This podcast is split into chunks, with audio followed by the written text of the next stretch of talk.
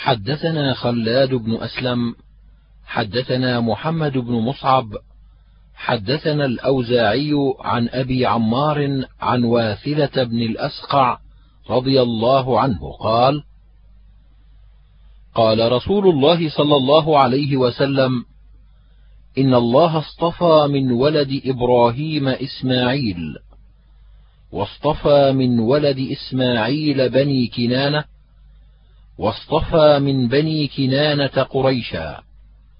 واصطفى من قريش بني هاشم واصطفاني من بني هاشم.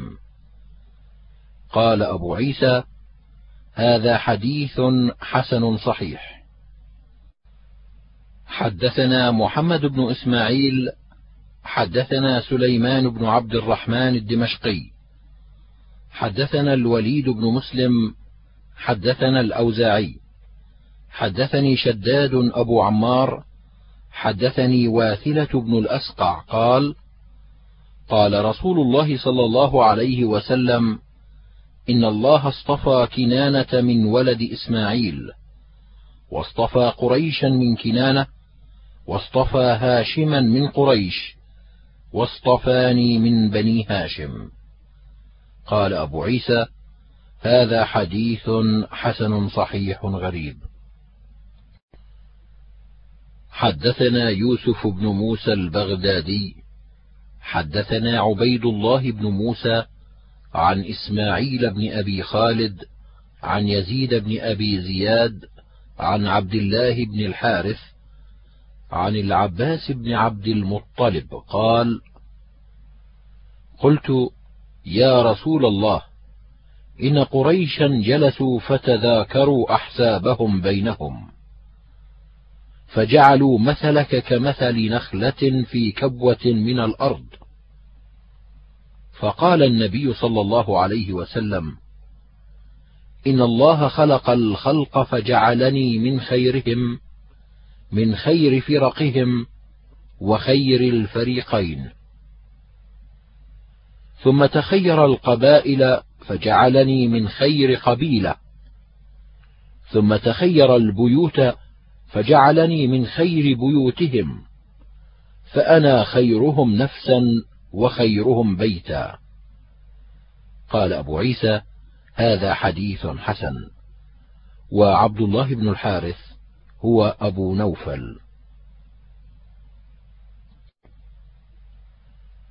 حدثنا محمود بن غيلان حدثنا أبو أحمد حدثنا سفيان عن يزيد بن أبي زياد عن عبد الله بن الحارث عن العباس بن عبد المطلب.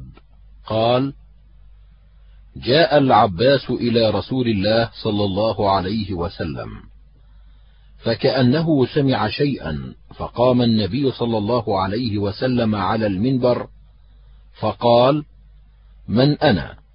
قالوا أنت رسول الله عليك السلام. قال أنا محمد بن عبد الله بن عبد المطلب. إن الله خلق الخلق فجعلني في خيرهم فرقة ثم جعلهم فرقتين فجعلني في خيرهم فرقة ثم جعلهم قبائل فجعلني في خيرهم قبيلة ثم جعلهم بيوتا فجعلني في خيرهم بيتا وخيرهم نفسا. قال أبو عيسى هذا حديث حسن. حدثنا أبو همام الوليد بن شجاع بن الوليد البغدادي. حدثنا الوليد بن مسلم عن الأوزاعي عن يحيى بن كثير عن أبي سلمة عن أبي هريرة. قال قالوا يا رسول الله متى وجبت لك النبوة؟ قال وآدم بين الروح والجسد. قال أبو عيسى هذا حديث حسن صحيح غريب من حديث أبي هريرة لا نعرفه إلا من هذا الوجه. وفي الباب عن ميسرة الفخر. حدثنا الحسين بن يزيد الكوفي. حدثنا عبد السلام بن حرب عن ليث عن الربيع بن أنس عن أنس بن مالك قال قال رسول الله صلى الله عليه وسلم أنا أول الناس خروجا إذا بعثوا وأنا خطيبهم إذا وفدوا وأنا مبشرهم إذا أيسوا لواء الحمد يومئذ بيدي وأنا أكرم ولد آدم على ربي ولا فخر. قال أبو عيسى هذا حديث حسن غريب. حدثنا الحسين بن يزيد حدثنا عبد السلام بن حرب عن يزيد بن أبي خالد عن المنهال بن عمرو عن عبد الله بن الحارث عن أبي هريرة رضي الله عنه قال قال رسول الله صلى الله عليه وسلم فأكسى حلة من حلل الجنة. ثم أقوم عن يمين العرش ليس أحد من الخلائق يقوم ذلك المقام غيري. قال هذا حديث حسن غريب. حدثنا بندار حدثنا أبو عاصم حدثنا سفيان عن ليث وهو ابن أبي سليم حدثني كعب حدثني أبو هريرة قال قال رسول الله صلى الله عليه وسلم سلوا الله لي الوسيلة. قالوا يا رسول الله وما الوسيلة؟ قال أعلى درجة في الجنة لا ينالها إلا رجل واحد أرجو أن أكون أنا هو. قال هذا حديث غريب إسناده ليس بالقوي وكعب ليس هو بمعروف ولا نعلم أحدا روى عنه غير ليث بن أبي سليم. حدثنا محمد بن بشار حدثنا أبو عامر حدثنا زهير بن محمد عن عبد الله بن محمد بن عقيل عن الطفيل بن أبي بن كعب عن أبيه أن رسول الله صلى الله عليه وسلم قال مثلي في النبيين كمثل رجل بنى دارا فأحسنها وأكملها وجملها وترك منها موضع لبنة فجعل الناس يطوفون بالبناء ويعجبون منه ويقولون لو تم موضع تلك اللبنة وأنا في النبيين بموضع تلك اللبنة. وبهذا الإسناد عن النبي صلى الله عليه وسلم قال إذا كان يوم القيامة كنت إمام النبيين وخطيبهم وصاحب شفاعتهم غير فخر. قال أبو عيسى هذا حديث حسن. حدثنا محمد بن إسماعيل حدثنا عبد الله بن يزيد المقبري حدثنا حيوة أخبرنا كعب بن علقمة سمع عبد الرحمن بن جبير أنه سمع عبد الله بن عمرو أنه سمع النبي صلى الله عليه وسلم يقول إذا سمعتم المؤذن فقولوا مثل ما يقول المؤذن ثم صلوا علي من صلى صلاة صلى الله عليه بها عشرا. ثم سلوا لي الوسيلة فإنها منزلة في الجنة لا تنبغي إلا لعبد من عباد الله وأرجو أن أكون أنا هو ومن سأل لي الوسيلة حلت عليه الشفاعة. قال أبو عيسى هذا حديث حسن صحيح. قال محمد عبد الرحمن بن جبير هذا. قرشي مصري مدني وعبد الرحمن بن جبير بن نفير شامي.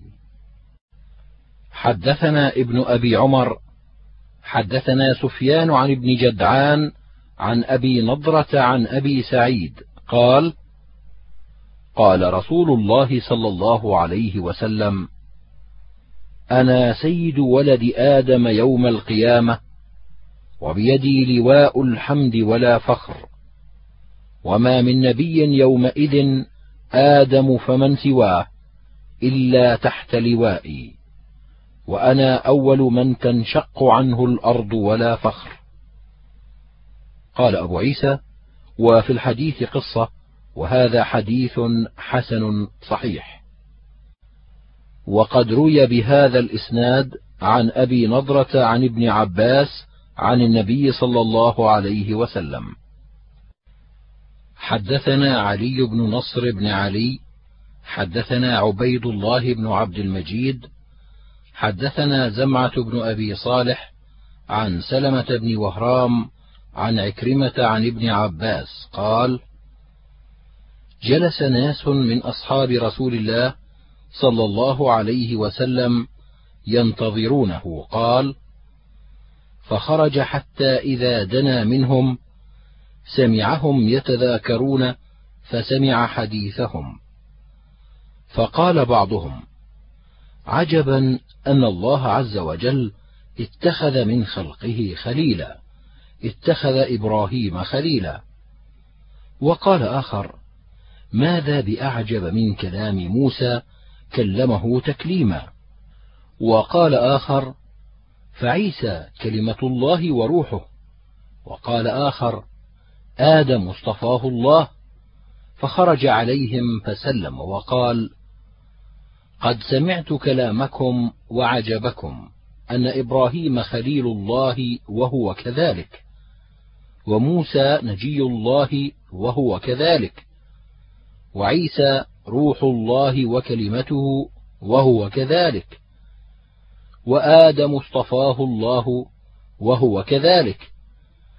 ألا وأنا حبيب الله ولا فخر وأنا حامل لواء الحمد يوم القيامة ولا فخر وأنا أول شافع وأول مشفع يوم القيامة ولا فخر وأنا أول من يحرك حلق الجنة فيفتح الله لي فيدخلنيها ومعي فقراء المؤمنين ولا فخر. وأنا أكرم الأولين والآخرين ولا فخر. قال أبو عيسى هذا حديث غريب. حدثنا زيد بن أخزم الطائي البصري. حدثنا أبو قتيبة سلم بن قتيبة. حدثني أبو مودود المدني. حدثنا عثمان بن الضحاك عن محمد بن يوسف بن عبد الله بن سلام عن أبيه عن جده. قال مكتوب في التوراة صفة محمد وصفة عيسى بن مريم يدفن معه. قال فقال أبو مودود وقد بقي في البيت موضع قبر. قال أبو عيسى هذا حديث حسن غريب. هكذا قال عثمان بن الضحاك والمعروف الضحاك بن عثمان المدني. حدثنا بشر بن هلال الصواف البصري. حدثنا جعفر بن سليمان الضبعي عن ثابت عن أنس بن مالك قال لما كان اليوم الذي دخل فيه رسول الله صلى الله عليه وسلم المدينة أضاء منها كل شيء. فلما كان اليوم الذي مات فيه أظلم منها كل شيء. ولما نفضنا عن رسول الله صلى الله عليه وسلم الأيدي وإنا لفي دفنه حتى أنكرنا قلوبنا. قال أبو عيسى هذا حديث غريب صحيح.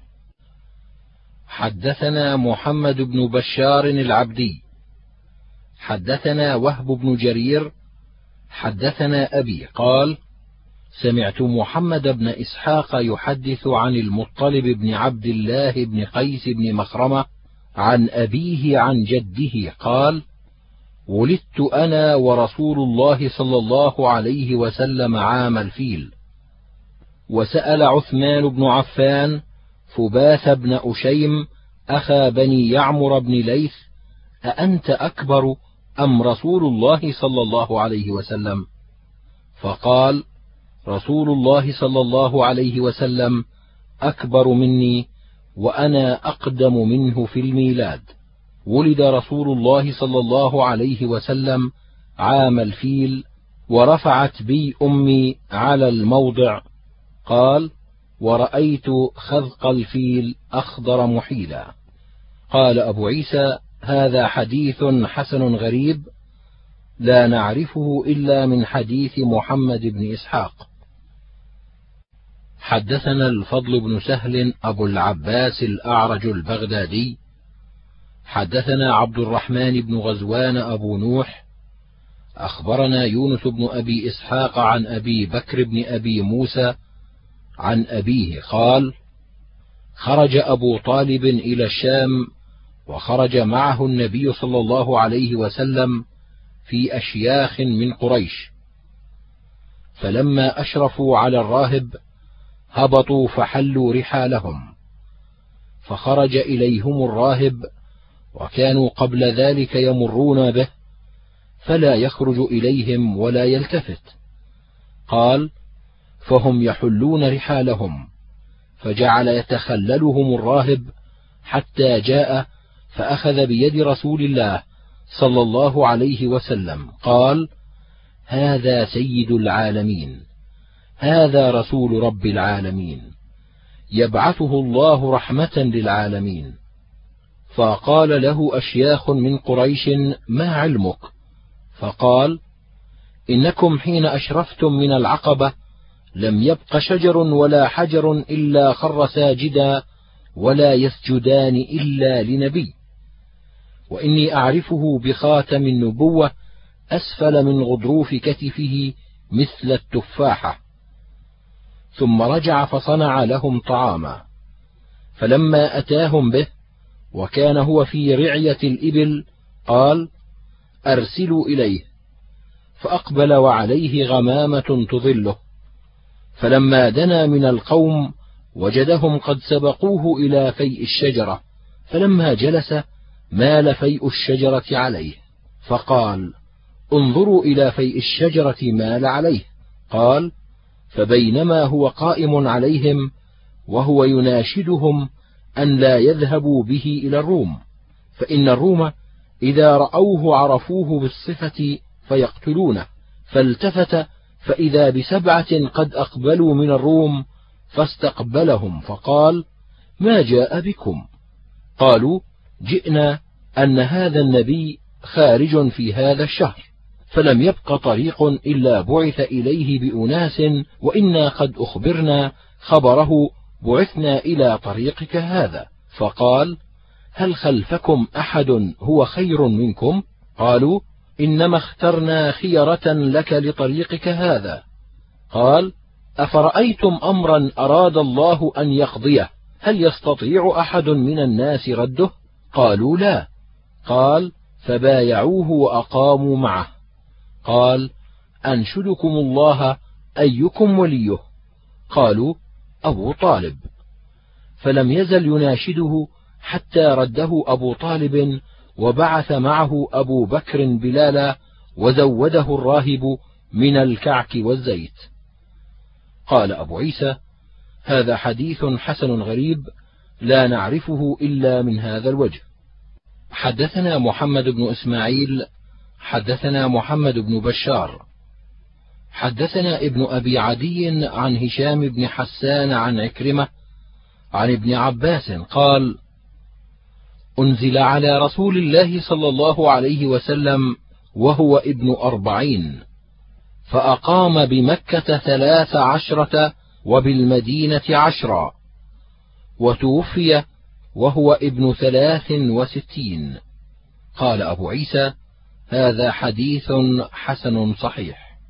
حدثنا محمد بن بشار حدثنا ابن أبي عدي عن هشام عن عكرمة عن ابن عباس قال قبض النبي صلى الله عليه وسلم وهو ابن خمس وستين. وهكذا حدثنا هو يعني ابن بشار. وروى عنه محمد بن إسماعيل مثل ذلك. حدثنا قتيبة عن مالك بن أنس وحدثنا الأنصاري. حدثنا معا حدثنا مالك بن أنس عن ربيعة بن أبي عبد الرحمن أنه سمع أنسا يقول لم يكن رسول الله صلى الله عليه وسلم بالطويل البائن ولا بالقصير المتردد ولا بالأبيض الأمهق ولا بالآدم. وليس بالجعد القطط ولا بالصبط بعثه الله على رأس أربعين سنة فأقام بمكة عشر سنين وبالمدينة عشرا وتوفاه الله على رأس ستين سنة وليس في رأسه ولحيته عشرون شعرة بيضاء. قال أبو عيسى هذا حديث حسن صحيح. حدثنا محمد بن بشار ومحمود بن غيلان. قالا أنبأنا أبو داود الطيالسي حدثنا سليمان بن معاذ الضبي عن سماك بن حرب عن جابر بن سمرة قال قال رسول الله صلى الله عليه وسلم إن بمكة حجرا كان يسلم علي ليالي بعثت إني لأعرفه الآن. قال هذا حديث حسن غريب. حدثنا محمد بن بشار حدثنا يزيد بن هارون حدثنا سليمان التيمي عن أبي العلاء عن سمرة بن جندب قال كنا مع رسول الله صلى الله عليه وسلم نتداول من قصعة من غدوة حتى الليل يقوم عشرة ويقعد عشرة. قلنا فما كانت تمد. قال من أي شيء تعجب؟ ما كانت تمد إلا منها هنا وأشار بيده إلى السماء. قال أبو عيسى هذا حديث حسن صحيح وأبو العلاء اسمه يزيد بن عبد الله بن الشخير. حدثنا عباد بن يعقوب الكوفي حدثنا الوليد بن أبي ثور عن السدي عن عباد بن أبي يزيد عن علي بن أبي طالب قال كنت مع النبي صلى الله عليه وسلم بمكة فخرجنا في بعض نواحيها فما استقبله جبل ولا شجر إلا وهو يقول السلام عليك يا رسول الله قال هذا حديث غريب وروى غير واحد عن الوليد بن أبي ثور وقال عن عباد أبي يزيد. حدثنا محمود بن غيلان حدثنا عمر بن يونس عن عكرمة بن عمار عن إسحاق بن عبد الله بن أبي طلحة عن أنس بن مالك أن رسول الله صلى الله عليه وسلم خطب إلى عذق جذع واتخذوا له منبرا فخطب عليه فحن الجذع حنين الناقة. فنزل النبي صلى الله عليه وسلم فمسه فسكن. قال أبو عيسى وفي الباب عن أبي وجابر وابن عمر وسهل بن سعد وابن عباس وأم سلمة وحديث أنس حديث حسن صحيح. حدثنا محمد بن إسماعيل حدثنا محمد بن سعيد حدثنا شريك عن سماك عن أبي ظبيان عن ابن عباس قال جاء أعرابي إلى رسول الله صلى الله عليه وسلم فقال بما أعرف أنك نبي؟ قال إن دعوت هذا العزق من هذه النخلة أتشهد أني رسول الله؟ فدعاه رسول الله صلى الله عليه وسلم فجعل ينزل من النخلة حتى سقط إلى النبي صلى الله عليه وسلم. ثم قال ارجع فعاد فأسلم الأعرابي. قال أبو عيسى هذا حديث حسن غريب صحيح. حدثنا بندار حدثنا أبو عاصم حدثنا عزرة بن ثابت حدثنا علياء بن أحمر حدثنا أبو زيد بن أخطب. قال مسح رسول الله صلى الله عليه وسلم يده على وجهي ودعا لي. قال عذرة إنه عاش مئة وعشرين سنة وليس في رأسه إلا شعرات بيض. قال أبو عيسى هذا حديث حسن غريب. وأبو زيد اسمه عمرو بن أخطب. حدثنا إسحاق بن موسى الأنصاري حدثنا معا قال عرضت على مالك بن أنس عن إسحاق بن عبد الله بن أبي طلحة أنه سمع أنس بن مالك يقول قال أبو طلحة لأم سليم لقد سمعت صوت رسول الله صلى الله عليه وسلم يعني ضعيفا أعرف فيه الجوع فهل عندك من شيء؟ فقالت نعم.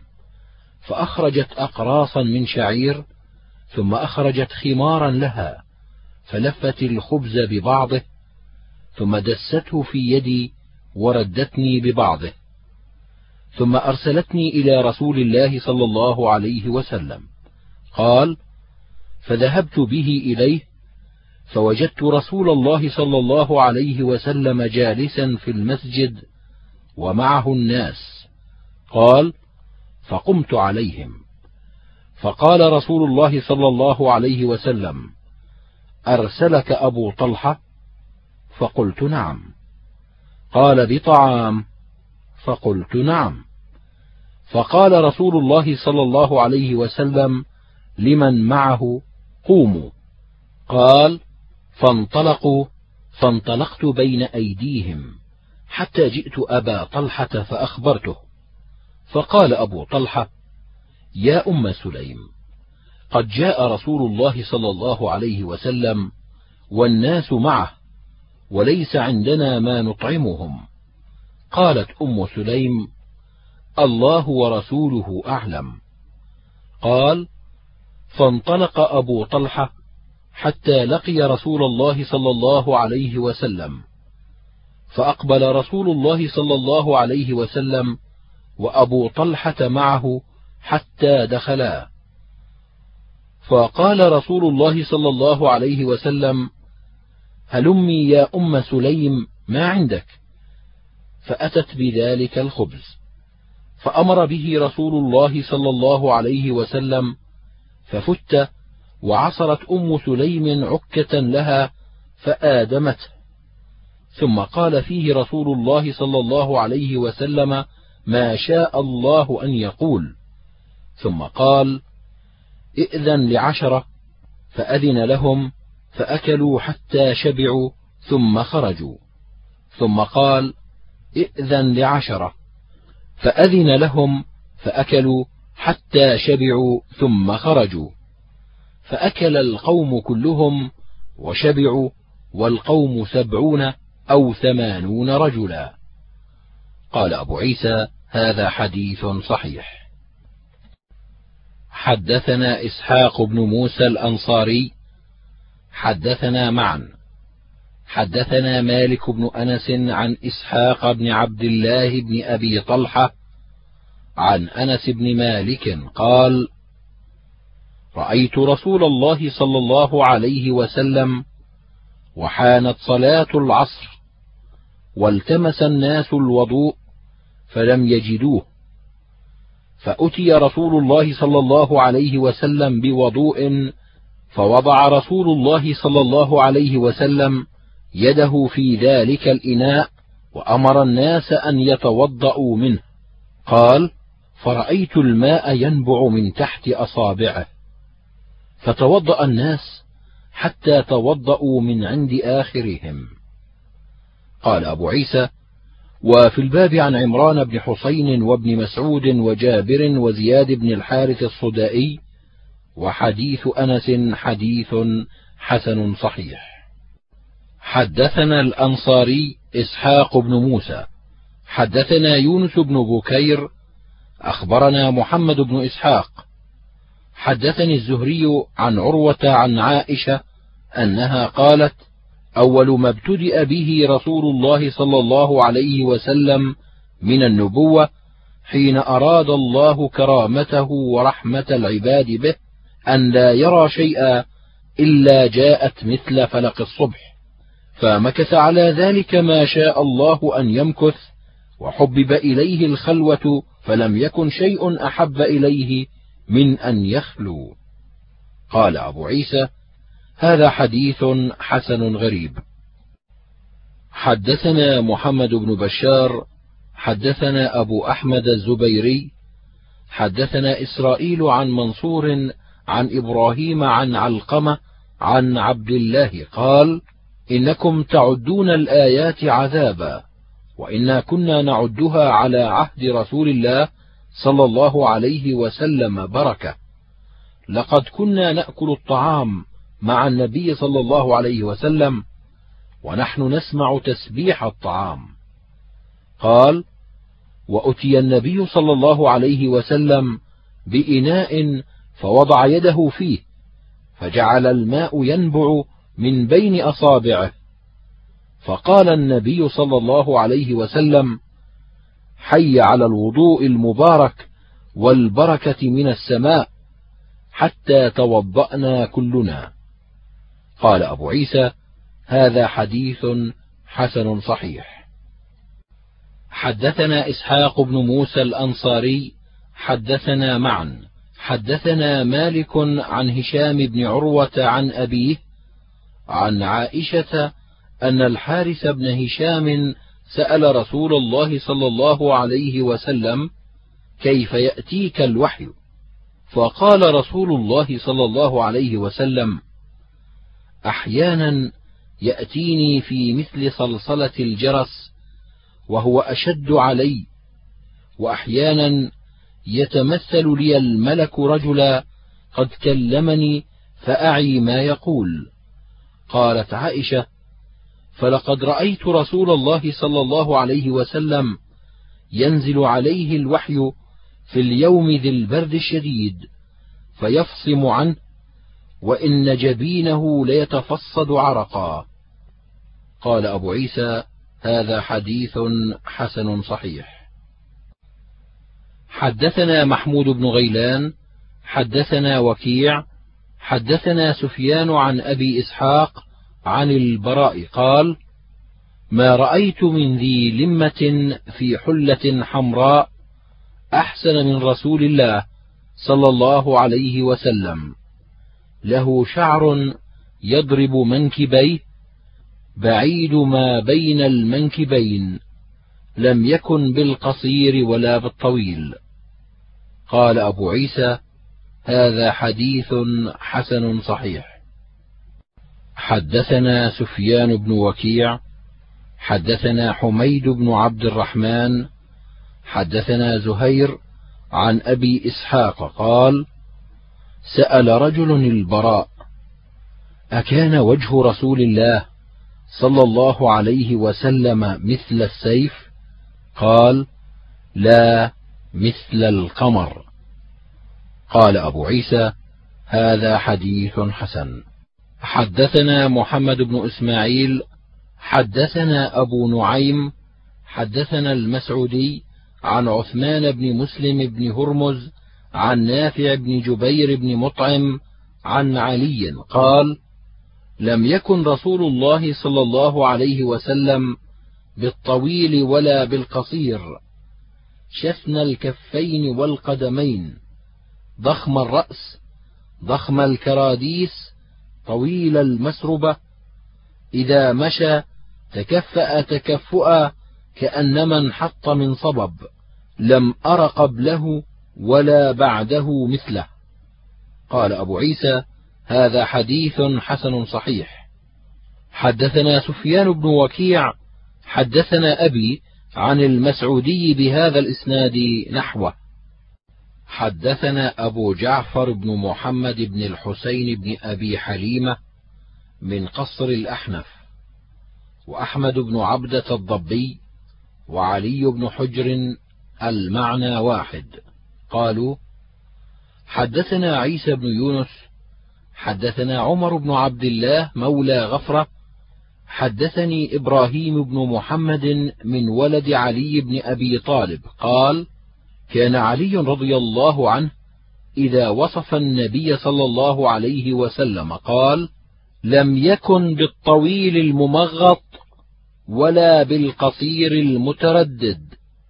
وكان ربعة من القوم ولم يكن بالجعد القطط ولا بالصبط كان جعدا رجلا ولم يكن بالمطهم ولا بالمكلثم وكان في الوجه تدوير أبيض مشرب شسن الكفين والقدمين إذا مشى تقلع كأنما يمشي في صبب وإذا التفت التفت معا. بين كتفيه خاتم النبوة وهو خاتم الأنبياء. أجود الناس كفا وأشرحهم صدرا وأصدق الناس لهجة وألينهم عريكة وأكرمهم عشرة. من رآه بديهة هابة ومن خالطه معرفة أحبه. يقول ناعته لم أر قبله ولا بعده مثله. قال أبو عيسى هذا حديث حسن غريب ليس إسناده بمتصل. قال أبو جعفر سمعت الأصمعي يقول في تفسيره صفة النبي صلى الله عليه وسلم الممغط الذاهب طولا. وسمعت أعرابيا يقول تمغط في نشابة أي مدها مدا شديدا. وأما المتردد فالداخل بعضه في بعض قصرا. وأما القطط فالشديد الجعودة والرجل الذي في شعره حجونة قليلا. وأما المطهم فالبادن الكثير اللحم. وأما المكلثم فالمدور الوجه. وأما المشذب فهو الذي في ناصيته حمرة والأدعج الشديد سواد العين والأهدب الطويل الأشفار والكتد مجتمع الكتفين وهو الكاهل والمسربة. هو الشعر الدقيق الذي هو كأنه قضيب من الصدر إلى السرة والشثن الغليظ الأصابع من الكفين والقدمين والتقلع أن يمشي بقوة والصبب الحدور. يقول انحدرنا في صبوب وصبب. وقوله جليل المشاش يريد رؤوس المناكب. والعشيرة الصحبة والعشير الصاحب والبديهة المفاجأة. يقال بدهته بأمر أي فجأته حدثنا حميد بن مسعود حدثنا حميد بن الأسود عن أسامة بن زيد عن الزهري عن عروة عن عائشة قالت: ما كان رسول الله صلى الله عليه وسلم يسرد سردكم هذا، ولكنه كان يتكلم بكلام بينه فصل يحفظه من جلس إليه. قال أبو عيسى هذا حديث حسن لا نعرفه إلا من حديث الزهري وقد رواه يونس بن يزيد عن الزهري. حدثنا محمد بن يحيى حدثنا أبو قتيبة سلم بن قتيبة عن عبد الله بن المثنى. عن ثمامة عن أنس بن مالك قال كان رسول الله صلى الله عليه وسلم يعيد الكلمة ثلاثا لتعقل عنه. قال أبو عيسى هذا حديث حسن صحيح غريب إنما نعرفه من حديث عبد الله بن المثنى. حدثنا قتيبة حدثنا ابن لهيعة عن عبد الله بن المغيرة عن عبد الله بن الحارث بن حزم قال ما رأيت أحدا أكثر تبسما من رسول الله صلى الله عليه وسلم. قال أبو عيسى هذا حديث حسن غريب. وقد روي عن يزيد بن أبي حبيب عن عبد الله بن الحارث بن جاز مثل هذا. حدثنا بذلك أحمد بن خالد الخلال حدثنا يحيى بن إسحاق السيلحاني حدثنا الليث بن سعد عن يزيد بن أبي حبيب عن عبد الله بن الحارث بن جزء قال ما كان ضحك رسول الله صلى الله عليه وسلم إلا تبسما. قال أبو عيسى هذا حديث صحيح غريب لا نعرفه من حديث ليث بن سعد إلا من هذا الوجه. حدثنا قتيبة حدثنا حاتم بن إسماعيل عن الجعد بن عبد الرحمن قال سمعت السائب بن يزيد يقول ذهبت بي خالتي إلى النبي صلى الله عليه وسلم فقالت يا رسول الله إن ابن أختي وجع فمسح برأسي ودعا لي بالبركة وتوضأ فشربت من وضوئه فقمت خلف ظهره فنظرت إلى الخاتم بين كتفيه فإذا هو مثل زر الحجلة. قال أبو عيسى الزر يقال بيض لها. قال أبو عيسى وفي الباب عن سلمان وقرة بن إياس وجابر بن سمرة وأبي رمثة وبريدة وعبد الله بن سرجس وعمرو بن أخطب وأبي سعيد وهذا حديث حسن صحيح غريب من هذا الوجه. حدثنا سعيد بن يعقوب الطالقاني حدثنا أيوب بن جابر عن سماك عن جابر بن سمرة قال كان خاتم رسول الله صلى الله عليه وسلم يعني الذي بين كتفيه غدة حمراء مثل بيضة الحمامة. قال أبو عيسى هذا حديث حسن صحيح.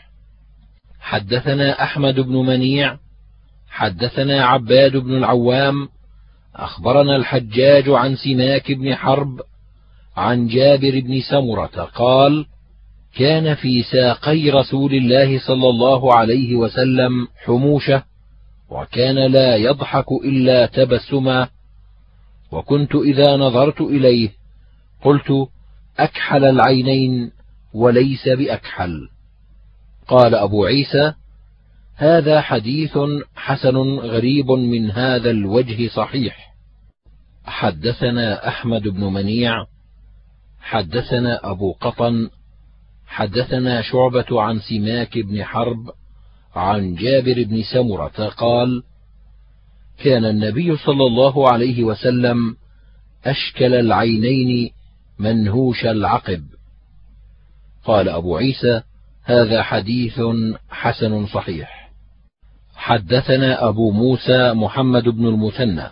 قال حدثنا محمد بن جعفر حدثنا شعبة عن سماك بن حرب عن جابر بن سمرة. قال كان رسول الله صلى الله عليه وسلم ضليع الفم أشكل العينين منهوش العقب. قال شعبة قلت لسماك ما ضليع الفم؟ قال واسع الفم. قلت ما أشكل العين؟ قال طويل شق العين. قال قلت ما منهوش العقب؟ قال قليل اللحم. قال أبو عيسى هذا حديث حسن صحيح. حدثنا قتيبة حدثنا ابن لهيعة عن أبي يونس عن أبي هريرة قال ما رأيت شيئا أحسن من رسول الله صلى الله عليه وسلم في مشيته كأنما الأرض تطوى له. إنا لنجهد أنفسنا وإنه لغير مكترث. قال هذا حديث غريب. حدثنا قتيبة حدثنا الليث عن أبي الزبير عن جابر أن رسول الله صلى الله عليه وسلم قال عرض علي الأنبياء فإذا موسى ضرب من الرجال كأنه من رجال شنوءة ورأيت عيسى ابن مريم فإذا أقرب الناس من رأيت به شبها عروة بن مسعود. ورأيت إبراهيم فإذا أقرب من به شبها صاحبكم نفسه ورأيت جبريل فإذا أقرب من رأيت به شبها دحية هو ابن خليفة الكلبي. قال أبو عيسى هذا حديث حسن صحيح غريب. حدثنا أحمد بن منيع ويعقوب بن إبراهيم الدورقي قالا حدثنا إسماعيل بن علية عن خالد الحذاء حدثني عمار مولى بني هاشم قال سمعت ابن عباس يقول توفي رسول الله صلى الله عليه وسلم وهو ابن خمس وستين. حدثنا نصر بن علي حدثنا بشر بن المفضل حدثنا خالد الحذاء. حدثنا عمار مولى بني هاشم حدثنا ابن عباس أن النبي صلى الله عليه وسلم توفي وهو ابن خمس وستين. قال أبو عيسى هذا حديث حسن. حدثنا أحمد بن منيع حدثنا روح بن عبادة حدثنا زكريا بن إسحاق حدثنا عمرو بن دينار عن ابن عباس قال مكث النبي صلى الله عليه وسلم بمكة ثلاث عشرة يعني يوحى إليه وتوفي وهو ابن ثلاث وستين. قال أبو عيسى وفي الباب عن عائشة وأنس ودغفل بن حنظلة ولا يصح لدغفل سماع من النبي صلى الله عليه وسلم ولا رؤية. وحديث ابن عباس حديث حسن غريب من حديث عمرو بن دينار. حدثنا محمد بن بشار حدثنا محمد بن جعفر حدثنا شعبة عن أبي إسحاق عن عامر بن سعد عن جرير بن عبد الله عن معاوية بن أبي سفيان أنه قال: سمعته يخطب يقول: مات رسول الله صلى الله عليه وسلم وهو ابن ثلاث وستين وأبو بكر وعمر وأنا ابن ثلاث وستين. قال أبو عيسى هذا حديث حسن صحيح. حدثنا العباس العنبري والحسين بن مهدي قالا حدثنا عبد الرزاق عن ابن جريج قال أخبرت عن ابن شهاب الزهري عن عروة عن عائشة وقال الحسين بن مهدي في حديثه ابن جريج عن الزهري عن عروة عن عائشة رضي الله عنها أن النبي صلى الله عليه وسلم مات وهو ابن ثلاث وستين. قال أبو عيسى هذا حديث حسن صحيح وقد رواه ابن أخي الزهري عن الزهري عن عروة عن عائشة مثل هذا. حدثنا محمود بن غيلان حدثنا عبد الرزاق أخبرنا الثوري عن أبي إسحاق عن أبي الأحوص عن عبد الله قال قال رسول الله صلى الله عليه وسلم أبرأ إلى كل خليل من خلة ولو كنت متخذا خليلا لاتخذت ابن أبي قحافة خليلا. وإن صاحبكم خليل الله. قال أبو عيسى هذا حديث حسن صحيح. وفي الباب عن أبي سعيد وأبي هريرة وابن الزبير وابن عباس. حدثنا إبراهيم بن سعيد الجوهري. حدثنا إسماعيل بن أبي أويس عن سليمان بن بلال عن هشام بن عروة عن أبيه عن عائشة عن عمر بن الخطاب قال أبو بكر سيدنا وخيرنا وأحبنا إلى رسول الله صلى الله عليه وسلم. قال أبو عيسى هذا حديث صحيح غريب. حدثنا أحمد بن إبراهيم الدورقي حدثنا إسماعيل بن إبراهيم عن الجريري عن عبد الله بن شقيق قال قلت لعائشة أي أصحاب رسول الله صلى الله عليه وسلم كان أحب إلى رسول الله؟ قالت أبو بكر. قلت ثم من؟ قالت عمر. قلت ثم من؟ قالت ثم أبو عبيدة بن الجراح. قلت ثم من؟ قال فسكتت. قال هذا حديث حسن صحيح. حدثنا قتيبة حدثنا محمد بن فضيل عن سالم بن أبي حفصة والأعمش وعبد الله بن صهبان وابن أبي ليلى وكثير النواء كلهم عن عطية عن أبي سعيد. قال قال رسول الله صلى الله عليه وسلم إن أهل الدرجات العلى ليراهم من تحتهم كما ترون النجم الطالع في أفق السماء وإن أبا بكر وعمر منهم وانعما قال أبو عيسى هذا حديث حسن روي من غير وجه عن عطية عن أبي سعيد. حدثنا محمد بن عبد الملك بن أبي الشوارب حدثنا أبو عوانة عن عبد الملك بن عمير عن ابن أبي المعلى عن أبيه أن رسول الله صلى الله عليه وسلم خطب يوما فقال إن رجلا خيره ربه بين أن يعيش في الدنيا ما شاء أن يعيش ويأكل في الدنيا ما شاء أن يأكل وبين لقاء ربه فاختار لقاء ربه. قال فبكى أبو بكر فقال أصحاب النبي صلى الله عليه وسلم ألا تعجبون من هذا الشيخ أن ذكر رسول الله صلى الله عليه وسلم رجلا صالحا خيره ربه بين الدنيا وبين لقاء ربه فاختار لقاء ربه؟ قال فكان أبو بكر أعلمهم بما قال رسول الله صلى الله عليه وسلم. فقال أبو بكر بل نفديك بآبائنا وأموالنا. فقال رسول الله صلى الله عليه وسلم ما من الناس أحد أمن إلينا في صحبته وذات يده من ابن أبي قحافة.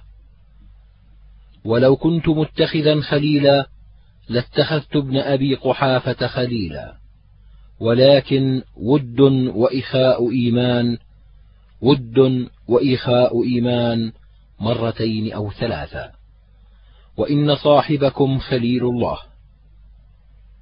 قال وفي الباب عن أبي سعيد وهذا حديث حسن غريب. حدثنا أحمد بن الحسن حدثنا عبد الله بن مسلمة عن مالك بن أنس عن أبي النضر عن عبيد بن حنين عن أبي سعيد الخدري. أن رسول الله صلى الله عليه وسلم جلس على المنبر قال إن عبدا خيره الله بين أن يؤتيه من زهرة الدنيا ما شاء وبين ما عنده فاختار ما عنده. فقال أبو بكر فديناك يا رسول الله بآبائنا وأمهاتنا. قال فعجبنا. فقال الناس انظروا إلى هذا الشيخ يخبر رسول الله عن عبد خيره الله بين أن يؤتيه من زهرة الدنيا ما شاء وبين ما عند الله وهو يقول فديناك بآبائنا وأمهاتنا. قال فكان رسول الله هو المخير وكان أبو بكر هو أعلمنا به. فقال النبي صلى الله عليه وسلم إن من أمن الناس علي في صحبته وماله أبو بكر. ولو كنت متخذا خليلا لاتخذت أبا بكر. ولكن أخوة الإسلام لا تبقين في المسجد خوخة إلا خوخة أبي بكر. قال أبو عيسى هذا حديث حسن صحيح. حدثنا علي بن الحسن الكوفي حدثنا محبوب بن محرز القواريري عن داود بن يزيد الأزدي عن أبيه عن أبي هريرة قال قال رسول الله صلى الله عليه وسلم ما لأحد عندنا يد إلا وقد كافيناه ما خلا أبا بكر فإن له عندنا يدا يكافئه الله به يوم القيامة. وما نفعني مال أحد قط ما نفعني مال أبي بكر. ولو كنت متخذا خليلا لاتخذت أبا بكر خليلا. ألا وإن صاحبكم خليل الله. قال أبو عيسى هذا حديث حسن غريب من هذا الوجه. حدثنا الحسن بن الصباح البزار حدثنا سفيان بن عيينة عن زائدة عن عبد الملك بن عمير عن ربعي عن حذيفة قال: قال رسول الله صلى الله عليه وسلم اقتدوا بالذين من بعد أبي بكر وعمر. حدثنا أحمد بن منيع وغير واحد قالوا حدثنا سفيان بن عيينة عن عبد الملك بن عمير نحوه وكان سفيان بن عيينة يدلس في هذا الحديث. فربما ذكره عن زائدة عن عبد الملك بن عمير وربما لم يذكر فيه عن زائدة. قال أبو عيسى هذا حديث حسن وفيه عن ابن مسعود. وروى سفيان الثوري هذا الحديث عن عبد الملك بن عمير عن مولى لربعي عن ربعي عن حذيفة عن النبي صلى الله عليه وسلم. وقد روي هذا الحديث من غير هذا الوجه أيضا عن ربعي عن حذيفة عن النبي صلى الله عليه وسلم. ورواه سالم الأنعمي كوفي عن ربعي بن حراش عن حذيفة. حدثنا سعيد بن يحيى بن سعيد الأموي حدثنا وكيع عن سالم بن العلاء المرادي عن عمرو بن هرم عن ربعي بن حراش عن حذيفة رضي الله عنه قال كنا جلوسا عند النبي صلى الله عليه وسلم فقال إني لا أدري ما بقائي فيكم فاقتدوا بالذين من بعدي. وأشار إلى أبي بكر وعمر. حدثنا الحسن بن الصباح البزار حدثنا محمد بن كثير العبدي عن الأوزاعي عن قتادة عن أنس قال قال رسول الله صلى الله عليه وسلم لأبي بكر وعمر هذان سيدا كهول أهل الجنة من الأولين والآخرين إلا النبيين والمرسلين. قال هذا حديث حسن غريب من هذا الوجه. حدثنا علي بن حجر أخبرنا الوليد بن محمد الموقري عن الزهري عن علي بن الحسين عن علي بن أبي طالب قال كنت مع رسول الله صلى الله عليه وسلم إذ طلع أبو بكر وعمر. فقال رسول الله صلى الله عليه وسلم هذان سيداكه لأهل الجنة من الأولين والآخرين إلا النبيين والمرسلين. يا علي لا تخبرهما. قال هذا حديث غريب من هذا الوجه. والوليد بن محمد الموقري يضعف في الحديث ولم يسمع علي بن الحسين من علي بن أبي طالب. وقد روي هذا الحديث عن علي من غير هذا الوجه وفي الباب عن أنس وابن عباس. حدثنا يعقوب بن إبراهيم الدورقي حدثنا سفيان بن عيينة قال ذكر داود عن الشعبي عن الحارث عن علي عن النبي صلى الله عليه وسلم قال أبو بكر وعمر سيداكه لأهل الجنة من الأولين والآخرين ما خلا النبيين والمرسلين. لا تخبرهما يا علي. حدثنا أبو سعيد الأشج حدثنا عقبة بن خالد حدثنا شعبة عن الجريري عن أبي نضرة عن أبي سعيد قال قال أبو بكر ألست أول من أسلم؟ ألست صاحب كذا؟ قال أبو عيسى هذا حديث غريب. وروى بعضهم عن شعبة عن الجريري عن أبي نضرة قال قال أبو بكر وهذا أصح.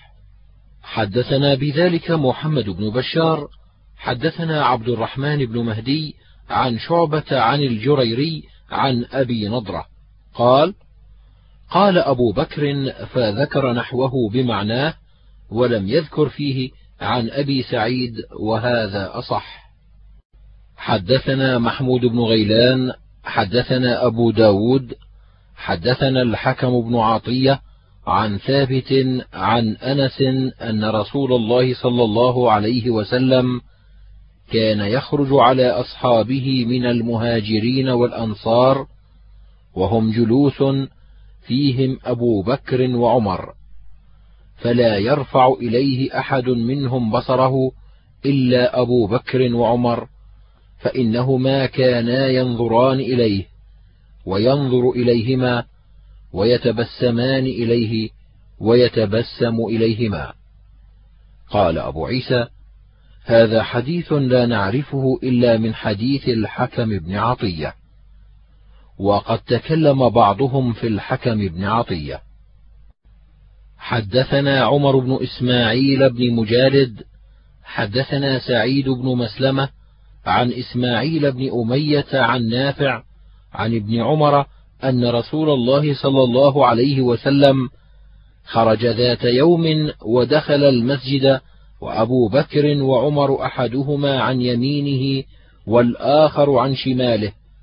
وهو آخذ بأيديهما وقال هكذا نبعث يوم القيامة.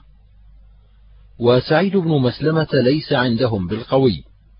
وقد روي هذا الحديث أيضا من غير هذا الوجه عن نافع عن ابن عمر.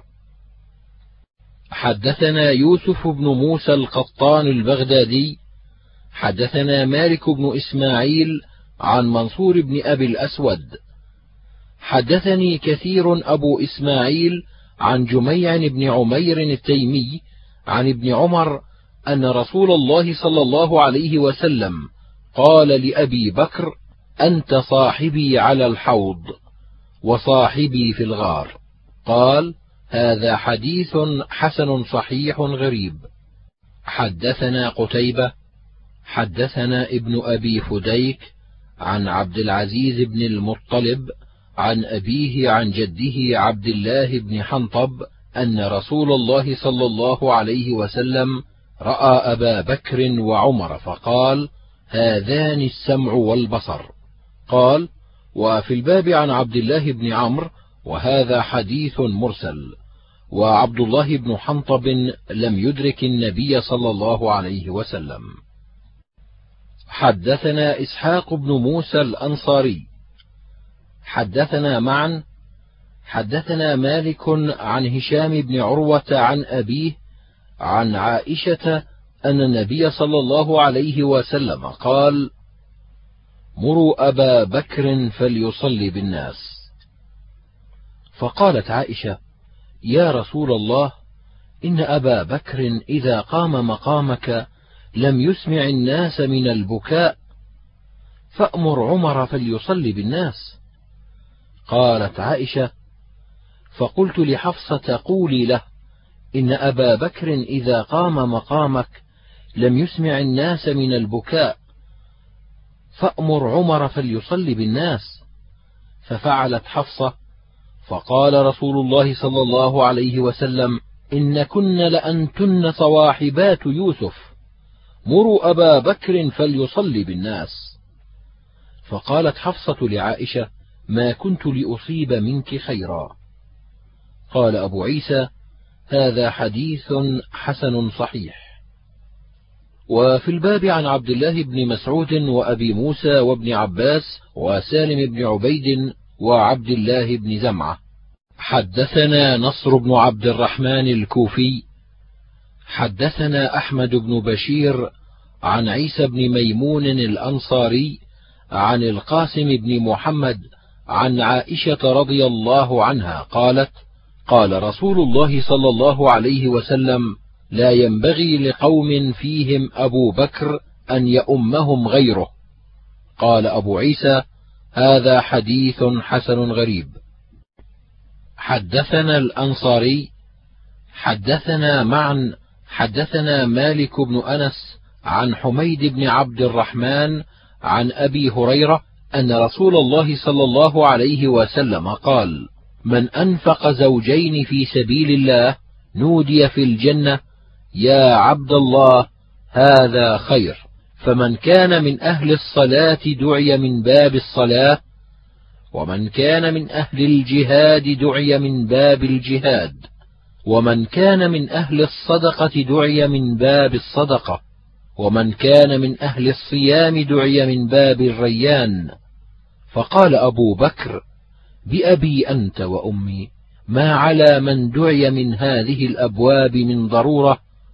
فهل يدعى أحد من تلك الأبواب كلها؟ قال نعم وأرجو أن تكون منهم. قال هذا حديث حسن صحيح.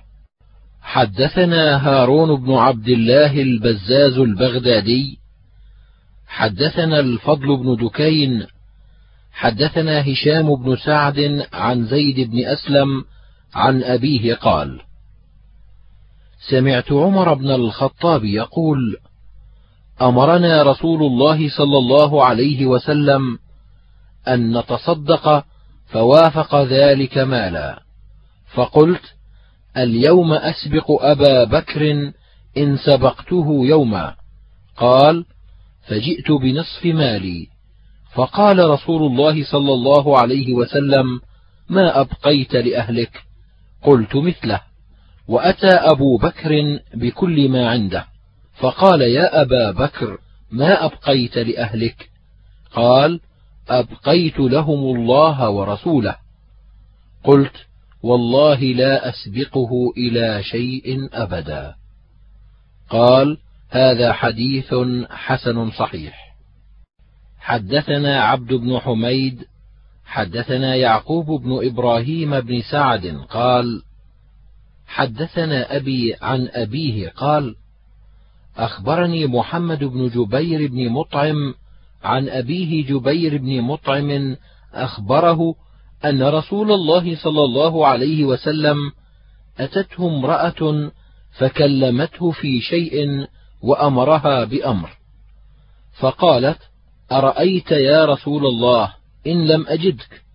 قال فإن لم تجديني فأت أبا بكر. قال أبو عيسى هذا حديث غريب من هذا الوجه. حدثنا محمود بن غيلان حدثنا أبو داود قال أنبأنا شعبة عن سعد بن إبراهيم قال سمعت أبا سلمة بن عبد الرحمن يحدث عن أبي هريرة قال قال رسول الله صلى الله عليه وسلم بين رجل راكب بقرة إذ قالت لم أخلق لهذا إنما خلقت للحرث فقال رسول الله صلى الله عليه وسلم آمنت بذلك أنا وأبو بكر وعمر. قال أبو سلمة وما هما في القوم يومئذ والله أعلم. حدثنا محمد بن بشار حدثنا محمد بن جعفر حدثنا شعبة بهذا الإسناد نحوه. قال أبو عيسى هذا حديث حسن صحيح. حدثنا محمد بن حميد حدثنا إبراهيم بن المختار عن إسحاق بن راشد عن الزهري عن عروة عن عائشة أن النبي صلى الله عليه وسلم أمر بسد الأبواب إلا باب أبي بكر. هذا حديث غريب وفي الباب عن أبي سعيد. حدثنا الأنصاري حدثنا معا حدثنا إسحاق بن يحيى بن طلحة عن عمه إسحاق بن طلحة عن عائشة أن أبا بكر دخل على رسول الله صلى الله عليه وسلم فقال أنت عتيق الله من النار فيومئذ سمي عتيقا. هذا حديث غريب. حدثنا أبو سعيد الأشج حدثنا قليد بن سليمان عن أبي الجحاف عن عطية عن أبي سعيد الخدري قال قال رسول الله صلى الله عليه وسلم ما من نبي إلا له وزيران من أهل السماء ووزيران من أهل الأرض. فأما وزيراي من أهل السماء فجبريل وميكائيل وأما وزيراي من أهل الأرض فأبو بكر وعمر. هذا حديث حسن غريب وأبو الجحاف اسمه داود بن أبي عوف ويروى عن سفيان الثوري حدثنا أبو الجحاف وكان مرضيا وتليد بن سليمان يكنى أبا إدريس وهو شيعي. حدثنا محمد بن بشار ومحمد بن رافع قالا حدثنا أبو عامر العقدي حدثنا خارجة بن عبد الله الأنصاري عن نافع عن ابن عمر أن رسول الله صلى الله عليه وسلم قال: اللهم أعز الإسلام بأحب هذين الرجلين إليك بأبي جهل أو بعمر بن الخطاب. قال: وكان أحبهما إليه عمر. قال أبو عيسى: هذا حديث حسن صحيح غريب من حديث ابن عمر. حدثنا محمد بن بشار حدثنا أبو عامر العقدي حدثنا خارجة بن عبد الله عن نافع عن ابن عمر أن رسول الله صلى الله عليه وسلم قال: إن الله جعل الحق على لسان عمر وقلبه. وقال ابن عمر: ما نزل بالناس أمر قط فقالوا فيه وقال فيه عمر أو قال ابن الخطاب فيه شك خارجة إلا نزل فيه القرآن على نحو ما قال عمر. قال أبو عيسى وفي الباب عن الفضل بن العباس وأبي ذر وأبي هريرة وهذا حديث حسن غريب من هذا الوجه.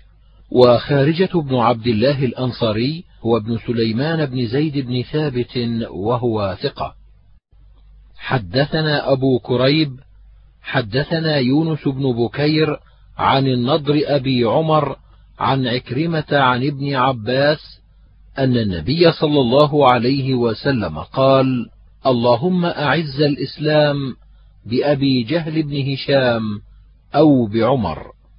قال: فأصبح فغدا عمر على رسول الله صلى الله عليه وسلم فأسلم.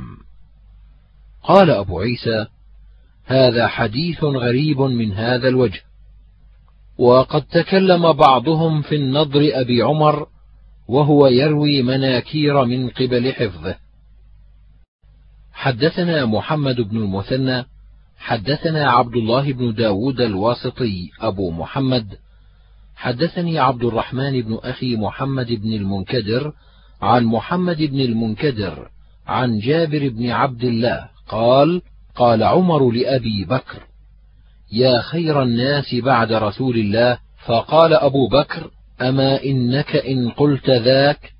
فلقد سمعت رسول الله صلى الله عليه وسلم يقول ما طلعت الشمس على رجل خير من عمر.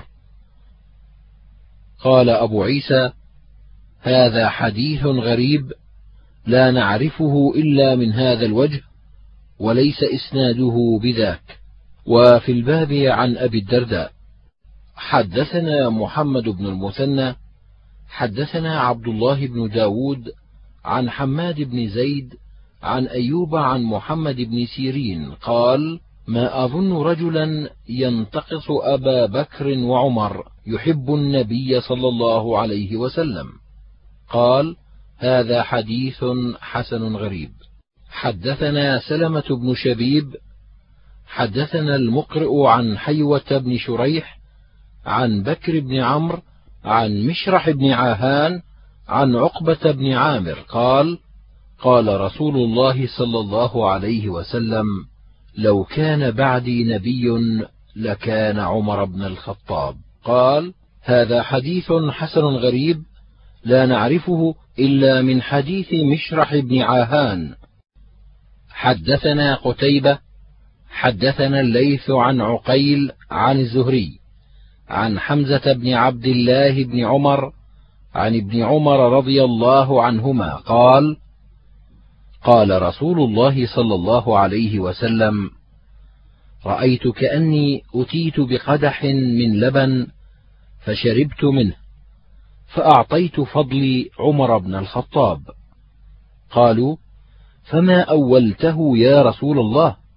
قال العلم قال هذا حديث حسن صحيح غريب حدثنا علي بن حجر حدثنا إسماعيل بن جعفر عن حميد عن أنس أن النبي صلى الله عليه وسلم قال دخلت الجنة فإذا أنا بقصر من ذهب فقلت لمن هذا القصر؟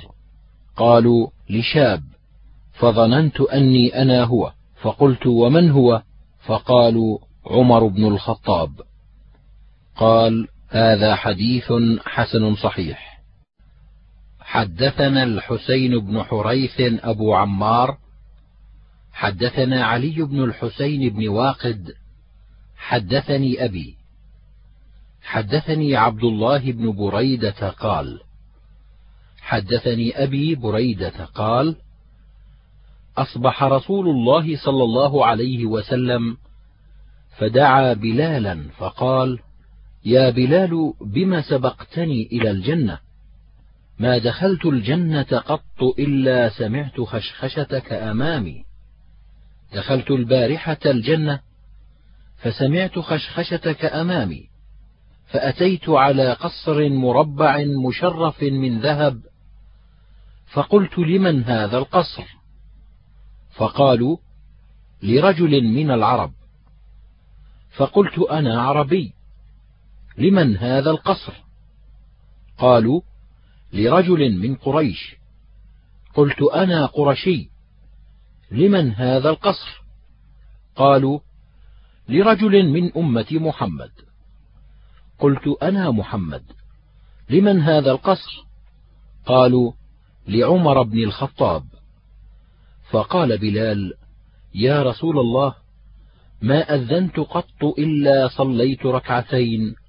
وما اصابني حدث قط الا توضات عندها ورايت ان لله علي ركعتين فقال رسول الله صلى الله عليه وسلم بهما قال ابو عيسى وفي الباب عن جابر ومعاذ وانس وابي هريره ان النبي صلى الله عليه وسلم قال رايت في الجنه قصرا من ذهب فقلت لمن هذا؟ فقيل لعمر بن الخطاب. قال أبو عيسى هذا حديث صحيح غريب. ومعنى هذا الحديث أني دخلت البارحة الجنة يعني رأيت في المنام كأني دخلت الجنة. هكذا روي في بعض الحديث. ويروى عن ابن عباس أنه قال رؤيا الأنبياء وحي. حدثنا الحسين بن حريث حدثنا علي بن الحسين بن واقد حدثني أبي. حدثني عبد الله بن بريدة قال سمعت بريدة يقول خرج رسول الله صلى الله عليه وسلم في بعض مغازيه فلما انصرف جاءت جارية سوداء فقالت يا رسول الله إني كنت نذرت إن ردك الله صالحا أن أضرب بين يديك بالدف وأتغنى. فقال لها رسول الله صلى الله عليه وسلم إن كنت نذرت فاضربي وإلا فلا. فجعلت تضرب فدخل أبو بكر وهي تضرب ثم دخل علي وهي تضرب ثم دخل عثمان وهي تضرب ثم دخل عمر فألقت الدف تحت إستها ثم قعدت عليه. فقال رسول الله صلى الله عليه وسلم إن الشيطان ليخاف منك يا عمر. إني كنت جالسا وهي تضرب فدخل أبو بكر وهي تضرب ثم دخل علي وهي تضرب ثم دخل عثمان وهي تضرب. فلما دخلت أنت يا عمر ألقت الدف. قال أبو عيسى هذا حديث حسن صحيح غريب من حديث بريدة وفي الباب عن عمر وسعد بن أبي وقاص وعائشة. حدثنا الحسن بن صباح البزار حدثنا زيد بن حباب عن خارجة بن عبد الله بن سليمان بن زيد بن ثابت أخبرنا يزيد بن رومان عن عروة عن عائشة قالت كان رسول الله صلى الله عليه وسلم جالسا فسمعنا لغطا وصوت صبيان. فقام رسول الله صلى الله عليه وسلم فإذا حبشية تزفن والصبيان حولها. فقال يا عائشة تعالي فانظري. فجئت فوضعت لحيي على منكب رسول الله صلى الله عليه وسلم. فجعلت أنظر إليها ما بين المنكب إلى رأسه. فقال لي أما شبعت؟ أما شبعت؟ قالت فجعلت أقول لا لأنظر منزلتي عنده إذ طلع عمر. قال فارفض الناس عنها. قالت فقال رسول الله صلى الله عليه وسلم إني لأنظر إلى شياطين الإنس والجن. قد فروا من عمر. قالت فرجعت. قال أبو عيسى هذا حديث حسن صحيح غريب من هذا الوجه. حدثنا سلمة بن شبيب حدثنا عبد الله بن نافع الصائغ حدثنا عاصم بن عمر العمري عن عبد الله بن دينار عن ابن عمر قال قال رسول الله صلى الله عليه وسلم أنا أول من تنشق عنه الأرض ثم أبو بكر ثم عمر ثم آتي أهل البقيع فيحشرون معي ثم أنتظر أهل مكة حتى أحشر بين الحرمين. قال أبو عيسى هذا حديث غريب وعاصم بن عمر ليس بالحافظ. حدثنا قتيبة حدثنا الليث عن ابن عجلان عن سعد بن إبراهيم عن أبي سلمة عن عائشة قالت قال رسول الله صلى الله عليه وسلم قد كان يكون في الأمم محدثون فإن يك في أمتي أحد فعمر بن الخطاب. قال أبو عيسى هذا حديث صحيح. قال حدثني بعض أصحاب سفيان قال قال سفيان بن عيينة محدثون يعني مفهمون. حدثنا عبد بن حميد حدثنا عبد الملك بن عبد القدوس حدثنا الأعمش عن عمرو بن مرة عن عبد الله بن سلمة عن عبيدة السلماني عن عبد الله بن مسعود أن النبي صلى الله عليه وسلم قال: يطلع عليكم رجل من أهل الجنة فاطلع أبو بكر ثم قال يطلع عليكم رجل من أهل الجنة فاطلع عمر. وفي الباب عن أبي موسى وجابر قال هذا حديث غريب من حديث ابن مسعود. حدثنا محمود بن غيلان حدثنا أبو داود الطيالسي عن شعبة عن سعد بن إبراهيم عن أبي سلمة عن أبي هريرة عن النبي صلى الله عليه وسلم قال بينما رجل يرعى غنما له إذ جاء ذئب فأخذ شاة فجاء صاحبها فانتزعها منه فقال الذئب كيف تصنع بها يوم السبع يوم لا راعي لها غيري؟ قال رسول الله صلى الله عليه وسلم فآمنت بذلك أنا وأبو بكر وعمر. قال أبو سلمة وما هما في القوم يومئذ؟ حدثنا محمد بن بشار حدثنا محمد بن جعفر حدثنا شعبة عن سعد بن إبراهيم نحوه. قال أبو عيسى هذا حديث حسن صحيح.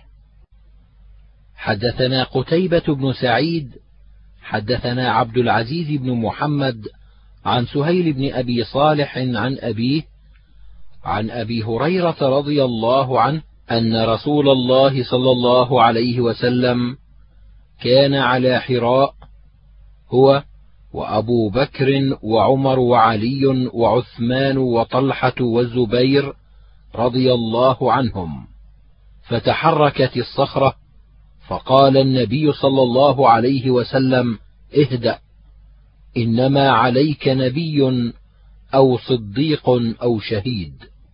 قال أبو عيسى وفي الباب عن عثمان وسعيد بن زيد وابن عباس وسهل بن سعد وأنس بن مالك وبريدة وهذا حديث صحيح. حدثنا محمد بن بشار حدثنا يحيى بن سعيد عن سعيد بن أبي عروبة عن قتادة عن أنس حدثهم أن رسول الله صلى الله عليه وسلم صعد أحدا وأبو بكر وعمر وعثمان فرجف بهم فقال رسول الله صلى الله عليه وسلم أثبت أحد فإنما عليك نبي وصديق وشهيدان قال أبو عيسى هذا حديث حسن صحيح حدثنا أبو هشام الرفاعي حدثنا يحيى بن اليمان عن شيخ من بني زهرة عن الحارث بن عبد الرحمن بن أبي ذباب عن طلحة بن عبيد الله قال قال النبي صلى الله عليه وسلم لكل نبي رفيق ورفيقي يعني في الجنة عثمان. قال أبو عيسى هذا حديث غريب ليس إسناده بالقوي وهو منقطع. حدثنا عبد الله بن عبد الرحمن أخبرنا عبد الله بن جعفر الرقي حدثنا عبيد الله بن عمر عن زيد هو ابن أبي أنيسة عن أبي إسحاق عن أبي عبد الرحمن السلمي قال لما حصر عثمان أشرف عليهم فوق داره ثم قال أذكركم بالله هل تعلمون أن حراء حين انتفض قال رسول الله صلى الله عليه وسلم أثبت حراء فليس عليك إلا نبي أو صديق أو شهيد؟ قالوا نعم.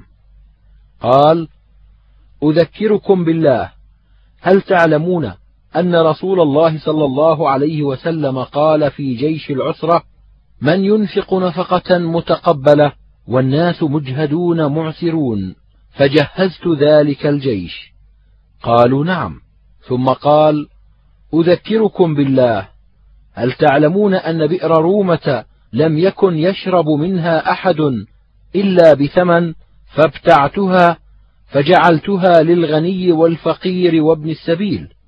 قالوا اللهم نعم وأشياء عددها. هذا حديث حسن صحيح غريب. حدثنا محمد بن بشار حدثنا أبو داود حدثنا السكن بن المغيرة ويكنى أبا محمد مولا لآل عثمان.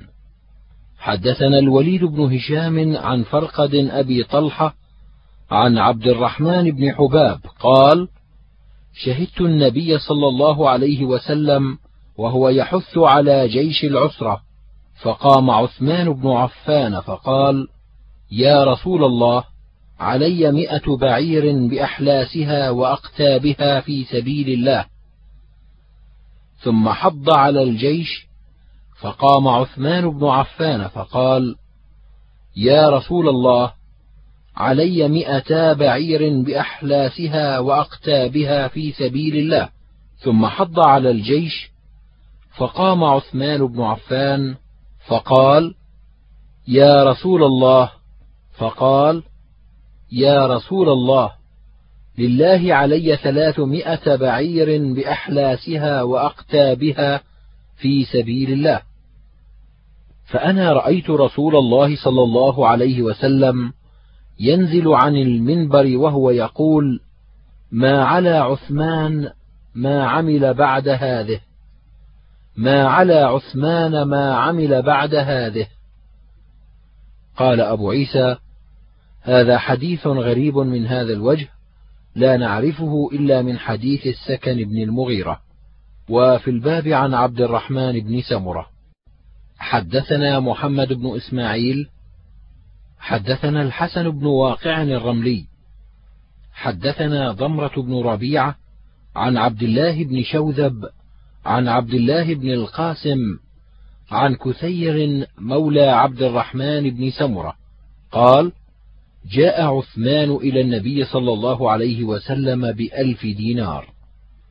قال الحسن بن واقع وكان في موضع آخر من كتابي في كمه حين جهز جيش العسرة فينثرها في حجره.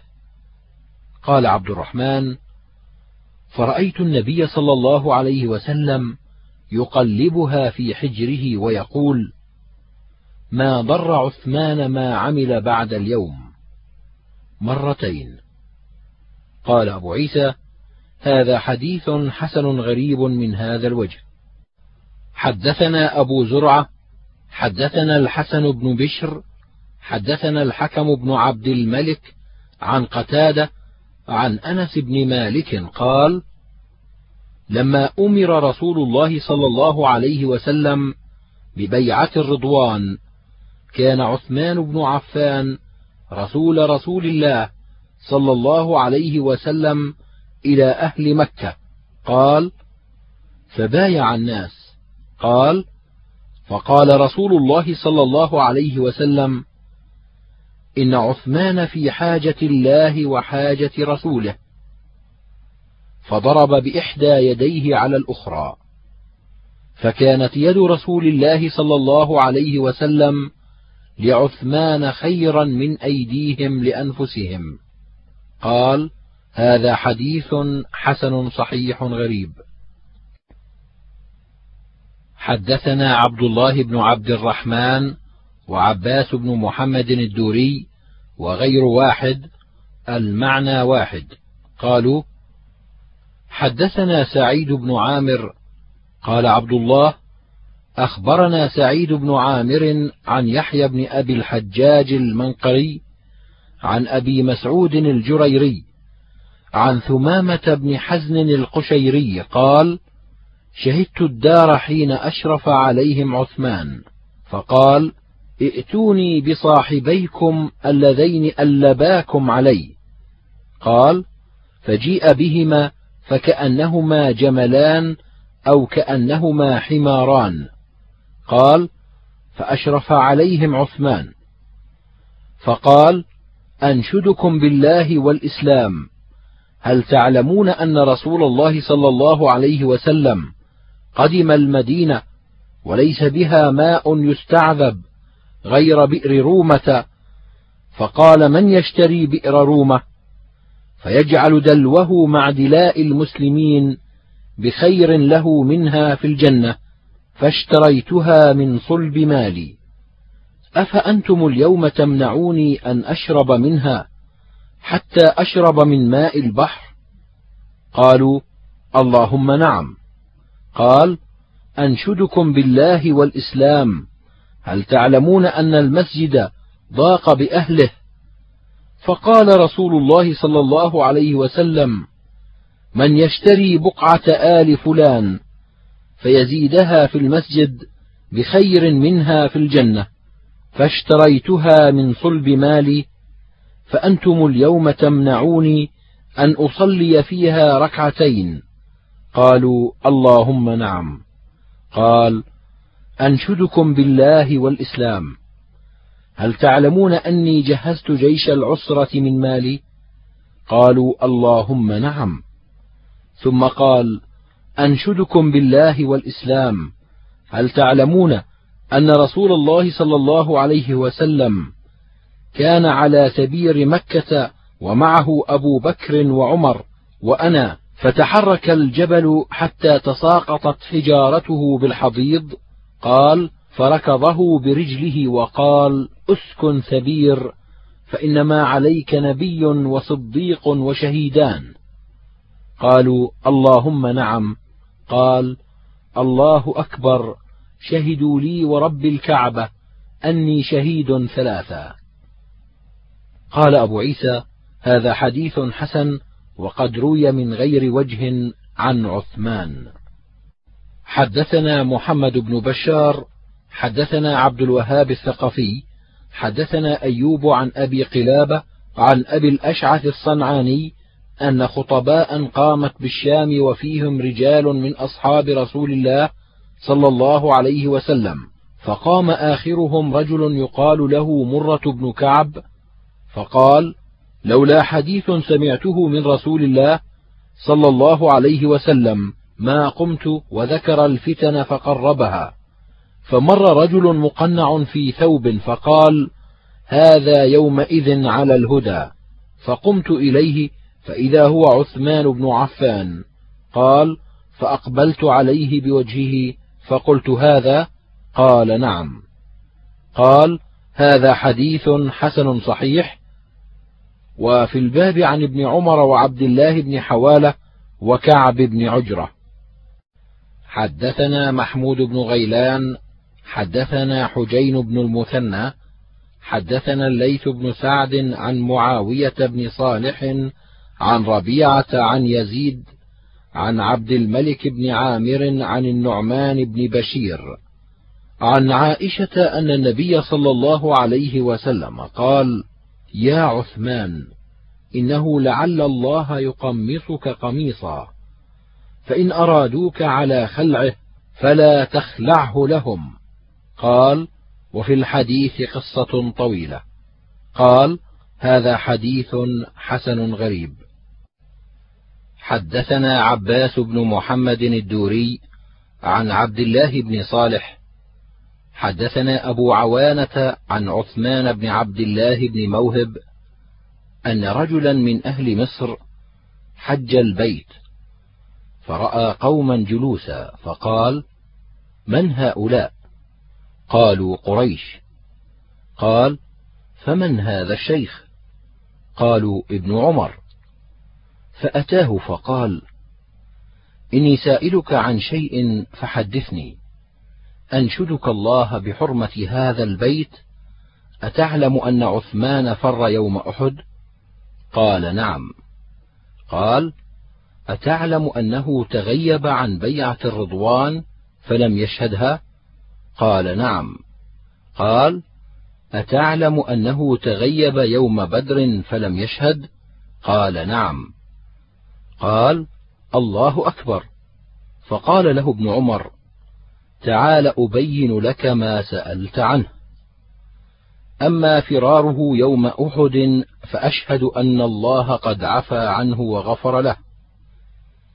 وأما تغيبه يوم بدر فإنه كانت عنده أو تحته ابنة رسول الله صلى الله عليه وسلم.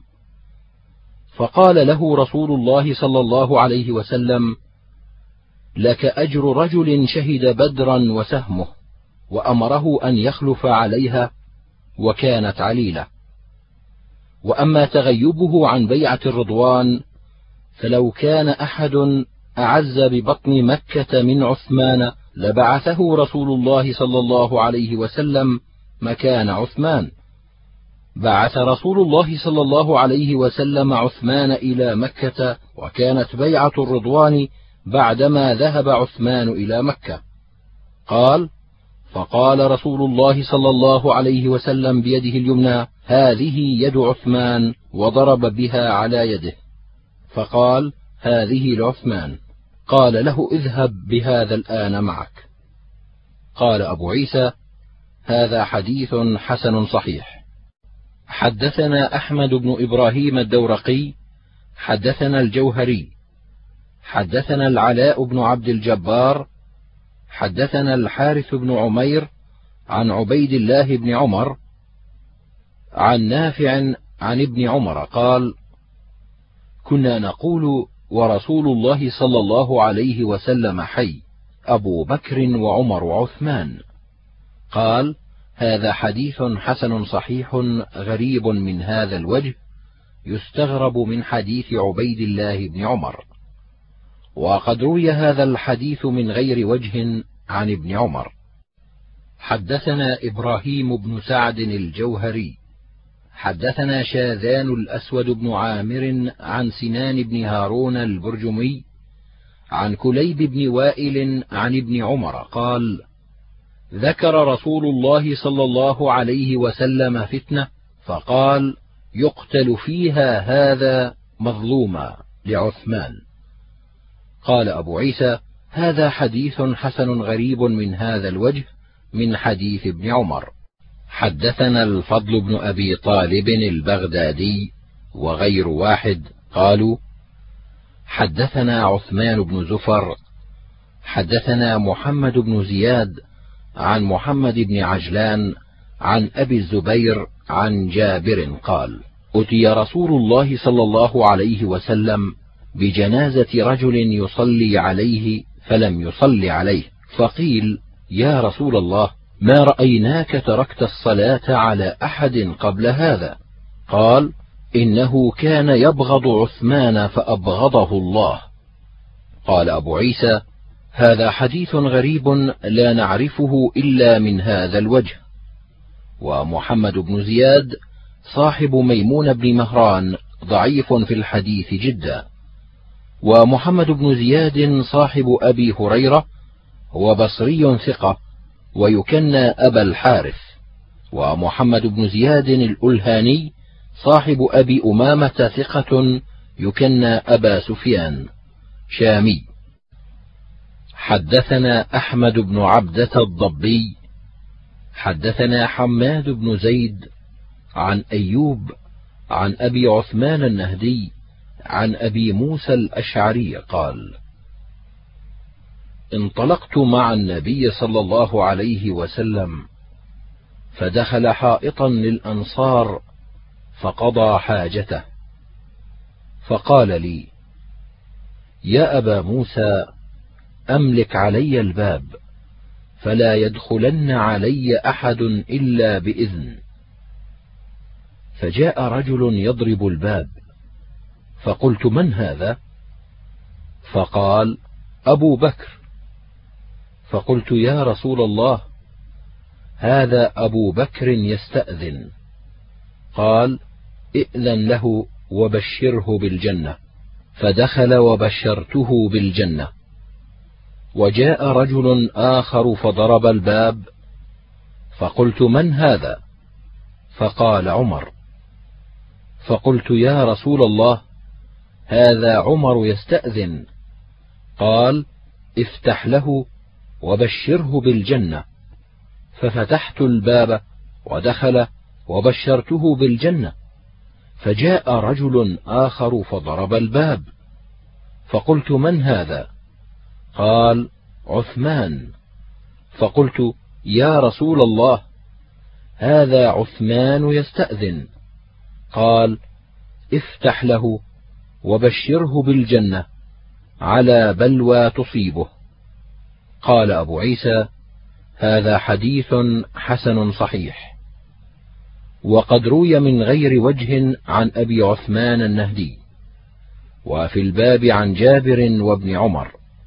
حدثنا سفيان بن وكيع حدثنا أبي ويحيى بن سعيد عن إسماعيل بن أبي خالد عن قيس بن أبي حازم. حدثني أبو سهلة قال قال عثمان يوم الدار إن رسول الله صلى الله عليه وسلم قد عهد إلي عهدا فأنا صابر عليه. قال أبو عيسى هذا حديث حسن صحيح غريب لا نعرفه إلا من حديث إسماعيل بن أبي خالد. حدثنا قتيبة حدثنا جعفر بن سليمان الضبعي عن يزيد الرشك عن مطرف بن عبد الله عن عمران بن حسين قال بعث رسول الله صلى الله عليه وسلم جيشا واستعمل عليهم علي بن أبي طالب فمضى في السرية فأصاب جارية فأنكروا عليه. وتعاقد أربعة من أصحاب رسول الله صلى الله عليه وسلم فقالوا إذا لقينا رسول الله صلى الله عليه وسلم أخبرناه بما صنع علي وكان المسلمون إذا رجعوا من السفر بدأوا برسول الله صلى الله عليه وسلم فسلموا عليه ثم انصرفوا إلى رحالهم. فلما قدمت السرية سلموا على النبي صلى الله عليه وسلم. فقام أحد الأربعة فقال يا رسول الله ألم تر إلى علي بن أبي طالب صنع كذا وكذا؟ فأعرض عنه رسول الله صلى الله عليه وسلم. ثم قام الثاني فقال مثل مقالته فأعرض عنه. ثم قام الثالث فقال مثل مقالته فأعرض عنه. ثم قام الرابع فقال مثل ما قالوا. فأقبل رسول الله صلى الله عليه وسلم والغضب يعرف في وجهه. فقال ما تريدون من علي؟ ما تريدون من علي؟ ما تريدون من علي؟ إن عليا مني وأنا منه وهو ولي كل مؤمن بعدي.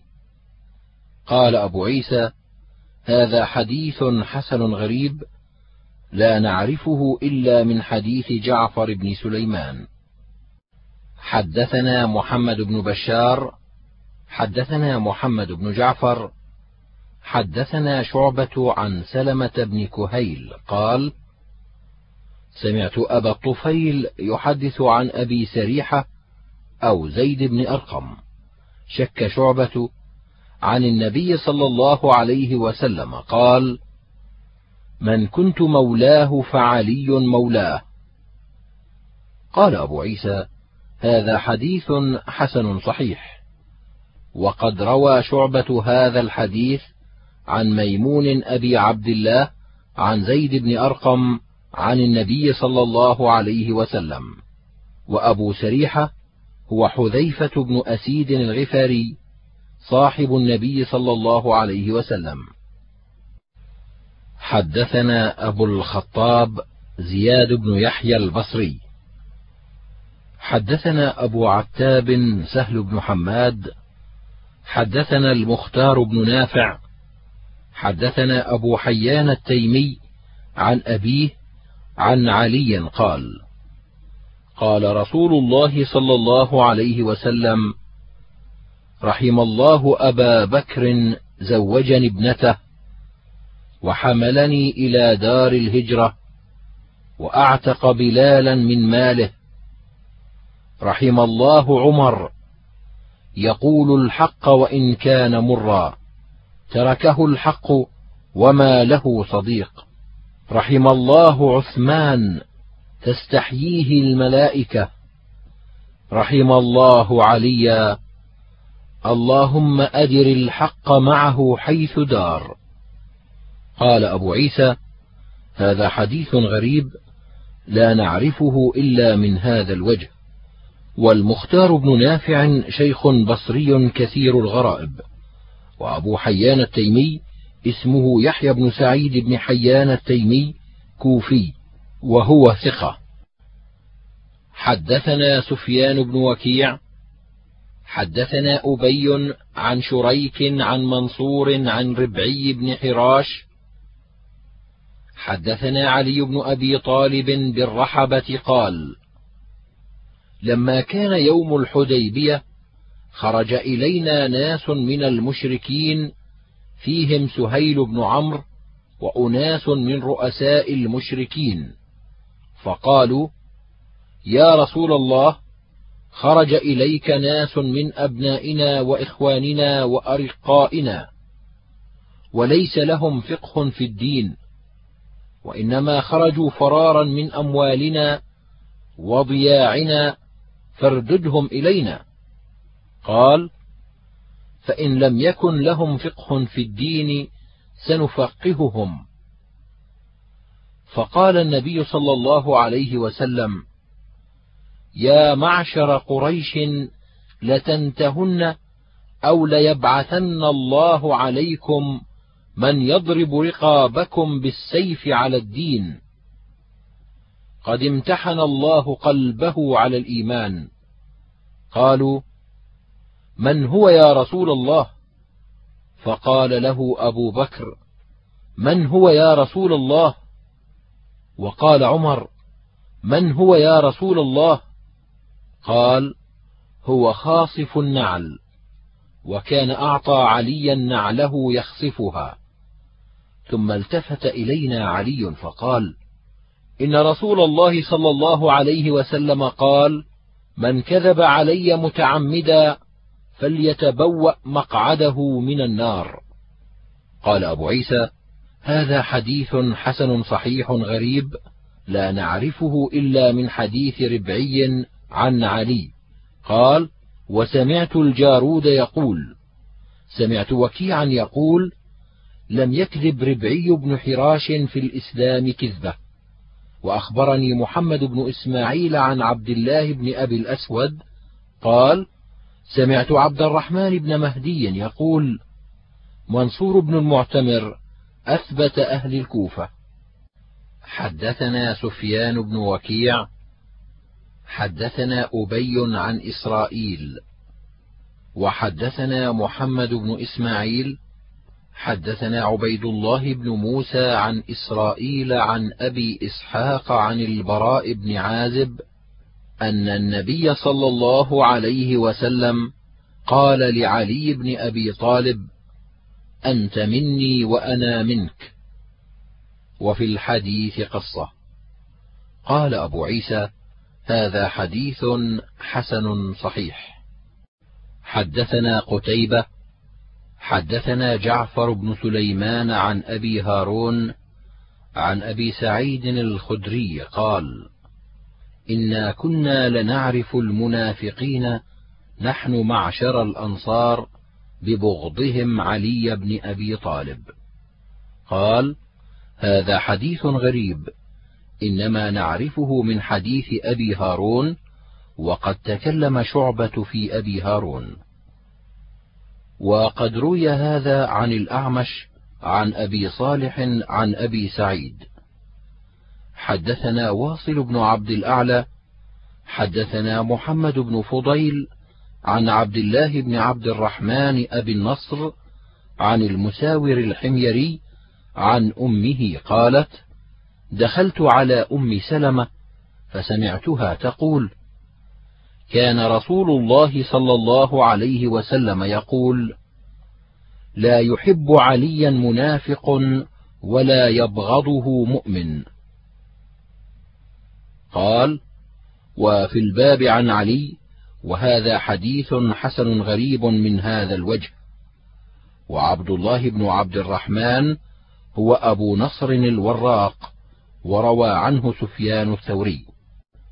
حدثنا إسماعيل بن موسى الفزاري ابن بنت السدي. حدثنا شريك عن أبي ربيعة عن ابن بريدة عن أبيه قال قال رسول الله صلى الله عليه وسلم إن الله أمرني بحب أربعة وأخبرني أنه يحبهم. قيل يا رسول الله سمهم لنا. قال علي منهم. يقول ذلك ثلاثا وأبو ذر والمقداد وسلمان أمرني بحبهم. وأخبرني أنه يحبهم. قال هذا حديث حسن لا نعرفه إلا من حديث شريك.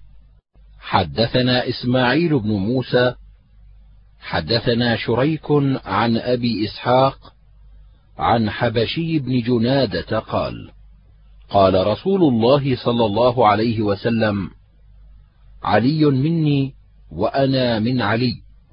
ولا يؤدي عني إلا أنا أو علي. قال أبو عيسى هذا حديث حسن غريب. حدثنا يوسف بن موسى القطان البغدادي. حدثنا علي بن قادم. حدثنا علي بن صالح بن حيي عن حكيم بن جبير عن جميع بن عمير التيمي. عن ابن عمر قال آخى رسول الله صلى الله عليه وسلم بين أصحابه فجاء علي تدمع عيناه فقال يا رسول الله آخيت بين أصحابك ولم تؤاخ بيني وبين أحد. فقال له رسول الله صلى الله عليه وسلم أنت أخي في الدنيا والآخرة. قال أبو عيسى هذا حديث حسن غريب. وفي الباب عن زيد بن أبي أوفى. حدثنا سفيان بن وكيع حدثنا عبيد الله بن موسى عن عيسى بن عمر عن السدي عن أنس بن مالك قال كان عند النبي صلى الله عليه وسلم طير فقال اللهم ائتني بأحب خلقك إليك يأكل معي هذا الطير. فجاء علي فأكل معه. قال أبو عيسى هذا حديث غريب لا نعرفه من حديث السدي إلا من هذا الوجه. وقد روي من غير وجه عن أنس وعيسى بن عمر هو كوفي والسدي إسماعيل بن عبد الرحمن وسمع من أنس بن مالك ورأى الحسين بن علي. وثقه شعبة وسفيان الثوري وزائدة ووثقه يحيى بن سعيد القطان. حدثنا خلاد بن أسلم البغدادي حدثنا النضر بن شميل أخبرنا عوف عن عبد الله بن عمرو بن هند الجملي قال قال علي كنت إذا سألت رسول الله صلى الله عليه وسلم أعطاني وإذا سكت ابتدأني. قال هذا حديث حسن غريب من هذا الوجه.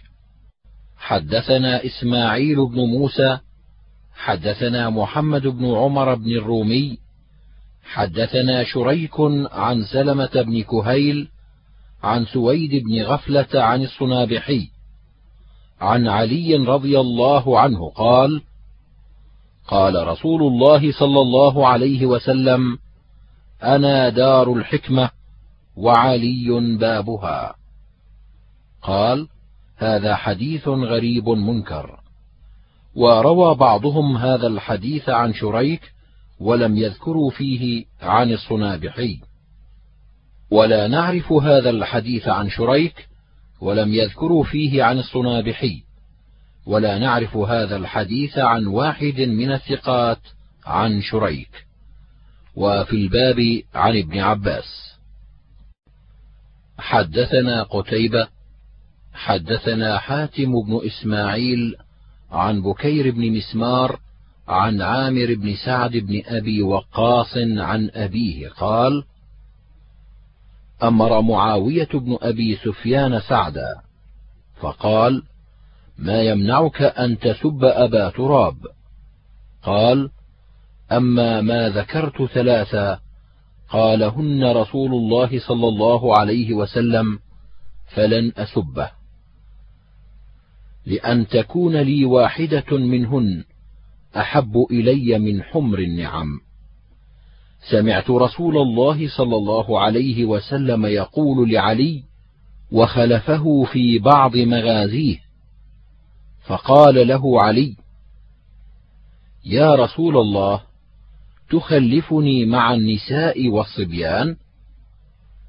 فقال رسول الله صلى الله عليه وسلم أما ترضى أن تكون مني بمنزلة هارون من موسى إلا أنه لا نبوة بعدي. وسمعته يقول يوم خيبر لأعطين الراية رجلا يحب الله ورسوله ويحبه الله ورسوله. قال فتطاولنا لها. فقال ادع لي عليا. فأتاه وبه رمد فبصق في عينه فدفع الراية إليه. ففتح الله عليه وأنزلت هذه الآية. فقل تعالوا ندع أبناءنا وأبناءكم. الآية. دعا رسول الله صلى الله عليه وسلم عليا وفاطمة وحسنا وحسينا. فقال اللهم هؤلاء أهلي. قال أبو عيسى هذا حديث حسن صحيح غريب من هذا الوجه. حدثنا عبد الله بن أبي زياد حدثنا الأحوص بن جواب أبو الجواب عن يوسف بن أبي إسحاق عن أبي إسحاق عن البراء قال بعث النبي صلى الله عليه وسلم جيشين وأمر على أحدهما علي بن أبي طالب وعلى الآخر خالد بن الوليد وقال إذا كان القتال فعلي قال فافتتح علي حصنا فأخذ منه جارية فكتب معي خالد كتابا إلى النبي صلى الله عليه وسلم يشي به. قال فقدمت على النبي صلى الله عليه وسلم فقرأ الكتاب فتغير لونه ثم قال ما ترى في رجل يحب الله ورسوله ويحبه الله ورسوله؟ قال قلت أعوذ بالله من غضب الله وغضب رسوله وإنما أنا رسول. فسكت. قال أبو عيسى هذا حديث حسن غريب لا نعرفه إلا من هذا الوجه. حدثنا علي بن المنذر الكوفي حدثنا محمد بن فضيل عن الأجلح عن الزبير عن جابر قال دعا رسول الله صلى الله عليه وسلم عليا يوم الطائف فانتجاه. فقال الناس لقد طال نجواه مع ابن عمه. فقال رسول الله صلى الله عليه وسلم ما انتجيته ولكن الله انتجاه. قال أبو عيسى هذا حديث حسن غريب لا نعرفه إلا من حديث الأجلح. وقد رواه غير ابن فضيل أيضا عن الأجلح. ومعنى قوله ولكن الله انتجاه يقول الله أمرني أن أنتجي معه. حدثنا علي بن المنذر حدثنا محمد بن فضيل عن سالم بن أبي حفصة عن عطية عن أبي سعيد قال قال رسول الله صلى الله عليه وسلم لعلي يا علي لا يحل لأحد يجنب في هذا المسجد غيري وغيرك. قال علي بن المنذر قلت لضرار بن صرد ما معنى هذا الحديث؟ قال لا يحل لأحد يستطرقه جنبا غيري وغيرك. قال أبو عيسى هذا حديث حسن غريب لا نعرفه إلا من هذا الوجه وسمع مني محمد بن إسماعيل هذا الحديث فاستغربه. حدثنا إسماعيل بن موسى حدثنا علي بن عابس عن مسلم الملائي عن أنس بن مالك قال بعث النبي صلى الله عليه وسلم يوم الاثنين وصلى علي يوم الثلاثاء. قال أبو عيسى وفي الباب عن علي. وهذا حديث غريب لا نعرفه إلا من حديث مسلم الأعور ومسلم الأعور ليس عندهم بذلك القوي. وقد روي هذا عن مسلم عن حبة عن علي نحو هذا. حدثنا خلاد بن أسلم أبو بكر البغدادي. حدثنا النضر بن شميل. أخبرنا عوف الأعرابي عن عبد الله بن عمرو بن هند الجملي. قال قال علي كنت إذا سألت رسول الله صلى الله عليه وسلم أعطاني وإذا سكت ابتدأني. قال هذا حديث حسن غريب من هذا الوجه. وفي الباب عن جابر وزيد بن أسلم وأبي هريرة وأم سلمة. حدثنا محمود بن غيلان حدثنا أبو أحمد حدثنا شريك عن عبد الله بن محمد بن عقيل عن جابر بن عبد الله أن النبي صلى الله عليه وسلم قال لعلي أنت مني بمنزلة هارون من موسى إلا أنه لا نبي بعدي. قال أبو عيسى هذا حديث حسن غريب من هذا الوجه. وفي الباب عن سعد وزيد بن أرقم وأبي هريرة وأم سلمة. حدثنا القاسم بن دينار الكوفي. حدثنا أبو نعيم عن عبد السلام بن حرب عن يحيى بن سعيد عن سعيد بن المسيب عن سعد بن أبي وقاص أن النبي صلى الله عليه وسلم قال لعلي أنت مني بمنزلة هارون من موسى إلا أنه لا نبي بعدي. قال هذا حديث حسن صحيح وقد روي من غير وجه عن سعد عن النبي صلى الله عليه وسلم ويستغرب هذا الحديث من حديث يحيى بن سعيد الأنصاري. حدثنا محمد بن حميد الرازي حدثنا إبراهيم بن المختار عن شعبة عن أبي يحيى عن عمرو بن ميمون عن ابن عباس أن رسول الله صلى الله عليه وسلم أمر بسد الأبواب إلا باب علي. قال هذا حديث غريب لا نعرفه عن شعبة بهذا الإسناد إلا من هذا الوجه. حدثنا نصر بن علي الجهضمي حدثنا علي بن جعفر بن محمد بن علي أخبرني أخي موسى بن جعفر بن محمد عن أبيه جعفر بن محمد عن أبيه محمد بن علي عن أبيه علي بن الحسين عن أبيه عن جده علي بن أبي طالب أن رسول الله صلى الله عليه وسلم أخذ بيد حسن وحسين فقال من أحبني وأحب هذين وأباهما وأمهما كان معي في درجتي يوم القيامة. قال أبو عيسى هذا حديث حسن غريب لا نعرفه من حديث جعفر بن محمد إلا من هذا الوجه.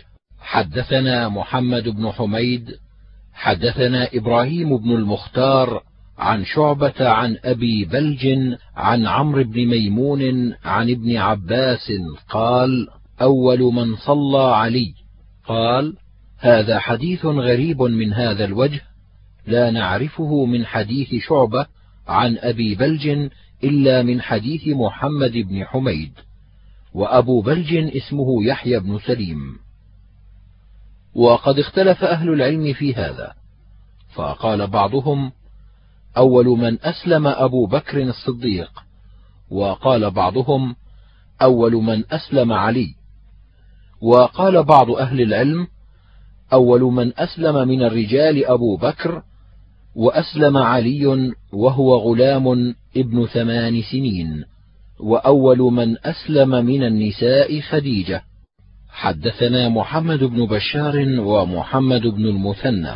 قالا حدثنا محمد بن جعفر حدثنا شعبة عن عمرو بن مرة عن أبي حمزة رجل من الأنصار. قال سمعت زيد بن أرقم يقول أول من أسلم علي قال عمرو بن مرة فذكرت ذلك لإبراهيم النخعي. فقال أول من أسلم أبو بكر الصديق. قال أبو عيسى هذا حديث حسن صحيح. وأبو حمزة اسمه طلحة بن يزيد. حدثنا عيسى بن عثمان بن أخي يحيى بن عيسى. حدثنا أبو عيسى الرملي عن الأعمش عن عدي بن ثابت عن زر بن حبيش عن علي قال لقد عهد إلي النبي الأمي صلى الله عليه وسلم أنه لا يحبك إلا مؤمن ولا يبغضك إلا منافق. قال عدي بن ثابت أنا من القرن الذي دعا لهم النبي صلى الله عليه وسلم. قال أبو عيسى هذا حديث حسن صحيح. حدثنا محمد بن بشار ويعقوب بن إبراهيم عن أبي الجراح.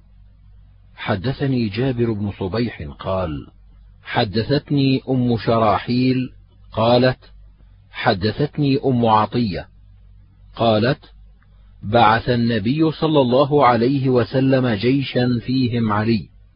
قالت فسمعت النبي صلى الله عليه وسلم وهو رافع يديه يقول اللهم لا تمتني حتى تريني عليا. قال أبو عيسى هذا حديث حسن غريب إنما نعرفه من هذا الوجه. حدثنا أبو سعيد الأشج حدثنا يونس بن بكير عن محمد بن إسحاق عن يحيى بن عباد بن عبد الله بن الزبير عن أبيه عن جده عبد الله بن الزبير عن الزبير قال كان على رسول الله صلى الله عليه وسلم يوم أحد درعان فنهض إلى صخرة فلم يستطع فأقعد تحته طلحة فصعد النبي صلى الله عليه وسلم حتى استوى على الصخرة فقال سمعت النبي صلى الله عليه وسلم يقول أوجب طلحة. قال أبو عيسى هذا حديث حسن صحيح غريب. حدثنا قتيبة حدثنا صالح بن موسى الطلحي من ولد طلحة بن عبيد الله عن الصلت بن دينار عن أبي نضرة قال قال جابر بن عبد الله سمعت رسول الله صلى الله عليه وسلم يقول من سره أن ينظر إلى شهيد يمشي على وجه الأرض فلينظر إلى طلحة بن عبيد الله. قال أبو عيسى هذا حديث غريب لا نعرفه إلا من حديث الصلت. وقد تكلم بعض أهل العلم في الصلت بن دينار وفي صالح بن موسى من قبل حفظهما. حدثنا عبد القدوس بن محمد العطار البصري حدثنا عمرو بن عاصم عن إسحاق بن يحيى بن طلحة عن عمه موسى بن طلحة قال دخلت على معاوية فقال ألا أبشرك؟ سمعت رسول الله صلى الله عليه وسلم يقول طلحة ممن قضى نحبه. قال هذا حديث غريب لا نعرفه من حديث معاوية إلا من هذا الوجه. حدثنا أبو سعيد الأشج حدثنا أبو عبد الرحمن بن منصور العنزي عن عقبة بن علقمة اليشكري قال: سمعت علي بن أبي طالب قال: سمعت أذني من في رسول الله صلى الله عليه وسلم وهو يقول: طلحة والزبير جاراي في الجنة. قال: هذا حديث غريب لا نعرفه إلا من هذا الوجه. حدثنا محمد بن إسماعيل حدثنا أبو كريب محمد بن العلاء. حدثنا يونس بن بكير حدثنا طلحة بن يحيى عن موسى وعيسى ابني طلحة عن أبيهما طلحة. أن أصحاب رسول الله صلى الله عليه وسلم قالوا لأعرابي جاهل سله عمن قضى نحبه من هو؟ وكانوا لا يجترئونهم على مسألته يوقرونه ويهابونه. فسأله الأعرابي فأعرض عنه ثم سأله فأعرض عنه ثم إني اطلعت من باب المسجد وعلي ثياب خضر. فلما رآني رسول الله صلى الله عليه وسلم قال أين السائل عمن قضى نحبه؟ قال الأعرابي أنا يا رسول الله. قال هذا ممن قضى نحبه. قال أبو عيسى هذا حديث حسن غريب لا نعرفه إلا من حديث أبي كريب عن يونس بن بكير. وقد رواه غير واحد من كبار أهل الحديث عن أبي كريب بهذا الحديث. وسمعت محمد بن إسماعيل يحدث بهذا عن أبي كريب ووضعه في كتاب الفوائد.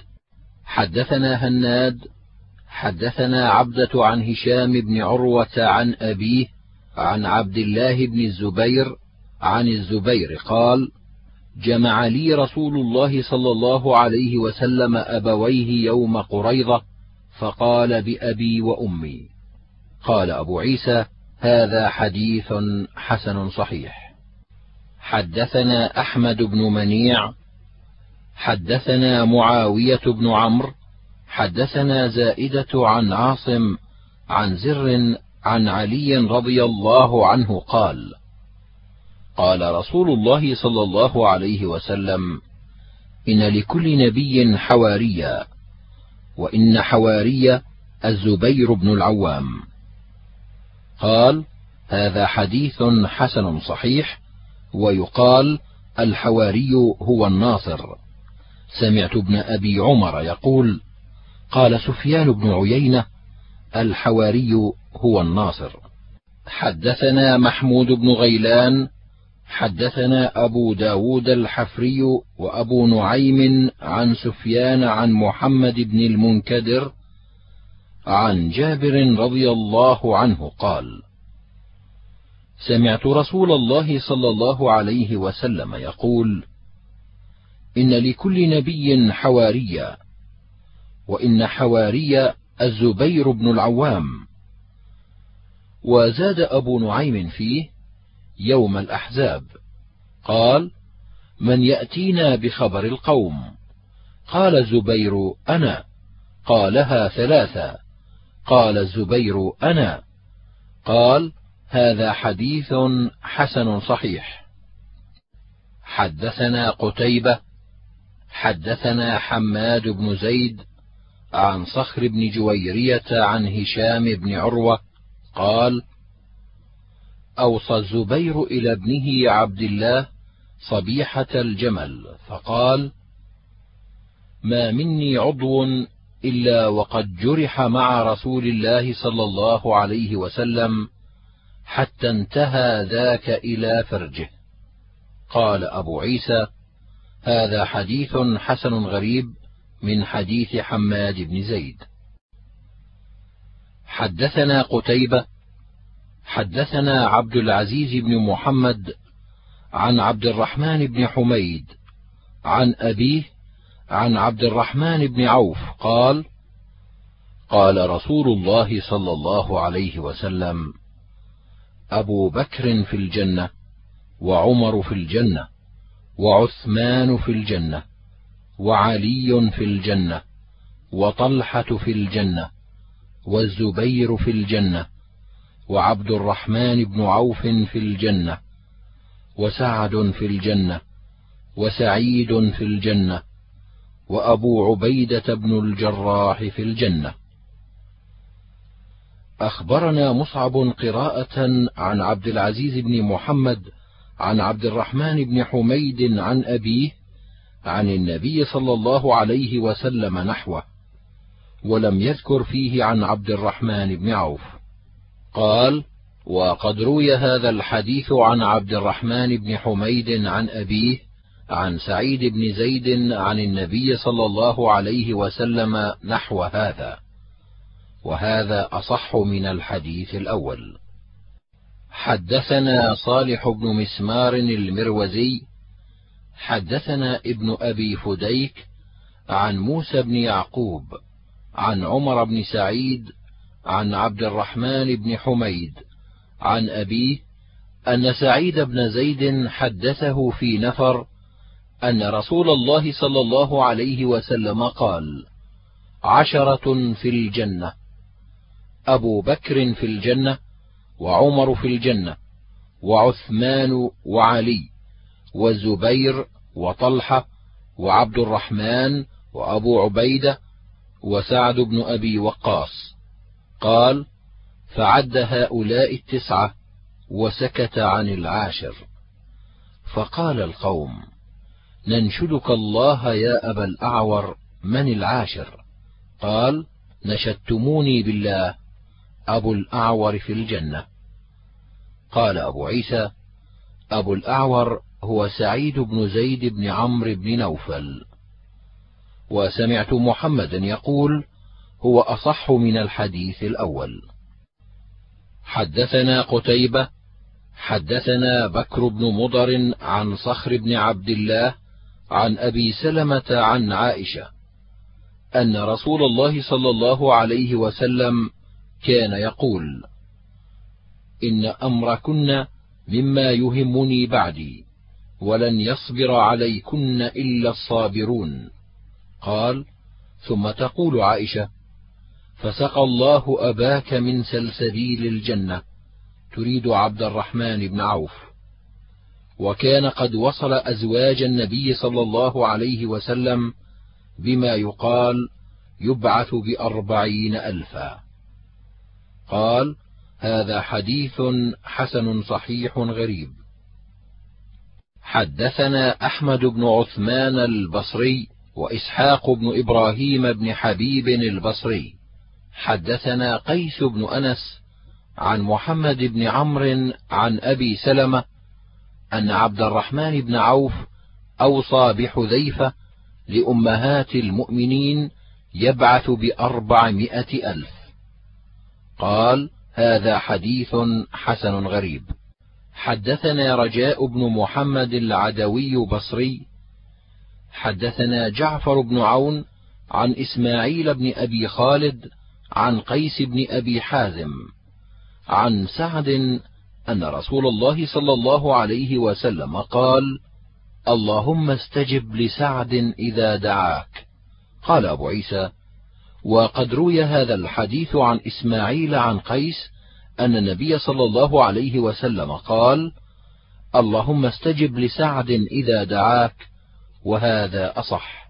حدثنا أبو كريب وأبو سعيد الأشج قالا حدثنا أبو أسامة عن مجالد عن عامر الشعبي عن جابر بن عبد الله قال أقبل سعد فقال النبي صلى الله عليه وسلم هذا خالي فليرني امرئ خاله.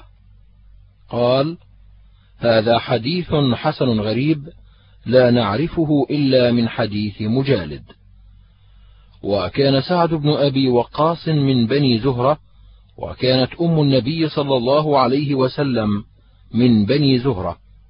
فلذلك قال النبي صلى الله عليه وسلم هذا خالي. حدثنا الحسن بن الصباح البزار حدثنا سفيان بن عيينة عن علي بن زيد ويحيى بن سعيد سمعا سعيد بن المسيب يقول قال علي ما جمع رسول الله صلى الله عليه وسلم أباه وأمه لأحد إلا لسعد. قال له يوم أحد ارم فداك أبي وأمي. وقال له ارم أيها الغلام الحزور قال أبو عيسى هذا حديث حسن. وقد روى غير واحد هذا الحديث عن يحيى بن سعيد عن سعيد بن المسيب عن سعد. حدثنا قتيبة حدثنا الليث بن سعد وعبد العزيز بن محمد عن يحيى بن سعيد عن سعيد بن المسيب عن سعد بن أبي وقاص قال جمع لي رسول الله صلى الله عليه وسلم أبويه يوم أحد. قال هذا حديث حسن صحيح. وقد روي هذا الحديث عن عبد الله بن شداد بن الهاد عن علي بن أبي طالب عن النبي صلى الله عليه وسلم. حدثنا بذلك محمود بن غيلان حدثنا وكيع.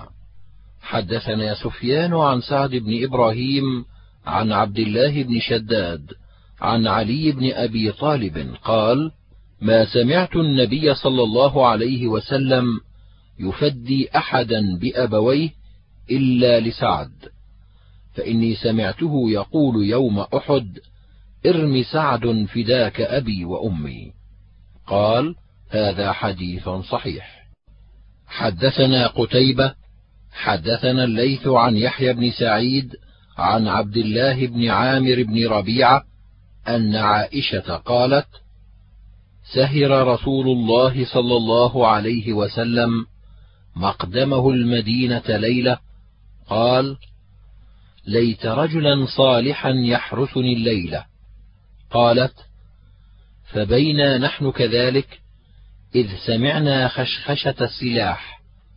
فقال من هذا؟ فقال سعد بن أبي وقاص. فقال له رسول الله صلى الله عليه وسلم ما جاء بك؟ فقال سعد وقع في نفسي خوف على رسول الله صلى الله عليه وسلم فجئت أحرسه. فدعا له رسول الله صلى الله عليه وسلم ثم نام. قال هذا حديث حسن صحيح. حدثنا أحمد بن منيع حدثنا هشيم أخبرنا حسين عن هلال بن يساف عن عبد الله بن ظالم المازني عن سعيد بن زيد بن عمرو بن نفيل أنه قال أشهد على التسعة أنهم في الجنة ولو شهدت على العاشر لم آثم. قيل وكيف ذلك؟ قال كنا مع رسول الله صلى الله عليه وسلم بحراء فقال أثبت حراء فإنه ليس عليك إلا نبي أو صديق أو شهيد. قيل ومن هم؟ قال رسول الله صلى الله عليه وسلم وأبو بكر وعمر وعثمان وعلي وطلحة والزبير وسعد وعبد الرحمن بن عوف. قيل فمن العاشر؟ قال أنا. قال أبو عيسى هذا حديث حسن صحيح وقد روي من غير وجه عن سعيد بن زيد عن النبي صلى الله عليه وسلم. حدثنا أحمد بن منيع حدثنا الحجاج بن محمد. حدثني شعبة عن الحر بن الصباح عن عبد الرحمن بن الأخنس عن سعيد بن يزيد عن النبي صلى الله عليه وسلم نحوه بمعناه قال هذا حديث حسن. حدثنا قتيبة حدثنا أبو عوانة عن يزيد بن أبي زياد عن عبد الله بن الحارث. حدثني عبد المطلب بن ربيعة بن الحارث بن عبد المطلب أن العباس بن عبد المطلب دخل على رسول الله صلى الله عليه وسلم مغضبا وأنا عنده. فقال ما أغضبك؟ قال يا رسول الله ما لنا ولقريش. إذا تلاقوا بينهم تلاقوا بوجوه مبشرة وإذا لقونا لقونا بغير ذلك. قال فغضب رسول الله صلى الله عليه وسلم حتى احمر وجهه. ثم قال والذي نفسي بيده لا يدخل قلب رجل الإيمان حتى يحبكم لله ولرسوله. ثم قال يا أيها الناس من آذى عمي فقد آذاني فإنما عم الرجل صنو أبيه. قال هذا حديث حسن صحيح. حدثنا القاسم بن دينار الكوفي حدثنا عبيد الله عن إسرائيل عن عبد الأعلى عن سعيد بن جبير عن ابن عباس قال قال رسول الله صلى الله عليه وسلم العباس مني وأنا منه. قال هذا حديث حسن صحيح غريب لا نعرفه إلا من حديث إسرائيل. حدثنا أحمد بن إبراهيم الدورقي حدثنا وهب بن جرير. حدثني أبي قال سمعت الأعمش يحدث عن عمرو بن مرة عن أبي البختري عن علي أن النبي صلى الله عليه وسلم قال لعمر في العباس إن عم الرجل صنو أبيه وكان عمر تكلم في صدقته. قال هذا حديث حسن صحيح. حدثنا أحمد بن إبراهيم الدورقي. حدثنا شبابة. حدثنا ورقاء عن أبي الزناد عن الأعرج. عن أبي هريرة أن رسول الله صلى الله عليه وسلم قال العباس عم رسول الله وإن عم الرجل صنو أبيه أو من صنو أبيه. هذا حديث حسن صحيح غريب لا نعرفه من حديث أبي الزناد إلا من هذا الوجه. حدثنا إبراهيم بن سعيد الجوهري. حدثنا عبد الوهاب بن عطاء عن ثور بن يزيد عن مكحول عن حذيفة عن ابن عباس قال قال رسول الله صلى الله عليه وسلم للعباس إذا كان غداة الاثنين فأتني أنت وولدك حتى أدعو لك بدعوة ينفعك الله بها وولدك. فغدا وغدونا معه وألبسنا كساء. ثم قال اللهم اغفر للعباس وولده مغفرة ظاهرة وباطنة لا تغادر ذنبا. اللهم احفظه في ولده. قال هذا حديث حسن غريب لا نعرفه إلا من هذا الوجه. حدثنا علي بن حجر أخبرنا عبد الله بن جعفر عن العلاء بن عبد الرحمن عن أبيه عن أبي هريرة قال قال رسول الله صلى الله عليه وسلم رأيت جعفرا يطير في الجنة مع الملائكة. قال هذا حديث غريب من حديث أبي هريرة لا نعرفه إلا من حديث عبد الله بن جعفر وقد ضعفه يحيى بن معين وغيره وعبد الله بن جعفر هو والد علي بن المديني وفي الباب عن ابن عباس. حدثنا محمد بن بشار حدثنا عبد الوهاب حدثنا خالد الحذاء عن عكرمة عن أبي هريرة قال ما احتذى النعال ولا انتعل ولا ركب المطايا ولا ركب الكور بعد رسول الله صلى الله عليه وسلم أفضل من جعفر بن أبي طالب. قال أبو عيسى هذا حديث حسن صحيح غريب والكور الرحل حدثنا محمد بن إسماعيل حدثنا عبيد الله بن موسى عن إسرائيل عن أبي إسحاق عن البراء بن عازب أن النبي صلى الله عليه وسلم قال لجعفر بن أبي طالب أشبهت خلقي وخلقي وفي الحديث قصة. قال أبو عيسى هذا حديث حسن صحيح. حدثنا سفيان بن وكيع حدثنا أبي عن إسرائيل نحوه. حدثنا أبو سعيد الأشج حدثنا إسماعيل بن إبراهيم أبو يحيى التيمي. حدثنا إبراهيم أبو إسحاق المخزومي عن سعيد المقبري عن أبي هريرة قال إن كنت لأسأل الرجل من أصحاب النبي صلى الله عليه وسلم عن الآيات من القرآن أنا أعلم بها منه ما أسأله إلا ليطعمني شيئا. فكنت إذا سألت جعفر بن أبي طالب لم يجبني حتى يذهب بي إلى منزله فيقول لامرأته يا أسماء أطعمينا شيئا. فإذا أطعمتنا أجابني.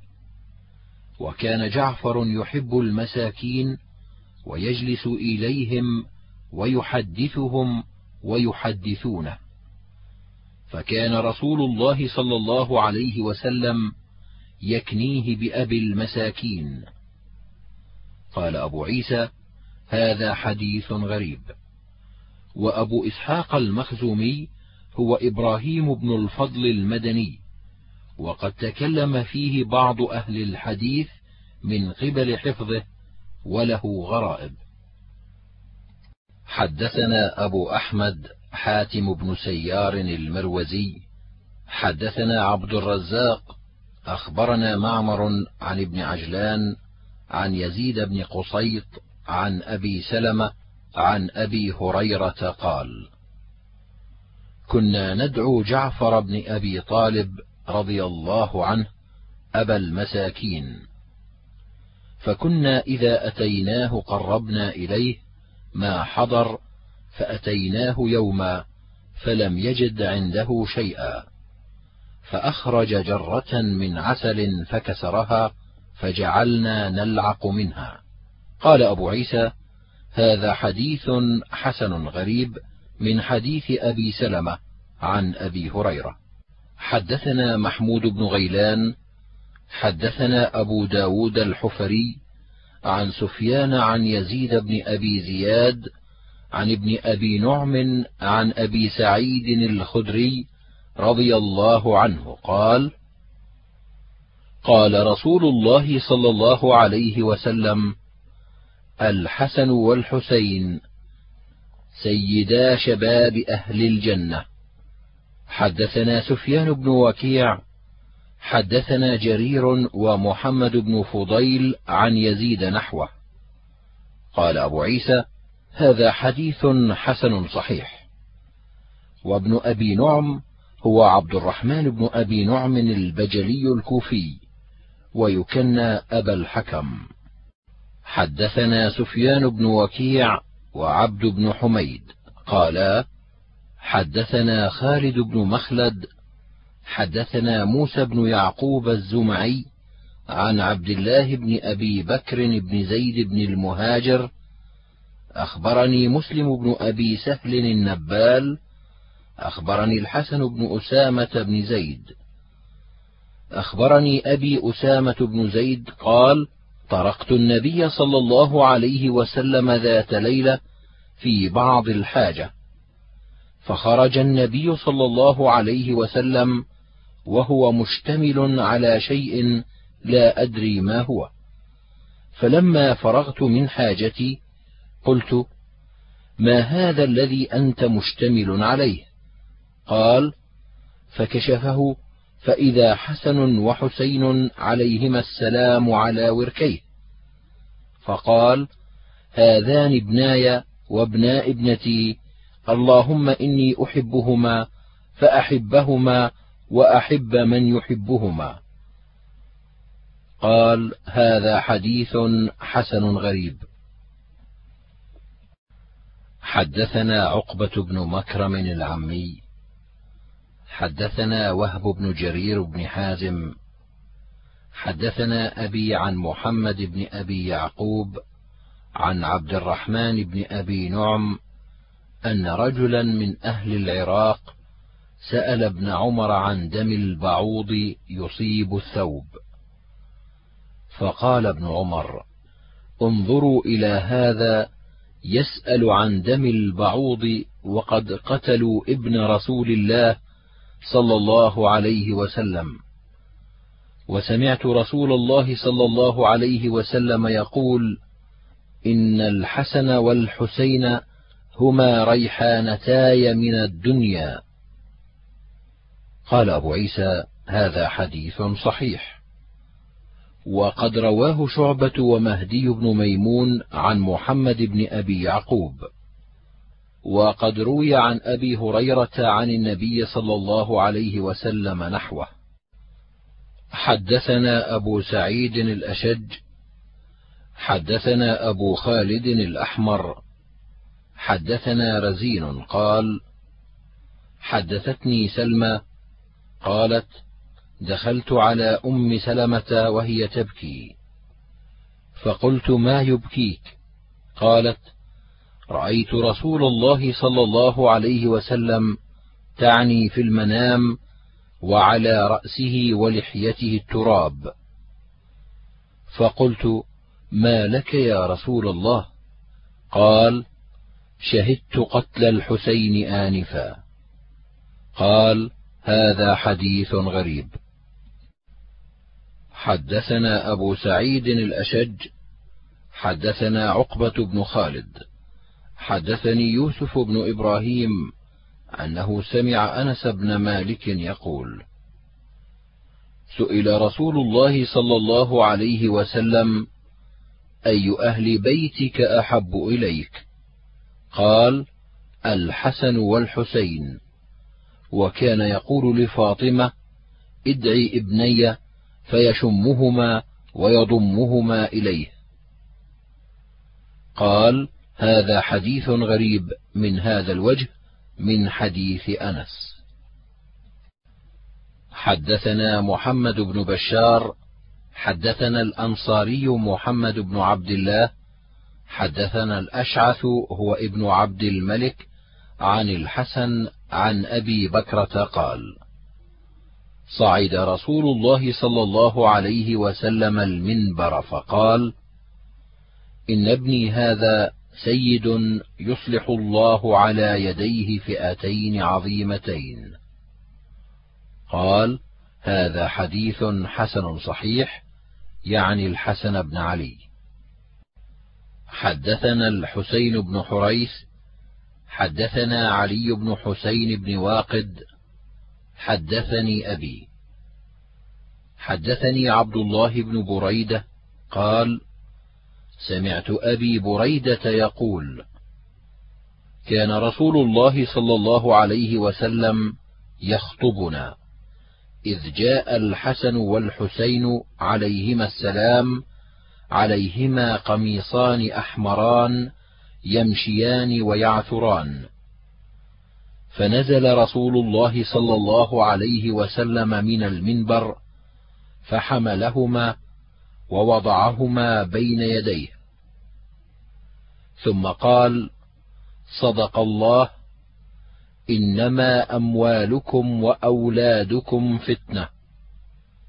فنظرت إلى هذين الصبيين يمشيان ويعثران فلم أصبر حتى قطعت حديثي ورفعتهما.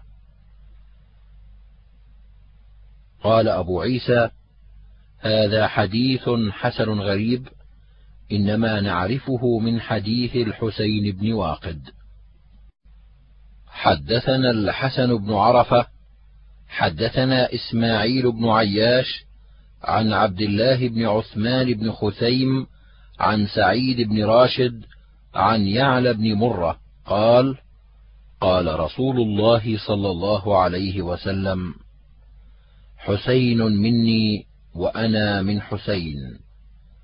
أحب الله من أحب حسينا حسين سبط من الاسباط قال أبو عيسى هذا حديث حسن وإنما نعرفه من حديث عبد الله بن عثمان بن خثيم. وقد رواه غير واحد عن عبد الله بن عثمان بن خثيم. حدثنا محمد بن يحيى حدثنا عبد الرزاق عن معمر عن الزهري عن أنس بن مالك قال لم يكن منهم أحد أشبه برسول الله من الحسن بن علي. قال هذا حديث حسن صحيح. حدثنا محمد بن بشار حدثنا يحيى بن سعيد حدثنا إسماعيل بن أبي خالد عن أبي جحيفة قال رأيت رسول الله صلى الله عليه وسلم وكان الحسن بن علي يشبهه. هذا حديث حسن صحيح. قال وفي الباب عن أبي بكر الصديق وابن عباس وابن الزبير. حدثنا خلاد بن أسلم أبو بكر البغدادي. حدثنا النضر بن شميل. أخبرنا هشام بن حسان عن حفصة بنت سيرين. قالت حدثني أنس بن مالك قال كنت عند ابن زياد فجيء برأس الحسين فجعل يقول بقضيب له في أنفه ويقول ما رأيت مثل هذا حسنا؟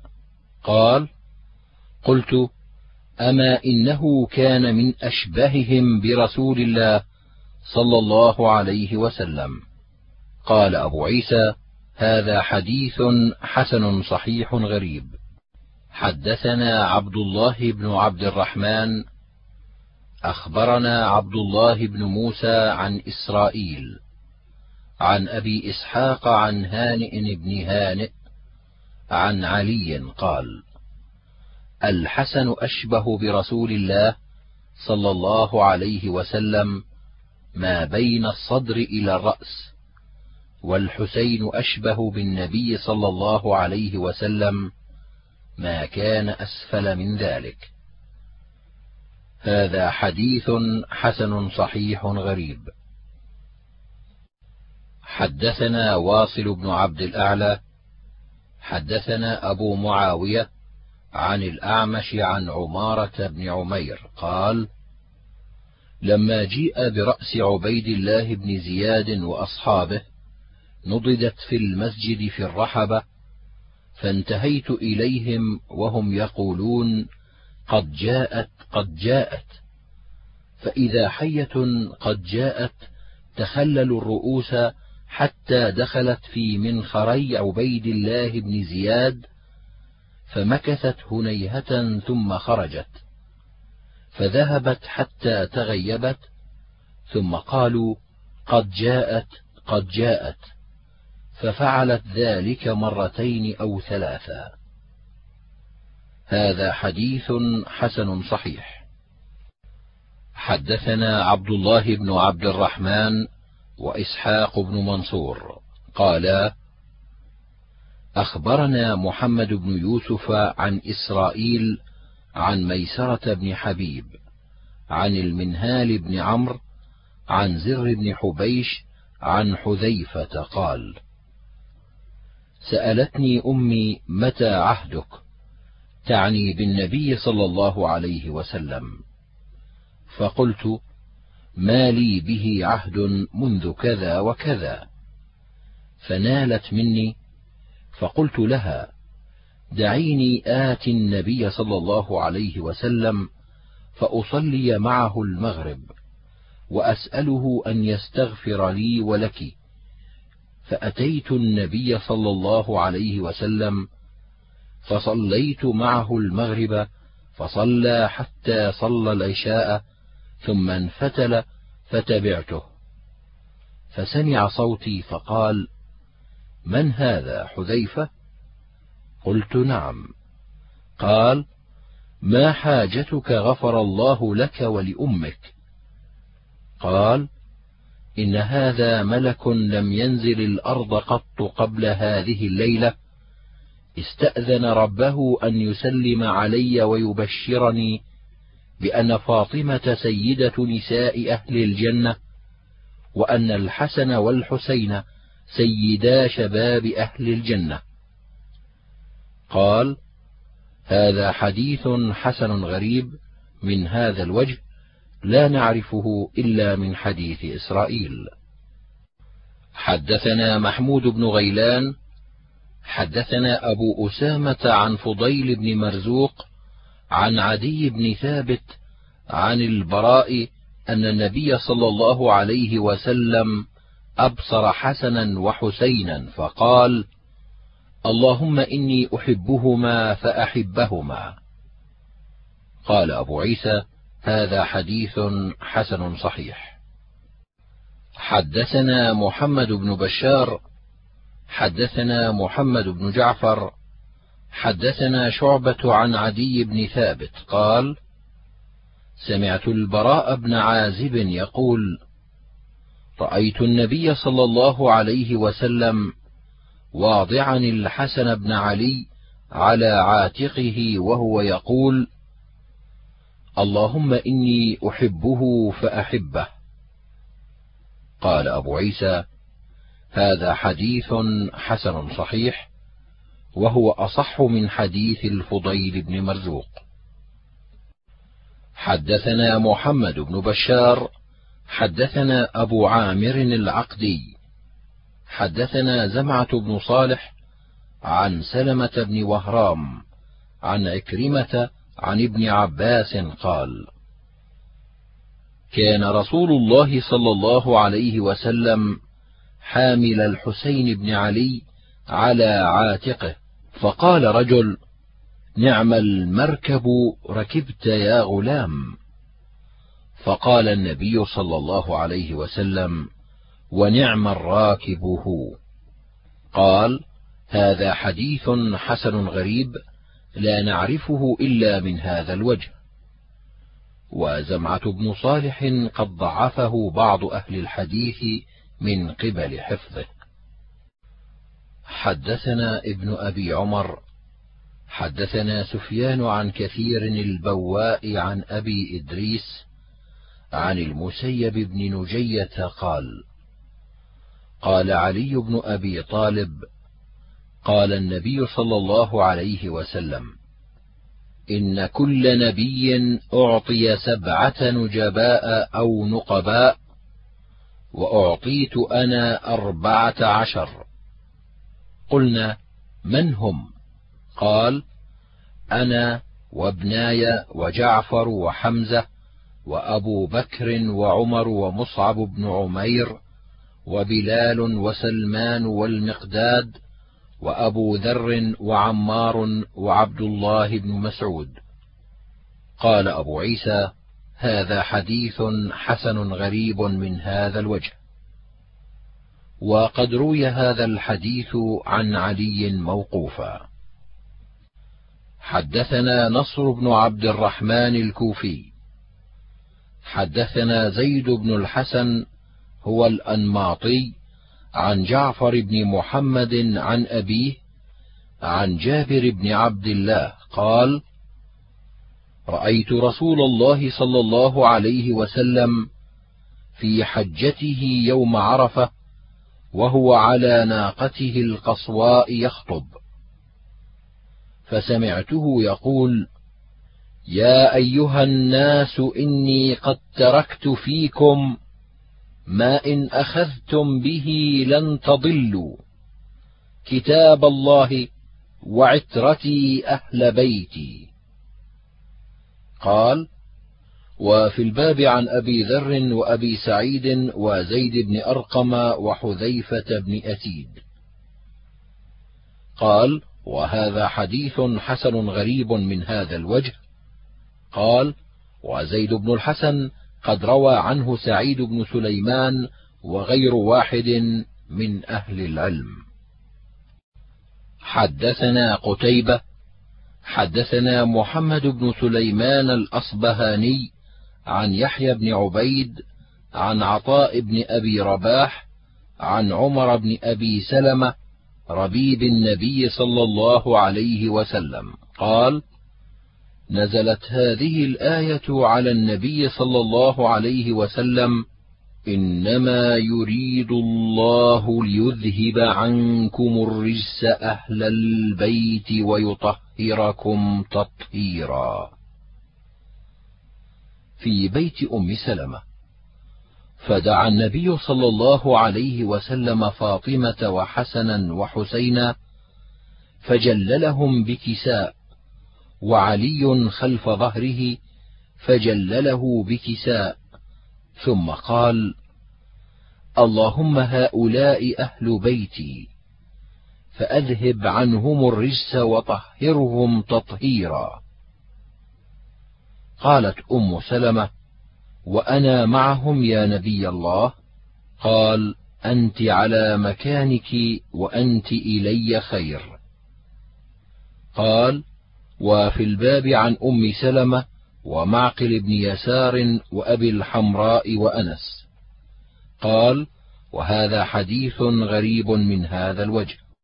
حدثنا علي بن المنذر كوفي حدثنا محمد بن فضيل قال حدثنا الأعمش عن عطية عن أبي سعيد والأعمش عن حبيب بن أبي ثابت عن زيد بن أرقم رضي الله عنهما قالا قال رسول الله صلى الله عليه وسلم إني تارك فيكم ما إن تمسكتم به لن تضلوا بعدي أحدهما أعظم من الآخر.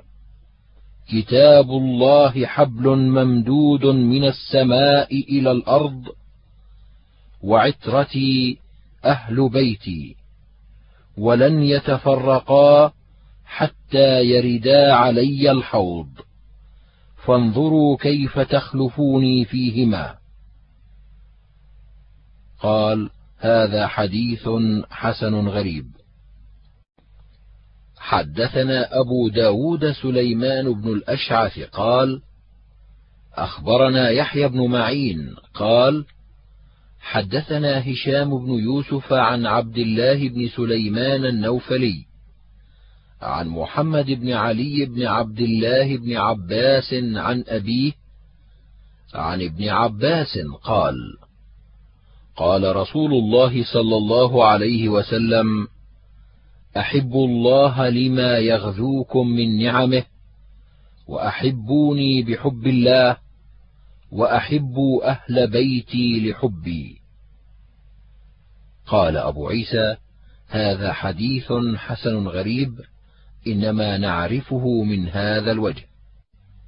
حدثنا سفيان بن وكيع حدثنا حميد بن عبد الرحمن عن داود العطار عن معمر عن قتادة عن أنس بن مالك قال قال رسول الله صلى الله عليه وسلم أرحم أمتي بأمتي أبو بكر وأشدهم في أمر الله عمر وأصدقهم حياء عثمان وأعلمهم بالحلال والحرام معاذ بن جبل وأفرضهم زيد بن ثابت وأقرأهم أبي ولكل أمة أمين وأمين هذه الأمة أبو عبيدة بن الجراح. قال هذا حديث حسن غريب لا نعرفه من حديث قتادة إلا من هذا الوجه. وقد رواه أبو قلابة عن أنس عن النبي صلى الله عليه وسلم نحوه. والمشهور حديث أبي قلابة. حدثنا محمد بن بشار حدثنا عبد الوهاب بن عبد المجيد الثقفي حدثنا خالد الحذاء عن أبي قلابة عن أنس بن مالك قال قال رسول الله صلى الله عليه وسلم أرحم أمتي بأمتي أبو بكر وأشدهم في أمر الله عمر وأصدقهم حياء عثمان وأقرأهم لكتاب الله أبي بن كعب وأفرضهم زيد بن ثابت وأعلمهم بالحلال والحرام معاذ بن جبل. ألا وإن لكل أمة أمينا وإن أمين هذه الأمة أبو عبيدة بن الجراح. هذا حديث حسن صحيح. حدثنا محمد بن بشار حدثنا محمد بن جعفر حدثنا شعبة قال سمعت قتادة يحدث عن أنس بن مالك قال قال رسول الله صلى الله عليه وسلم لأبي بن كعب إن الله أمرني أن أقرأ عليك لم يكن الذين كفروا. قال وسماني. قال نعم فبكى. قال أبو عيسى هذا حديث حسن صحيح. وقد روي عن أبي بن كعب قال قال لي النبي صلى الله عليه وسلم فذكر نحوه. حدثنا محمود بن غيلان حدثنا أبو داود. أخبرنا شعبة عن عاصم قال سمعت زر بن حبيش يحدث عن أبي بن كعب أن رسول الله صلى الله عليه وسلم قال له إن الله أمرني أن أقرأ عليك فقرأ عليه لم يكن الذين كفروا من أهل الكتاب فقرأ فيها إن ذات الدين عند الله الحنيفية المسلمة لا اليهودية ولا النصرانية. من يعمل خيرا فلن يكفره. وقرأ عليه ولو أن لابن آدم واديا من مال لابتغى إليه ثانيا. ولو كان له ثانيا لابتغى إليه ثالثا. ولا يملأ جوف ابن آدم إلا التراب. ويتوب الله على من تاب. قال أبو عيسى هذا حديث حسن صحيح وقد روي من غير هذا الوجه رواه عبد الله بن عبد الرحمن بن أبزة عن أبيه عن أبي بن كعب أن النبي صلى الله عليه وسلم قال: إن الله أمرني أن أقرأ عليك القرآن. وقد روى قتادة عن أنس أن النبي صلى الله عليه وسلم قال لأبي: إن الله أمرني أن أقرأ عليك القرآن. حدثنا محمد بن بشار حدثنا يحيى بن سعيد حدثنا شعبة عن قتادة عن أنس بن مالك قال: جمع القرآن على عهد رسول الله صلى الله عليه وسلم أربعة كلهم من الأنصار أبي بن كعب ومعاذ بن جبل وزيد بن ثابت وأبو زيد. قلت لأنس من أبو زيد؟ قال أحد عمومتي. قال أبو عيسى هذا حديث حسن صحيح. حدثنا قتيبة حدثنا عبد العزيز بن محمد عن سهيل بن أبي صالح عن أبيه عن أبي هريرة رضي الله عنه قال قال رسول الله صلى الله عليه وسلم نعم الرجل أبو بكر نعم الرجل عمر نعم الرجل أبو عبيدة بن الجراح نعم الرجل أسيد بن حضير. نعم الرجل ثابت بن قيس بن شماس. نعم الرجل معاذ بن جبل. نعم الرجل معاذ بن عمرو بن الجموح.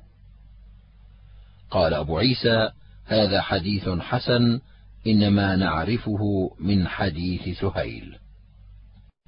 حدثنا محمود بن غيلان حدثنا وكيع حدثنا سفيان عن أبي إسحاق عن صلة بن زفر عن حذيفة بن اليمان قال جاء العاقب والسيد إلى النبي صلى الله عليه وسلم فقالا ابعث معنا أمينا.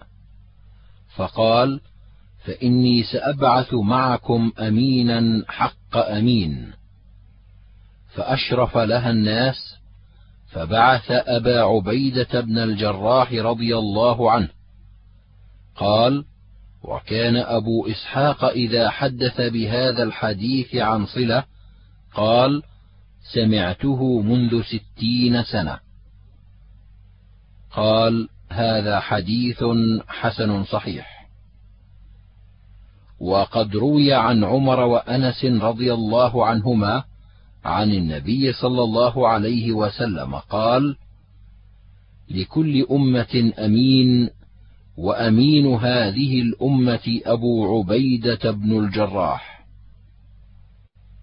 حدثنا سفيان بن وكيع حدثنا أبي عن الحسن بن صالح عن أبي ربيعة الإيادي عن الحسن عن أنس بن مالك قال قال رسول الله صلى الله عليه وسلم إن الجنة لتشتاق إلى ثلاثة علي وعمار وسلمان. قال هذا حديث حسن غريب لا نعرفه إلا من حديث الحسن بن صالح. حدثنا محمد بن بشار حدثنا سفيان عن أبي إسحاق عن هانئ بن هانئ عن علي قال جاء عمار يستأذن على النبي صلى الله عليه وسلم فقال ائذنوا له مرحبا بالطيب المطيب. قال هذا حديث حسن صحيح. حدثنا القاسم بن دينار الكوفي. حدثنا عبيد الله بن موسى عن عبد العزيز بن سياه كوفي عن حبيب بن أبي ثابت عن عطاء بن يسار عن عائشة قالت قال رسول الله صلى الله عليه وسلم ما خير عمار بين أمرين إلا اختار أسدهما.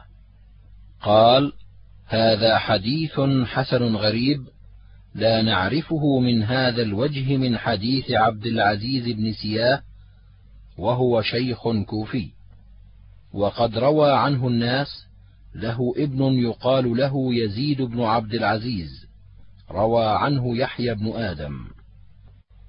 حدثنا محمود بن غيلان حدثنا وكيع. حدثنا سفيان عن عبد الملك بن عمير عن هلال مولى ربعي عن ربعي عن حذيفة عن النبي صلى الله عليه وسلم نحوه. وقد روى سالم المرادي كوفي عن ربعي بن حراش عن حذيفة عن النبي صلى الله عليه وسلم نحو هذا. حدثنا أبو مصعب المدني حدثنا عبد العزيز بن محمد عن العلاء بن عبد الرحمن عن أبيه عن أبي هريرة رضي الله عنه قال قال رسول الله صلى الله عليه وسلم أبشر عمار تقتلك الفئة الباغية. قال أبو عيسى وفي الباب عن أم سلمة وعبد الله بن عمرو وأبي اليسر وحذيفة. قال وهذا حديث حسن صحيح غريب من حديث العلاء بن عبد الرحمن. حدثنا محمود بن غيلان حدثنا ابن نمير عن الأعمش عن عثمان بن عمير هو أبو اليقظان عن أبي حرب بن أبي الأسود الديلي عن عبد الله بن عمرو قال سمعت رسول الله صلى الله عليه وسلم يقول ما اظلت الخضراء ولا أقلت الغبراء أصدق من أبي ذر. قال وفي الباب عن أبي الدرداء وأبي ذر. قال وهذا حديث حسن. حدثنا العباس العنبري حدثنا النضر بن محمد حدثنا عكرمة بن عمار حدثني أبو زميل هو سماك بن الوليد الحنفي عن مالك بن مرثد عن أبيه.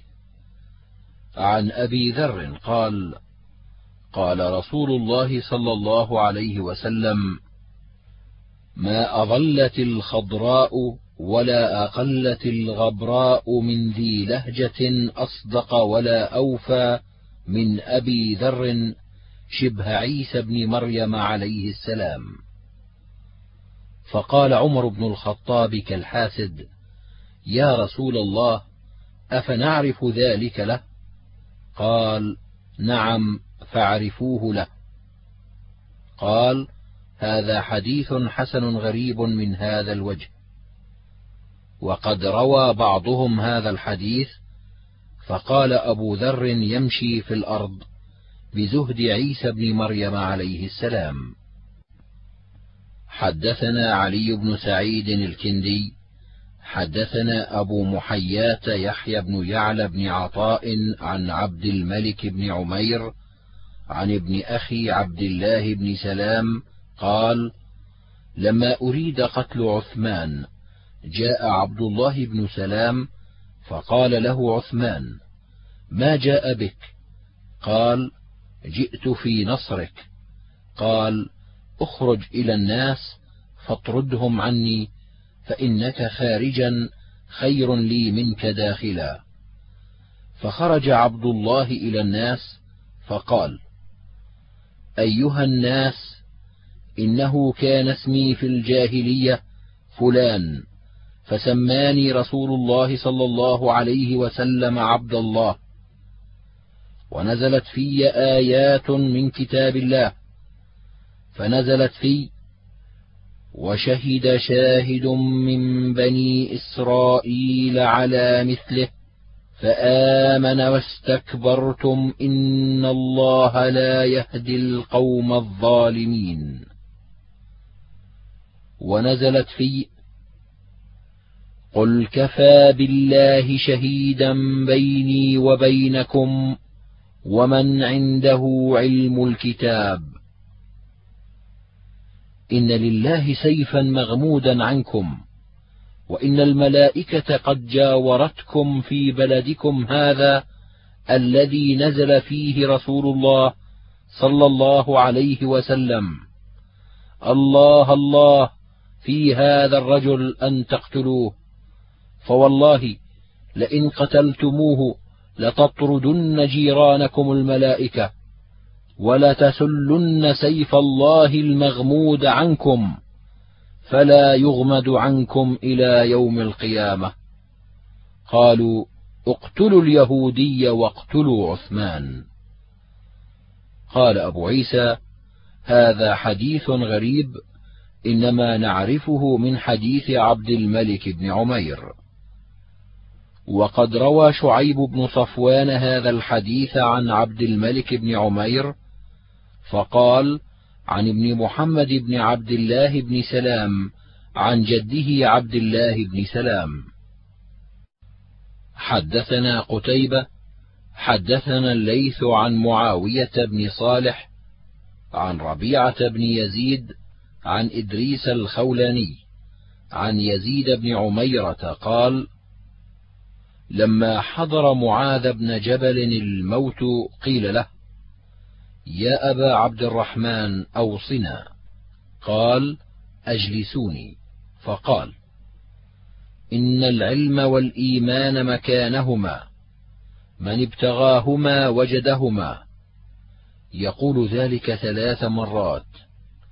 والتمسوا العلم عند أربعة رهط عند عويمر أبي الدرداء وعند سلمان الفارسي وعند عبد الله بن مسعود وعند عبد الله بن سلام الذي كان يهوديا فأسلم. فإني سمعت رسول الله صلى الله عليه وسلم يقول إنه عاشر عشرة في الجنة. قال وفي الباب عن سعد. قال وهذا حديث حسن صحيح غريب. حدثنا إبراهيم بن إسماعيل بن يحيى بن سلم بن كهيل حدثني أبي عن أبيه عن سلمة بن كهيل عن أبي الزعراء عن ابن مسعود قال قال رسول الله صلى الله عليه وسلم اقتدوا بالذين من بعدي من اصحابي أبي بكر وعمر واهتدوا بهدي عمار وتمسكوا بعهد ابن مسعود. قال هذا حديث حسن غريب من هذا الوجه من حديث ابن مسعود لا نعرفه إلا من حديث يحيى بن سلمة بن كهيل. ويحيى بن سلمة يضعف في الحديث وأبو الزعراء اسمه عبد الله بن هانئ وأبو الزعراء الذي روى عنه شعبة والثوري وابن عيينة اسمه عمرو بن عمرو وهو ابن أخي أبي الأحوص صاحب عبد الله بن مسعود. حدثنا أبو كريب حدثنا إبراهيم بن يوسف ابن أبي إسحاق عن أبيه عن أبي إسحاق عن الأسود بن يزيد أنه سمع أبا موسى يقول: لقد قدمت أنا وأخي من اليمن وما نرى حينا إلا أن عبد الله بن مسعود رجل من أهل بيت النبي صلى الله عليه وسلم لما نرى من دخوله ودخول أمه على النبي صلى الله عليه وسلم. قال أبو عيسى هذا حديث حسن صحيح غريب من هذا الوجه وروى سفيان الثوري عن أبي إسحاق. حدثنا محمد بن بشار حدثنا عبد الرحمن بن مهدي حدثنا إسرائيل عن أبي إسحاق عن عبد الرحمن بن يزيد قال أتينا على حذيفة فقلنا حدثنا من أقرب الناس من رسول الله صلى الله عليه وسلم هديا ودلا فنأخذ عنه ونسمع منه. قال كان أقرب الناس هديا ودلا وسمتا برسول الله صلى الله عليه وسلم ابن مسعود حتى يتوارى منا في بيته. ولقد علم المحفوظون من أصحاب محمد أن ابن أم عبد هو أقربهم إلى الله زلفى. قال هذا حديث حسن صحيح. حدثنا عبد الله بن عبد الرحمن أخبرنا صاعد الحراني. حدثنا زهير حدثنا منصور عن أبي إسحاق عن الحارث عن علي قال قال رسول الله صلى الله عليه وسلم لو كنت مؤمرا أحدا من غير مشورة منهم لأمرت عليهم ابن أم عبد. قال أبو عيسى هذا حديث غريب إنما نعرفه من حديث الحارث عن علي.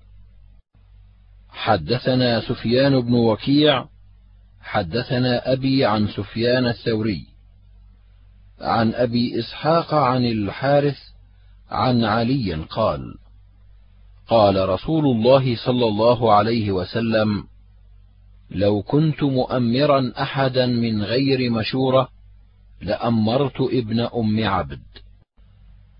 حدثنا هناد حدثنا أبو معاوية عن الأعمش عن شقيق بن سلمة عن مسروق عن عبد الله بن عمرو قال قال رسول الله صلى الله عليه وسلم خذوا القرآن من أربعة من ابن مسعود وأبي بن كعب ومعاذ بن جبل وسالم مولى أبي حذيفة. قال هذا حديث حسن صحيح. حدثنا الجراح بن مخلد البصري حدثنا معاذ بن هشام حدثني أبي عن قتادة عن خيثمة بن أبي سبرة قال أتيت المدينة فسألت الله أن ييسر لي جليسا صالحا فيسر لي أبا هريرة فجلست إليه فقلت له إني سألت الله أن ييسر لي جليسا صالحا فوفقت لي. فقال لي ممن أنت؟ قلت من أهل الكوفة. جئت ألتمس الخير وأطلبه.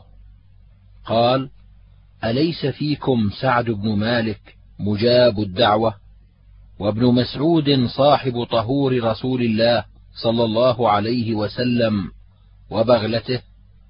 وحذيفة صاحب سر رسول الله صلى الله عليه وسلم وعمار الذي أجاره الله من الشيطان على لسان نبيه وسلمان صاحب الكتابين قال قتادة والكتابان الإنجيل والفرقان. قال هذا حديث حسن صحيح غريب. وخيثمة هو ابن عبد الرحمن بن أبي سبرة إنما نسب إلى جده. حدثنا عبد الله بن عبد الرحمن أخبرنا إسحاق بن عيسى عن شريك عن أبي اليقظان عن زاذان عن حذيفة قال قالوا يا رسول الله لو استخلفت قال إن أستخلف عليكم فعصيتموه عذبتم. ولكن ما حدثكم حذيفة فصدقوه وما أقرأكم عبد الله فاقرؤوه. قال عبد الله فقلت لإسحاق بن عيسى يقولون هذا عن أبي وائل. قال عن زاذان إن شاء الله. قال هذا حديث حسن وهو حديث شريك. حدثنا سفيان بن وكيع حدثنا محمد بن بكر عن ابن جريج عن زيد بن أسلم عن أبيه عن عمر أنه فرض لأسامة بن زيد في ثلاثة آلاف وخمسمائة وفرض لعبد الله بن عمر في ثلاثة آلاف. قال عبد الله بن عمر لأبيه لم فضلت أسامة علي؟ فوالله ما سبقني إلى مشهد. قال لأن زيدا كان أحب إلى رسول الله صلى الله عليه وسلم من أبيك وكان أسامة أحب إلى رسول الله منك فآثرت حب رسول الله صلى الله عليه وسلم على حبي. قال هذا حديث حسن غريب. حدثنا قتيبة حدثنا يعقوب بن عبد الرحمن عن موسى بن عقبة عن سالم بن عبد الله بن عمر عن أبيه قال ما كنا ندعو زيد بن حارثة إلا زيد بن محمد حتى نزلت ادعوهم لآبائهم هو أقسط عند الله. قال هذا حديث صحيح. حدثنا الجراح بن مخلد البصري وغير واحد. قالوا حدثنا محمد بن عمر بن الرومي حدثنا علي بن مسهر عن إسماعيل عن أبي خالد عن أبي عمرو الشيباني. قال أخبرني جبلة بن حارثة أخو زيد قال قدمت على رسول الله صلى الله عليه وسلم فقلت يا رسول الله ابعث معي أخي زيدا. قال هو ذا. قال فإن انطلق معك لم أمنعه. قال زيد يا رسول الله والله لا أختار عليك أحدا. قال فرأيت رأي أخي أفضل من رأيي. قال هذا حديث حسن غريب لا نعرفه إلا من حديث ابن الرومي عن علي بن مسهر. حدثنا أحمد بن الحسن حدثنا عبد الله بن مسلمة عن مالك بن أنس عن عبد الله بن دينار عن ابن عمر أن رسول الله صلى الله عليه وسلم بعث بعثا وأمر عليهم أسامة بن زيد فطعن الناس في إمارته. فقال النبي صلى الله عليه وسلم إن تطعنوا في إمارته فقد كنتم تطعنون في إمرة أبيه من قبل.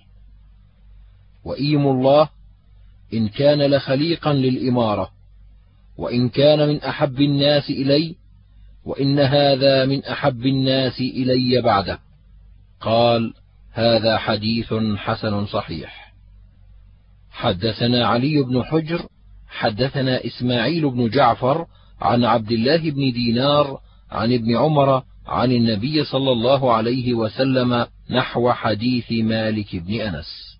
حدثنا أبو كريب حدثنا يونس بن بكير عن محمد بن إسحاق عن سعيد عن عبيد بن السباق عن محمد بن أسامة بن زيد عن أبيه قال لما ثقل رسول الله صلى الله عليه وسلم هبطت وهبط الناس المدينة فدخلت على رسول الله صلى الله عليه وسلم وقد أصمت فلم يتكلم.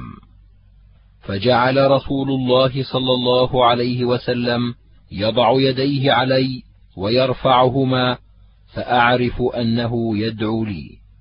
قال أبو عيسى هذا حديث حسن غريب. حدثنا الحسين بن حريث حدثنا الفضل بن موسى عن طلحة بن يحيى عن عائشة بنت طلحة عن عائشة أم المؤمنين قالت أراد النبي صلى الله عليه وسلم أن ينحي مخاط أسامة. قالت عائشة دعني حتى أكون أنا الذي أفعل. قال يا عائشة احبيه فإني أحبه. قال هذا حديث حسن غريب.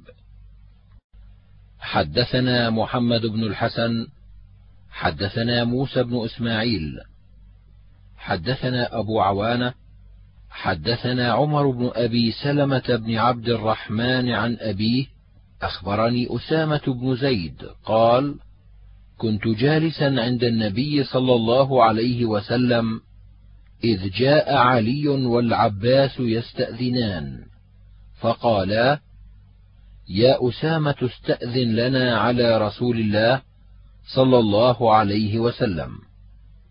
فقلت يا رسول الله علي والعباس يستأذنان.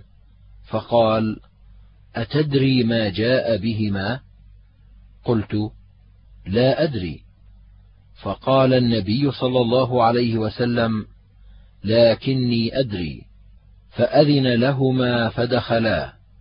فقالا يا رسول الله جئناك نسألك أي أهلك أحب إليك؟ قال فاطمة بنت محمد فقالا ما جئناك نسألك عن أهلك.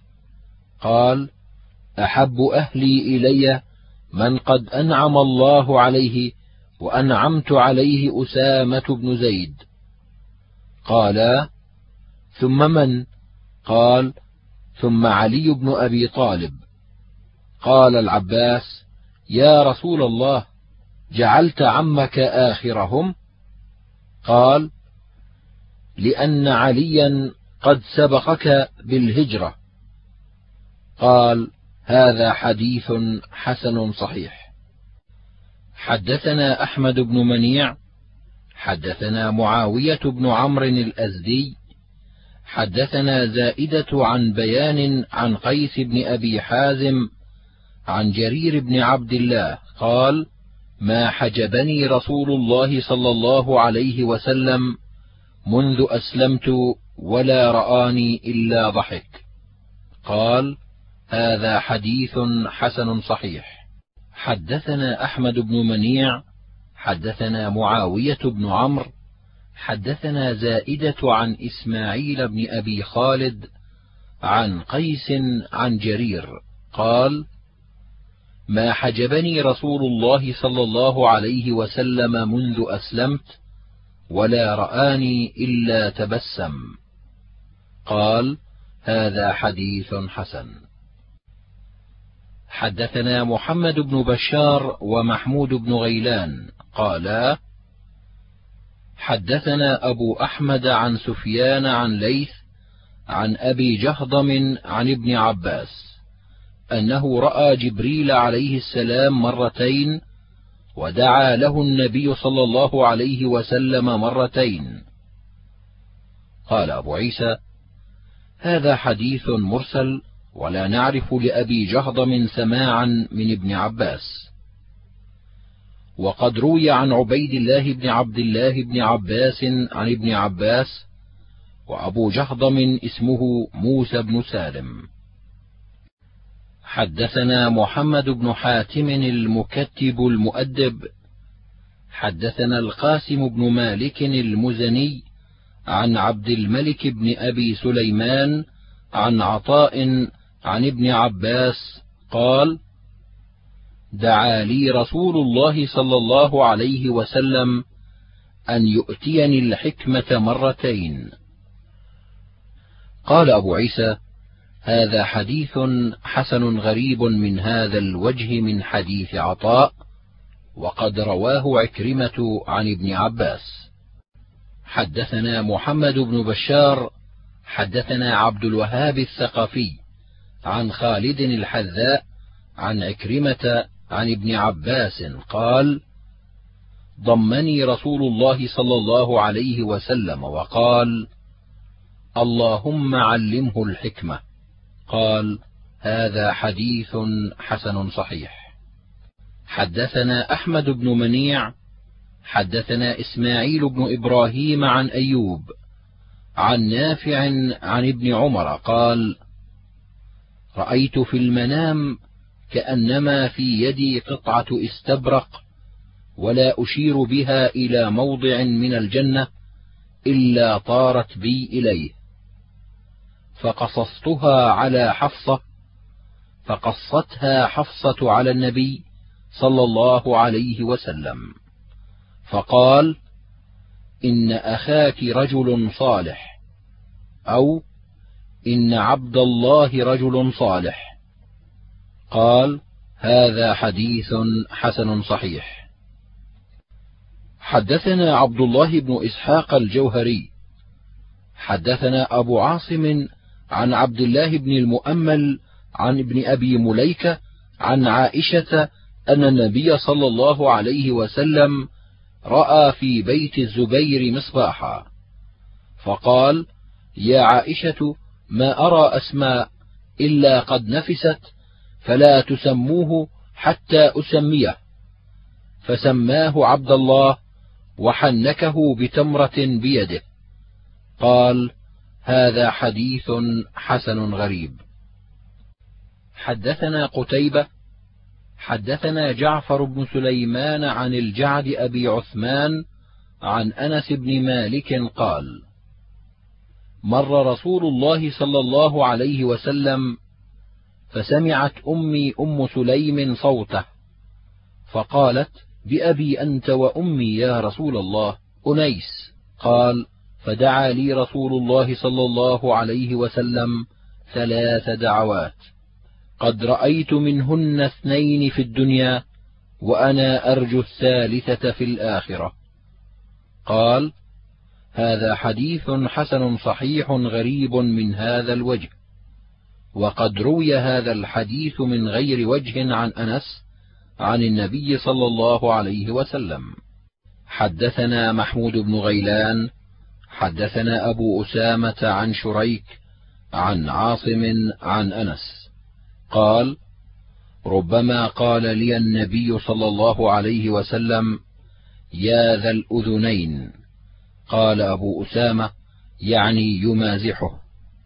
قال هذا حديث حسن غريب صحيح حدثنا محمد بن بشار حدثنا محمد بن جعفر حدثنا شعبة قال سمعت قتادة يحدث عن أنس بن مالك عن أم سليم أنها قالت يا رسول الله أنس خادمك أدعو الله له.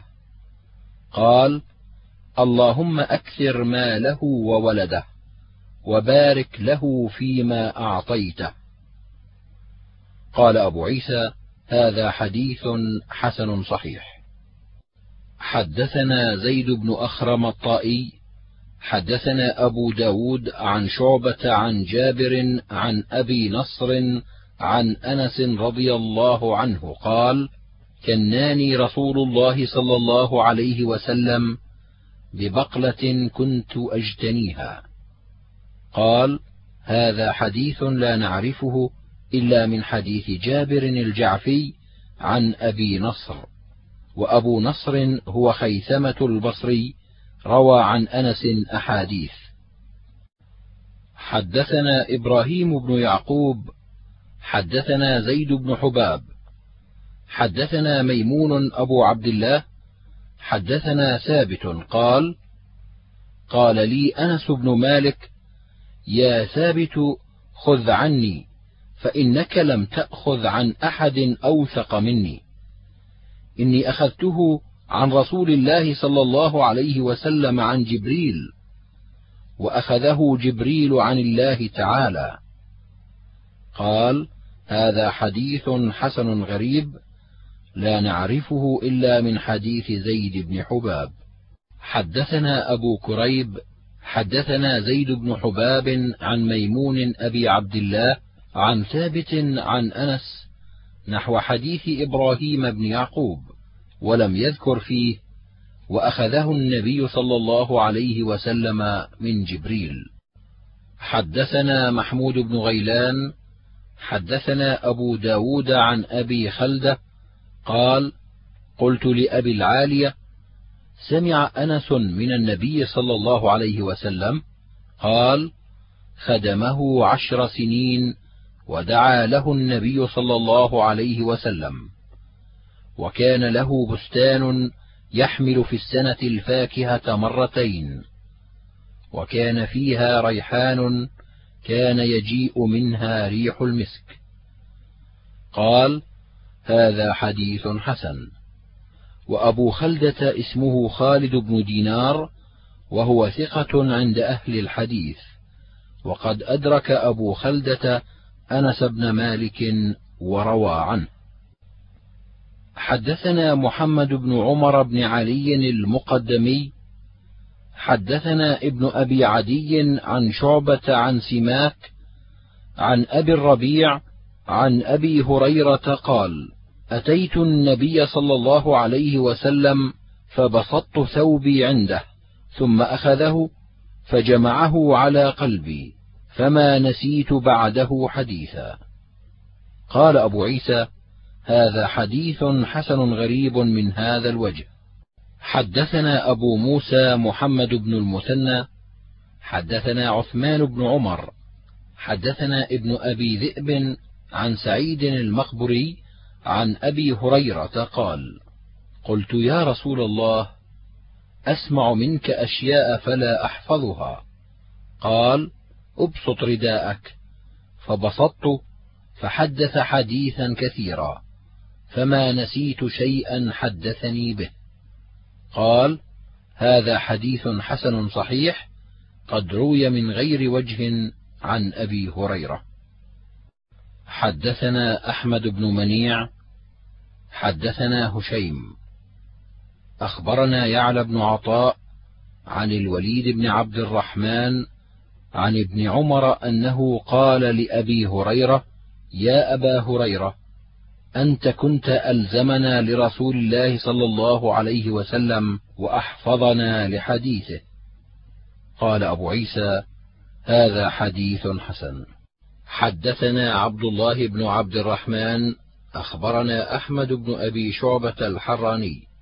حدثني محمد بن سلمة الحراني عن محمد بن إسحاق عن محمد بن إبراهيم عن مالك بن أبي عامر قال جاء رجل إلى طلحة بن عبيد الله فقال يا أبا محمد أرأيت هذا اليماني؟ يعني أبا هريرة. هو أعلم بحديث رسول الله صلى الله عليه وسلم منكم. نسمع منه ما لا نسمع منكم. أو يقول على رسول الله صلى الله عليه وسلم ما لم يقل؟ قال أما أن يكون سمع من رسول الله صلى الله عليه وسلم ما لم نسمع فلا أشك إلا أنه سمع من رسول الله صلى الله عليه وسلم ما لم نسمع. وذاك أنه كان مسكينا لا شيء له. ضيفا لرسول الله صلى الله عليه وسلم يده مع يد رسول الله صلى الله عليه وسلم. وكنا نحن أهل بيوتات وغنى. وكنا نأتي رسول الله صلى الله عليه وسلم طرفي النهار فلا نشك إلا أنه سمع من رسول الله صلى الله عليه وسلم ما لم نسمع. ولا نجد احدا فيه خير يقول على رسول الله صلى الله عليه وسلم ما لم يقل. قال أبو عيسى هذا حديث حسن غريب لا نعرفه إلا من حديث محمد بن إسحاق. وقد رواه يونس بن بكير وغيره عن محمد بن إسحاق. حدثنا بشر بن آدم بن بنت أزهر السمان. حدثنا عبد الصمد بن عبد الوارث حدثنا أبو خلدة حدثنا أبو العالية عن أبي هريرة قال قال النبي صلى الله عليه وسلم ممن أنت؟ قال قلت من دوس. قال ما كنت أرى أن في دوس أحدا فيه خير. قال أبو عيسى هذا حديث حسن صحيح غريب. وأبو خلدة اسمه خالد بن دينار وأبو العالية اسمه رفيع. حدثنا عمران بن موسى القزاز. حدثنا حماد بن زيد. حدثنا المهاجر عن أبي العالية الرياحي. عن أبي هريرة قال أتيت النبي صلى الله عليه وسلم بتمرات فقلت يا رسول الله ادعوا الله فيهن بالبركة. فضمهن ثم دعا لي فيهن بالبركة. فقال خذهن واجعلهن في مزودك هذا أو في هذا المزود. كلما أردت أن تأخذ منه شيئا فأدخل فيه يدك. فخذه ولا تنثره نثرا. فقد حملت من ذلك التمر كذا وكذا من وسق في سبيل الله. فكنا نأكل منه ونطعم. وكان لا يفارق حقوي حتى كان يوم قتل عثمان فإنه انقطع. قال أبو عيسى هذا حديث حسن غريب من هذا الوجه وقد روي هذا الحديث من غير هذا الوجه عن أبي هريرة. حدثنا أحمد بن سعيد المرابطي حدثنا روح بن عبادة حدثنا أسامة بن زيد عن عبد الله بن رافع قال قلت لأبي هريرة لم كنيت أبا هريرة؟ قال أما تفرق مني؟ قلت بلى والله إني لأهابك. قال كنت أرعى غنم أهلي فكانت لي هريرة صغيرة فكنت أضعها بالليل في شجرة. فإذا كان النهار ذهبت بها معي فلعبت بها فكنوني أبا هريرة. قال هذا حديث حسن غريب. حدثنا قتيبة حدثنا سفيان عن عمرو بن دينار عن وهب بن منبه عن أخيه همام بن منبه عن أبي هريرة رضي الله عنه قال ليس أحد أكثر حديثا عن رسول الله صلى الله عليه وسلم مني إلا عبد الله بن عمرو فإنه كان يكتب وكنت لا أكتب. قال أبو عيسى هذا حديث حسن صحيح.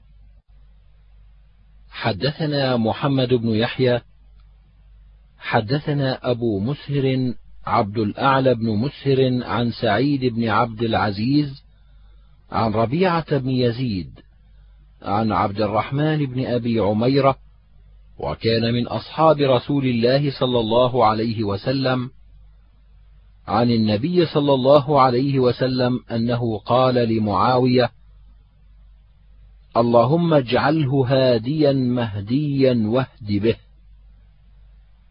قال أبو عيسى هذا حديث حسن غريب. حدثنا محمد بن يحيى حدثنا عبد الله بن محمد النفيلي حدثنا عمرو بن واقد عن يونس بن حلبس عن أبي إدريس الخولاني قال لما عزل عمر بن الخطاب عمير بن سعد عن حمص ولى معاوية. فقال الناس عزل عميرا وولى معاوية. فقال عمير لا تذكروا معاوية إلا بخير. فإني سمعت رسول الله صلى الله عليه وسلم يقول اللهم اهد به. قال أبو عيسى هذا حديث غريب. قال وعمرو بن واقد يضعف. حدثنا قتيبة حدثنا ابن لهيعة عن مشرح بن عاهان عن عقبة بن عامر قال قال رسول الله صلى الله عليه وسلم أسلم الناس وآمن عمرو بن العاص. قال هذا حديث غريب لا نعرفه إلا من حديث ابن لهيعة عن مشرح بن عاهان وليس إسناده بالقوي. حدثنا إسحاق بن منصور أخبرنا أبو أسامة عن نافع بن عمر الجمحي عن ابن أبي مليكة قال قال طلحة بن عبيد الله سمعت رسول الله صلى الله عليه وسلم يقول إن عمرو بن العاص من صالحي قريش. قال أبو عيسى هذا حديث إنما نعرفه من حديث نافع بن عمر الجمحي. ونافع ثقة وليس إسناده بمتصل وابن أبي مليكة لم يدرك طلحة. حدثنا قتيبة حدثنا الليث عن هشام بن سعد عن زيد بن أسلم عن أبي هريرة قال نزلنا مع رسول الله صلى الله عليه وسلم منزلا فجعل الناس يمرون فيقول رسول الله صلى الله عليه وسلم من هذا يا أبا هريرة؟ فأقول فلان. فيقول نعم عبد الله هذا. ويقول من هذا؟ فأقول فلان. فيقول بئس عبد الله هذا. حتى مر خالد بن الوليد فقال من هذا؟ فقلت هذا خالد بن الوليد. فقال نعم عبد الله خالد بن الوليد سيف من سيوف الله. قال أبو عيسى هذا حديث حسن غريب ولا نعرف لزيد بن أسلم سماعا من أبي هريرة وهو عندي حديث مرسل. قال وفي الباب عن أبي بكر الصديق. حدثنا محمود بن غيلان. حدثنا وكيع عن سفيان. عن أبي إسحاق عن البراء قال أهدي لرسول الله صلى الله عليه وسلم ثوب حرير. فجعلوا يعجبون من لينه. فقال رسول الله صلى الله عليه وسلم تعجبون من هذا؟ لمناديل سعد بن معاذ في الجنة أحسن من هذا. قال وفي الباب عن أنس. قال وهذا حديث حسن صحيح. حدثنا محمود بن غيلان حدثنا عبد الرزاق أخبرنا ابن جريج. أخبرني أبو الزبير أنه سمع جابر بن عبد الله يقول سمعت رسول الله صلى الله عليه وسلم يقول وجنازة سعد بن معاذ بين أيديهم. اهتز له عرش الرحمن. قال وفي الباب عن أسيد بن حضير وأبي سعيد ورميثة وهذا حديث حسن صحيح. حدثنا عبد بن حميد أخبرنا عبد الرزاق أخبرنا معمر عن قتادة عن أنس بن مالك قال لما حملت جنازة سعد بن معاذ قال المنافقون ما أخف جنازته وذلك لحكمه في بني قريظة. فبلغ ذلك النبي صلى الله عليه وسلم فقال إن الملائكة كانت تحمله. قال أبو عيسى هذا حديث حسن صحيح غريب. حدثنا محمد بن مرزوق البصري. حدثنا محمد بن عبد الله الأنصاري.